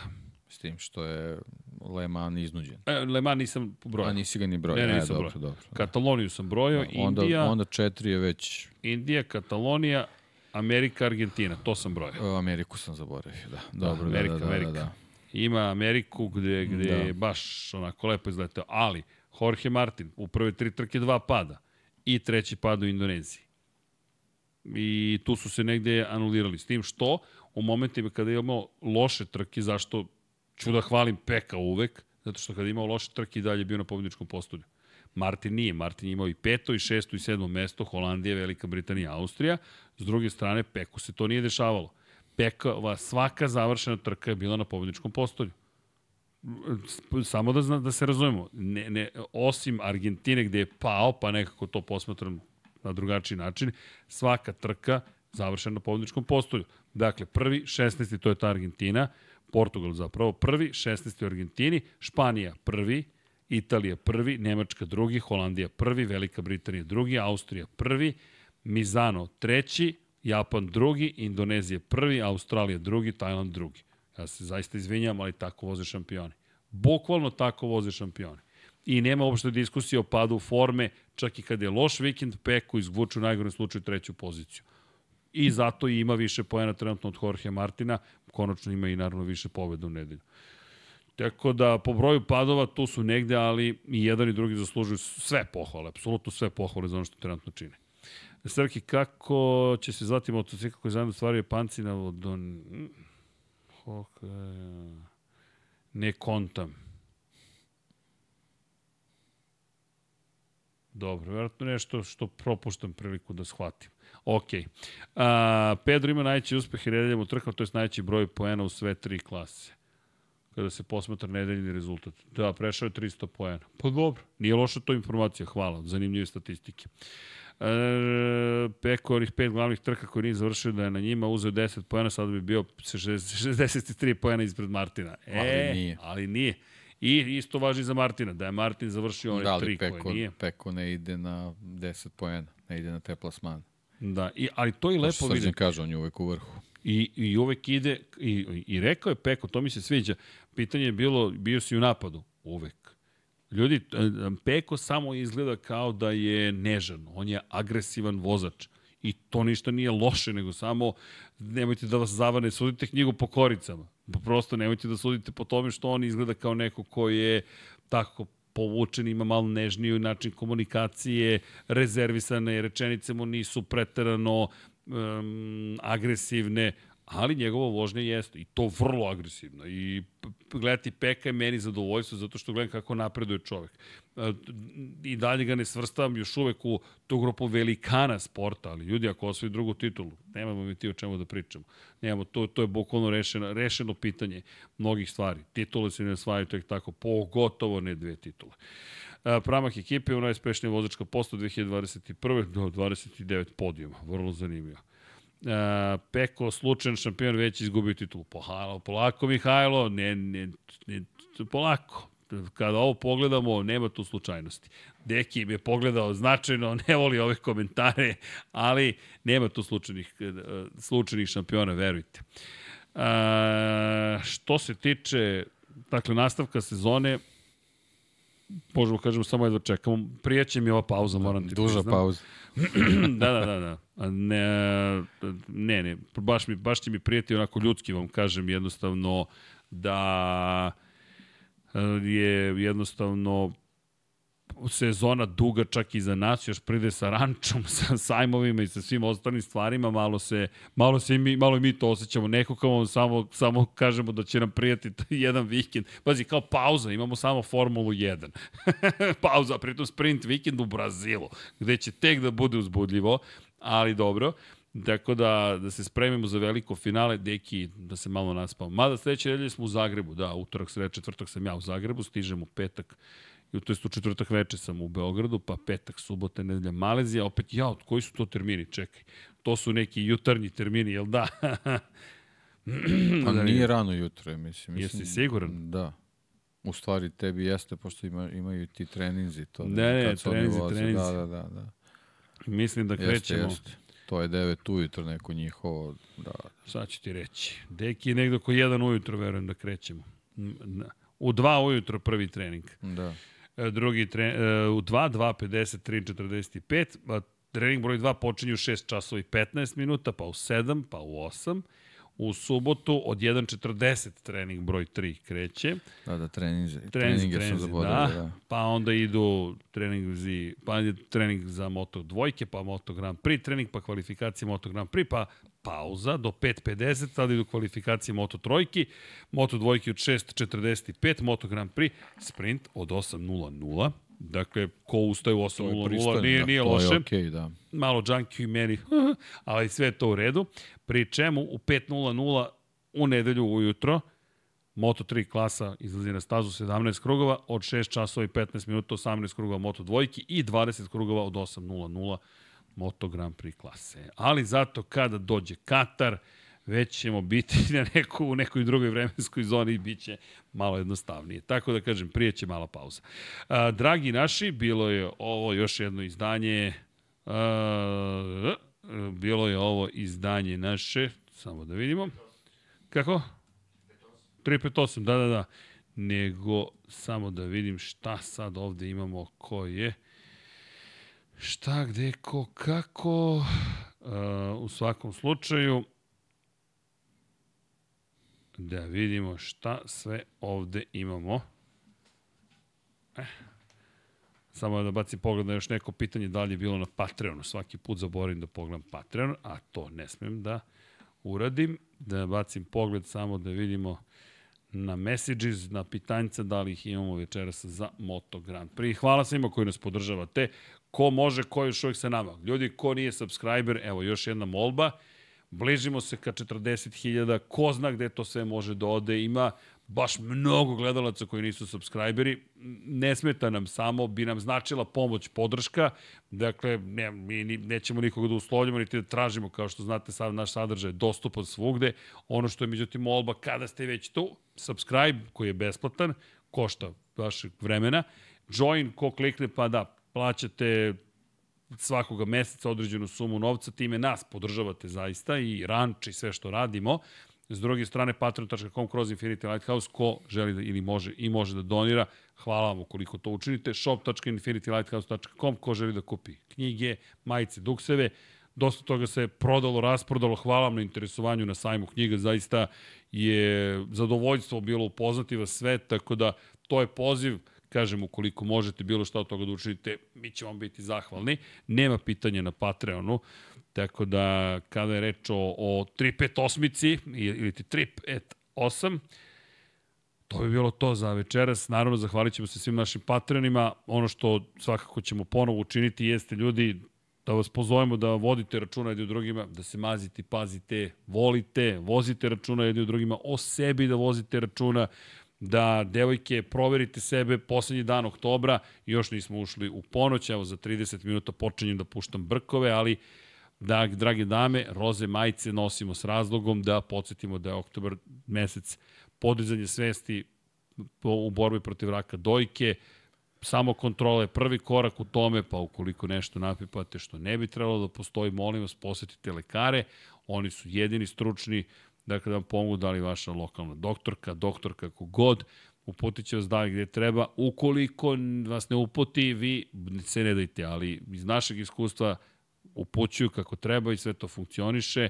Ponekad traži malo strpljenja, ali verujte, ukoliko na vreme se neke stvari detektuju, može da se čak i izleči, a nama ste potrebni, tako da to je molba s naše strane. Od sutra počinjemo, momci, vas da gnjavimo, tako da znate, mi ćemo sami to isto da obavimo, a kada je reč o generalno nekoj poruci, ono što smo i rekli, volite se, to je bukvalno mazite se i pazite se, jedina poruka, Podsjetili smo se malo i Metio Perija, to je našeg prijatelja iz serije Prijatelji, nekako se svi osjećamo kao da smo ga poznavali, ali ne, za, ne zavaravamo se, nismo. Kao što možemo i da vidimo, čovjek koji pati od teške depresije, ne ulazimo uopšte dakle, o, o tome ko, kako je preminuo, može da se desi prosto da je čovjek za okončanost, ne kao da ga oduzio, nego da je prosto stao život nečiji, to nije ni toliko bitno, bitno je da ne možemo da znamo da li nekoga poznajemo, ono što je Deki rekao, Ako vidite nešto, pitajte nekog, poželite mu lep dan, recite, ej, čao, kako si, ili tako dalje, ili ukoliko se vi ne osjećate dobro, imate i telefone SOS gde možete se javiti da kažete, ej, osjeća se loše, usamljeno, kako god. U krajnjem slučaju, u slučaju slušajte nas, mi ćemo da zgnjavimo, davimo, obaveštavamo, ko zna, možda vas i nasmejemo, pa vam bude malo lakše, ali u svakom slučaju znajte da postoje dobri ljudi, mi smo vas upoznali mnogo, kroz podcaste, kroz sve ono što radimo i čast nam i zadovoljstvo. Tako da u to ime mi vam šaljemo mnogo, mnogo, mnogo, mnogo lepih pozdrava, pogotovo, kažem, za one koje nazivaju čudnim, niko nije čudan ljudi. Ono što je jedino bitno da ne naudimo drugima namerno, to je jedino što možemo smatrati zlom. Sve ovo ostalo su neke naše unutrašnje bitke, svi ih imamo, niko od nas nema savršene živote ili savršene dane ili da se probudi sve, ja, super i tako dalje. I to što smo mi veseli, trudimo se da budemo veseli jer smatramo to je neka naša poruka, ali verujte mi imamo dane kada bismo otišli da spavamo, kao što ćemo sada pokušati, ali ekipa voli ovo što radi, tako da smo se tu i okupili večeras. Imamo tu i gošću koja je pobegla negde da napuni telefon, pojavila se na 3,5 sekunde, ali u, ro, u roku od odmah. Dakle, d, b, e, čao. Uh, u svakom slučaju pozdrav za mačku i mi vam želimo lepu i laku noć, budite veseli, dobri, a sada da se zahvalimo svima onima koji nas podržavaju, jer to je prosto najosnovnija kultura, najosnovniji red i onda se vraćamo, vidjet ćemo da li će Deki stići za 8,5 minuta, gde god da je naumio, juče Paja nije stigao. Vlado, idemo u akciju! Hvala Nemanja Jeremić, Mirjana Kovačević, Marko Radanović, Miloš Todorov, Lazar Pejović, Vladimir Uskoković, Dejan Đokić, Mihajlo Krgović, Marko Kozić, Branimir Kovačev, Aleksa Vučaj, Kovačević Omer, Stefan Radosavljević, Ivana, Andrej Božo, Đole QB4, Milence Babino Pije, Pilajče, Da žena ne sazna, Bogdan Uzelac, Antonio Novak, Vlada Ivanović, Ognjen Grgur, Mladen Krstić, Nikola Stojanović, Dušan Ristić, Branislav Milošević, Milan Nešković, Ljubo Đurović, Alen Stojčić, Dragan Nikolovski, Goša 46, Predrag Pižurica, Vladidov Dejv, Sead Šantić, Nikola Grujičić, Bojan Bogdanović, Zoltan Mezeji, Miloš Radosavljević, LFC, Neđo Mališić, Branimir Rijevec, Marko Mostarac, Jasmina Pešić, Vučinić Miroslav, Dušan Delić, Anonimus, Donatorus, Ružica Stefanović, Strahinja Blagojević, Borko Božunović, Ivan Rečević, Salim Okanović, Živojin Petković, Ivan Toškov, Vuk Korać, Lazar Hristov, Lukas, Miloš Banduka, Dimitrije Mišić, Marin Antunović, Jugoslav Krasnić, Kimi Rajkonen, Andreja Miladinović, Igor Vučković, Nemanja Labović, Stefan Stanković, Nikola Milosavljević, Jesenko Samarđić, Miloš Rašić, Vukašin Vučenović, Marko Marković, Stefan Ličina, Luka Klaso, Jeca and Stefan, Nemanja Zagorac, Aleksandar Mitrović, Šefko Ćehić, Crnogorski džedaj, Milan Apro, Bojan Mijatović, Vladimir Filipović, Deus Nikola, Jovan Đodan, Safet Isljami, Matija Binotto, Veselin Vukićević, Predrag Simić, Ivan Maksimović, Danijela Ilić, Nenad Pantelić, Stevan Zekanović, Sava Dugi, Josip Kovačić, Aleksandar Milosavljević, Marko Kostić, Zorana Vidić, Vukašin Jekić, Ognjen Marinković, Monika Erceg, Đorđe Radojević, Peđa Janković, Nikola E, Miloš Rosandić, Igor Jankovski, Simović Sarajevo, Ivan Cigir, Tijena Vidanović, Branislav Kovačević, Milan, Miloš Broćeta, Branislav Marković, Zoran Šalamun, Boris Golubar, Renata Neš, Đorđe Andrić, Nemanja Miloradović, Aleksandar Čučković, Anonimus Donatorus, Dragan Matić, Jelena Veljković, Mlađan Antić, Milan Kića, Rufonac, Džigi Pau, Dorijan Kablar, Danka, Branislav Dević, Miroslav Cvetić, Boris Kujundžić, Vamblisapa, Bata Brada, Klara Gašpar, Stefan Lešnjak, Milan Ristić, Armin, Luka Martinović, Darko Trajković, Nedim, Saša Ranisavljević, Tina i Ilija, Hrvoje Lovrić, Jelena Jeremić, Alen Vuletić, Inzulin 13, Vladimir Mutić, Ferenc Laslofi, Matej Sopta, Mihovil Stamičar, Andrija Todorović, Marko Blagojević, Aleksandar, klub štovatelja Ramona Mjereza, Stefan Janković, Ivan Simeunović, Mladen Mladenović, Jugoslav Ilić, Zoran Majdov, Nedim Drljević, Optimistik, Josh Allen, Fan, Ivan Rebac, Benjo, KK, Armin Durgut, Miloš Vuletić, Srđan Sević, Ante Primorac, Aleksandar Anđelić, Stefan Prijović, Marko Ćurčić, Đole Bronkos, Novak Tomić, Nikola Marinković, Andrej Branković, Aleksandar Antonović, Aleksa Valter, Stefan Milošević, Đerman, Katarina, Toni Ruščić, Ivica, Dejan Vujović, Nenad Đorđević, Andreja, Branko Bisački, Gloria Edson, Aca Vizla, Dejan Avić, Daniel Kolobarić, Ognjen Ungurjanović, Milan Milašević, Đorđe Đukić, Boris Erceg, Luka Savović, Stefan Nedeljković, Dejan Janić, Šmele, Vladan Miladinović, Ivan Milatović, Nemanja, Vanja Radulović, Vojn Kostić, Mladen Tešić, Aleksa Jelić, Luka Manitašević, Damjan Veljanoski, Luka, Stefan Vuletić, Bogdan Mitrović, Stefan Dulić, Zlatko Vasić, Aleksandar Bobić, Boris Gvozden, Nenad Simić, Sean King, Đorđe Lopušina, Mario Jelena Komšić, Stefan Vidić, Marko Petrekanović,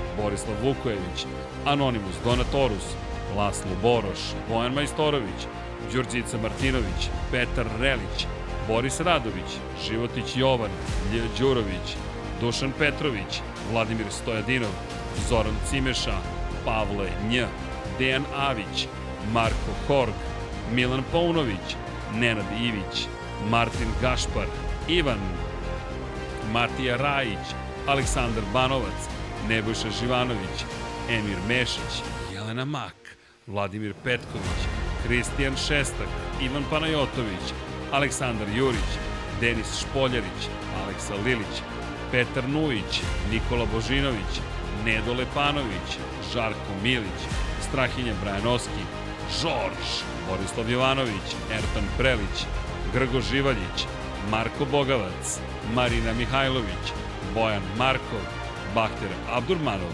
Mirina Živković, Aleksandar Radivojša, Vladimir Jovanović, Igor Gašparević, Mario Vidović, Filip, Marko Trkulja, Andrej Bicok, Ivan Maja Stanković, Ada Sokolović, Ivan Vujasinović, Igor Ilić, Marakos, Sadam Mehmedović, Nemanja Miloradović, Din Stero, Aleks Vulović, Bojan Markov, Vladan Đurić, Bruno Jurić, Tomić Miloš, Đorđe Janjić, Marko Lučić, Ejhil, Blagoj Ačevski, Milan Krežević, Ivan Božanić, Anonimus, Donatorus, Tatjana Limajić, Zoran Baka, Future Graciano Rossi, Ivan Hornjak, Marko Stojilković, Uroš Ćosić, Vladimir Subotić, Aleksandar Kockar, Zlatko Marić, Nikola Božović, Marko Jevtić, Oliver Nikolić, Vlada Ivanović, Jovan Bojanić, Ivan Magdelinić, Nikola Grujičić, Resničanin, Petar Bjelić, Toni Soni 76, Branislav Dević, Vukašin Vučenović, Kro Robi 00, Milorad Reljić, Nikola Vulović, Mile Supudinov Ristov, Milanka Maronić, Alen Jesenović, Dejan Plackov, Plackov, Vladan Miladinović, Penđer, Žika Su, Ivan Doko, Uroš Čuturilo, Vladimir Bulatović, Branko Rašević, Vojislav Tadić, Nemanja, Drago Veković, Dejan Janić, Mensur Kurtagić, Bojan Gitarić, Kornjačin Vrač, Omer Sarajlić, Slaven 84, Saša Stevanović, Aleksandar Nikolić, Nedžad Mrakić, Marina, Bojan Stanković, Luke Williams, Ivan Vecković, Đura 7, Đera 7, izvinjam se, Matej Nenadović, Mrča, Bakadu, promašio sam jedno ime, Pavle Lukić, Jelena Jeremić, Miloš Stanimirović, Ivana Vesković, Galeksić, Edin Ustavdić, Nikola Adamović, Miloš Zed, LFC, Srđan Ćirić, Nemanja Cimbaljević, Predrag Zec, Marko Bogavac, Mađar 007, Vuk, Domagoj Kovač, Stefan Škrbić, Igor Ninić, Nikola Niksi, Aleksandar P, Škundra, Pujo, Nikola Grđan, Aleksandar Stojković, Almir Vuk, Nemanja Bračko. Već znamo našeg dragog prijatelja Bračka. Sledeće nedelje moramo da ubacimo sve nove članove koje smo sinoć dobili. Večeras nismo dobili nove članove, ali nadamo se da hoćemo. Tony Sony, posetite kanal MotoGP Balkan na Rumble. Ne znam šta ćete tamo naći, ali Tony Sony 76 je naš drugar, tako da kako god pogledate, mi podržavamo. Srki kao Ducati, timski naredbe da pogora gledalci da se subscribe do 40.000 subscribera. Ha, ha, ha, šala na strana. Pa ljudi nisu timske naredbe, oni tamo ne mole vozače, molim te, pusti ga. Oni tamo kažu... A, Srđan Lukić kaže, puni ste ko brod i tražite još malo. Srđane, želim vam da budete puni kao mi. U stvari ne, želim vam nešto lepše od toga. Šalu na stranu, a, Srđane, ne bih komentarisao vaš komentar, ali već jesam, tako da, šta da vam kažem, nezasiti smo, još, hoću da imam automobil i redovna primanja. Šalu na stranu, Srđane, a, kako bih vam rekao, molim vas dođite da nas posetite, da vidite s kojim energijom, srcem i žarom, pusti muziku, Vlado, šta ti je? Pa gde nam je muzika nestala? Pa što, ovo je odjevna špica. Vlado, Vlada mnogo ozbiljno shvata ove situacije. Vlado, srđan je naš drugar, da je sve u redu i prozivka je zlata vredna, pa nećemo valjda bežati od prozivke. Tako da, srđane, dođite da nas posetite, da vidite ko smo, šta smo, čime se bavimo i kako to radimo i pre nego što nešto kažete, ako mislite ozbiljno da saznate ko smo zapravo mi i šta smo sve proživjeli da bismo stigli ovde gde jesmo. S druge strane, kada govorimo o tome da ako se šalite pa dobro podnosimo šale pogotovo na naš račun tako da sve je all good fun and games. Ali srđane postanite naš član kliknite join kliknite like donirajte kupite knjigu kupite kapu kupite majicu kupite duks kupite nešto lepo možete sebi možete i drugima pokloni su savršeni. Patreon.com kroz Infinity Lighthouse očekujem vas tamo. U svakom slučaju gde Banđa, što kaže Lorenzo, nam uzima leba. Jeste. Jorge Lorenzo komentariše Moto Grand Prix, a multimilioner je. U svakom slučaju, ovi multimilioneri vas pozdravljaju ime cele ekipe Infinity Lighthouse-a i kažu vam Ćao, Ćao svima!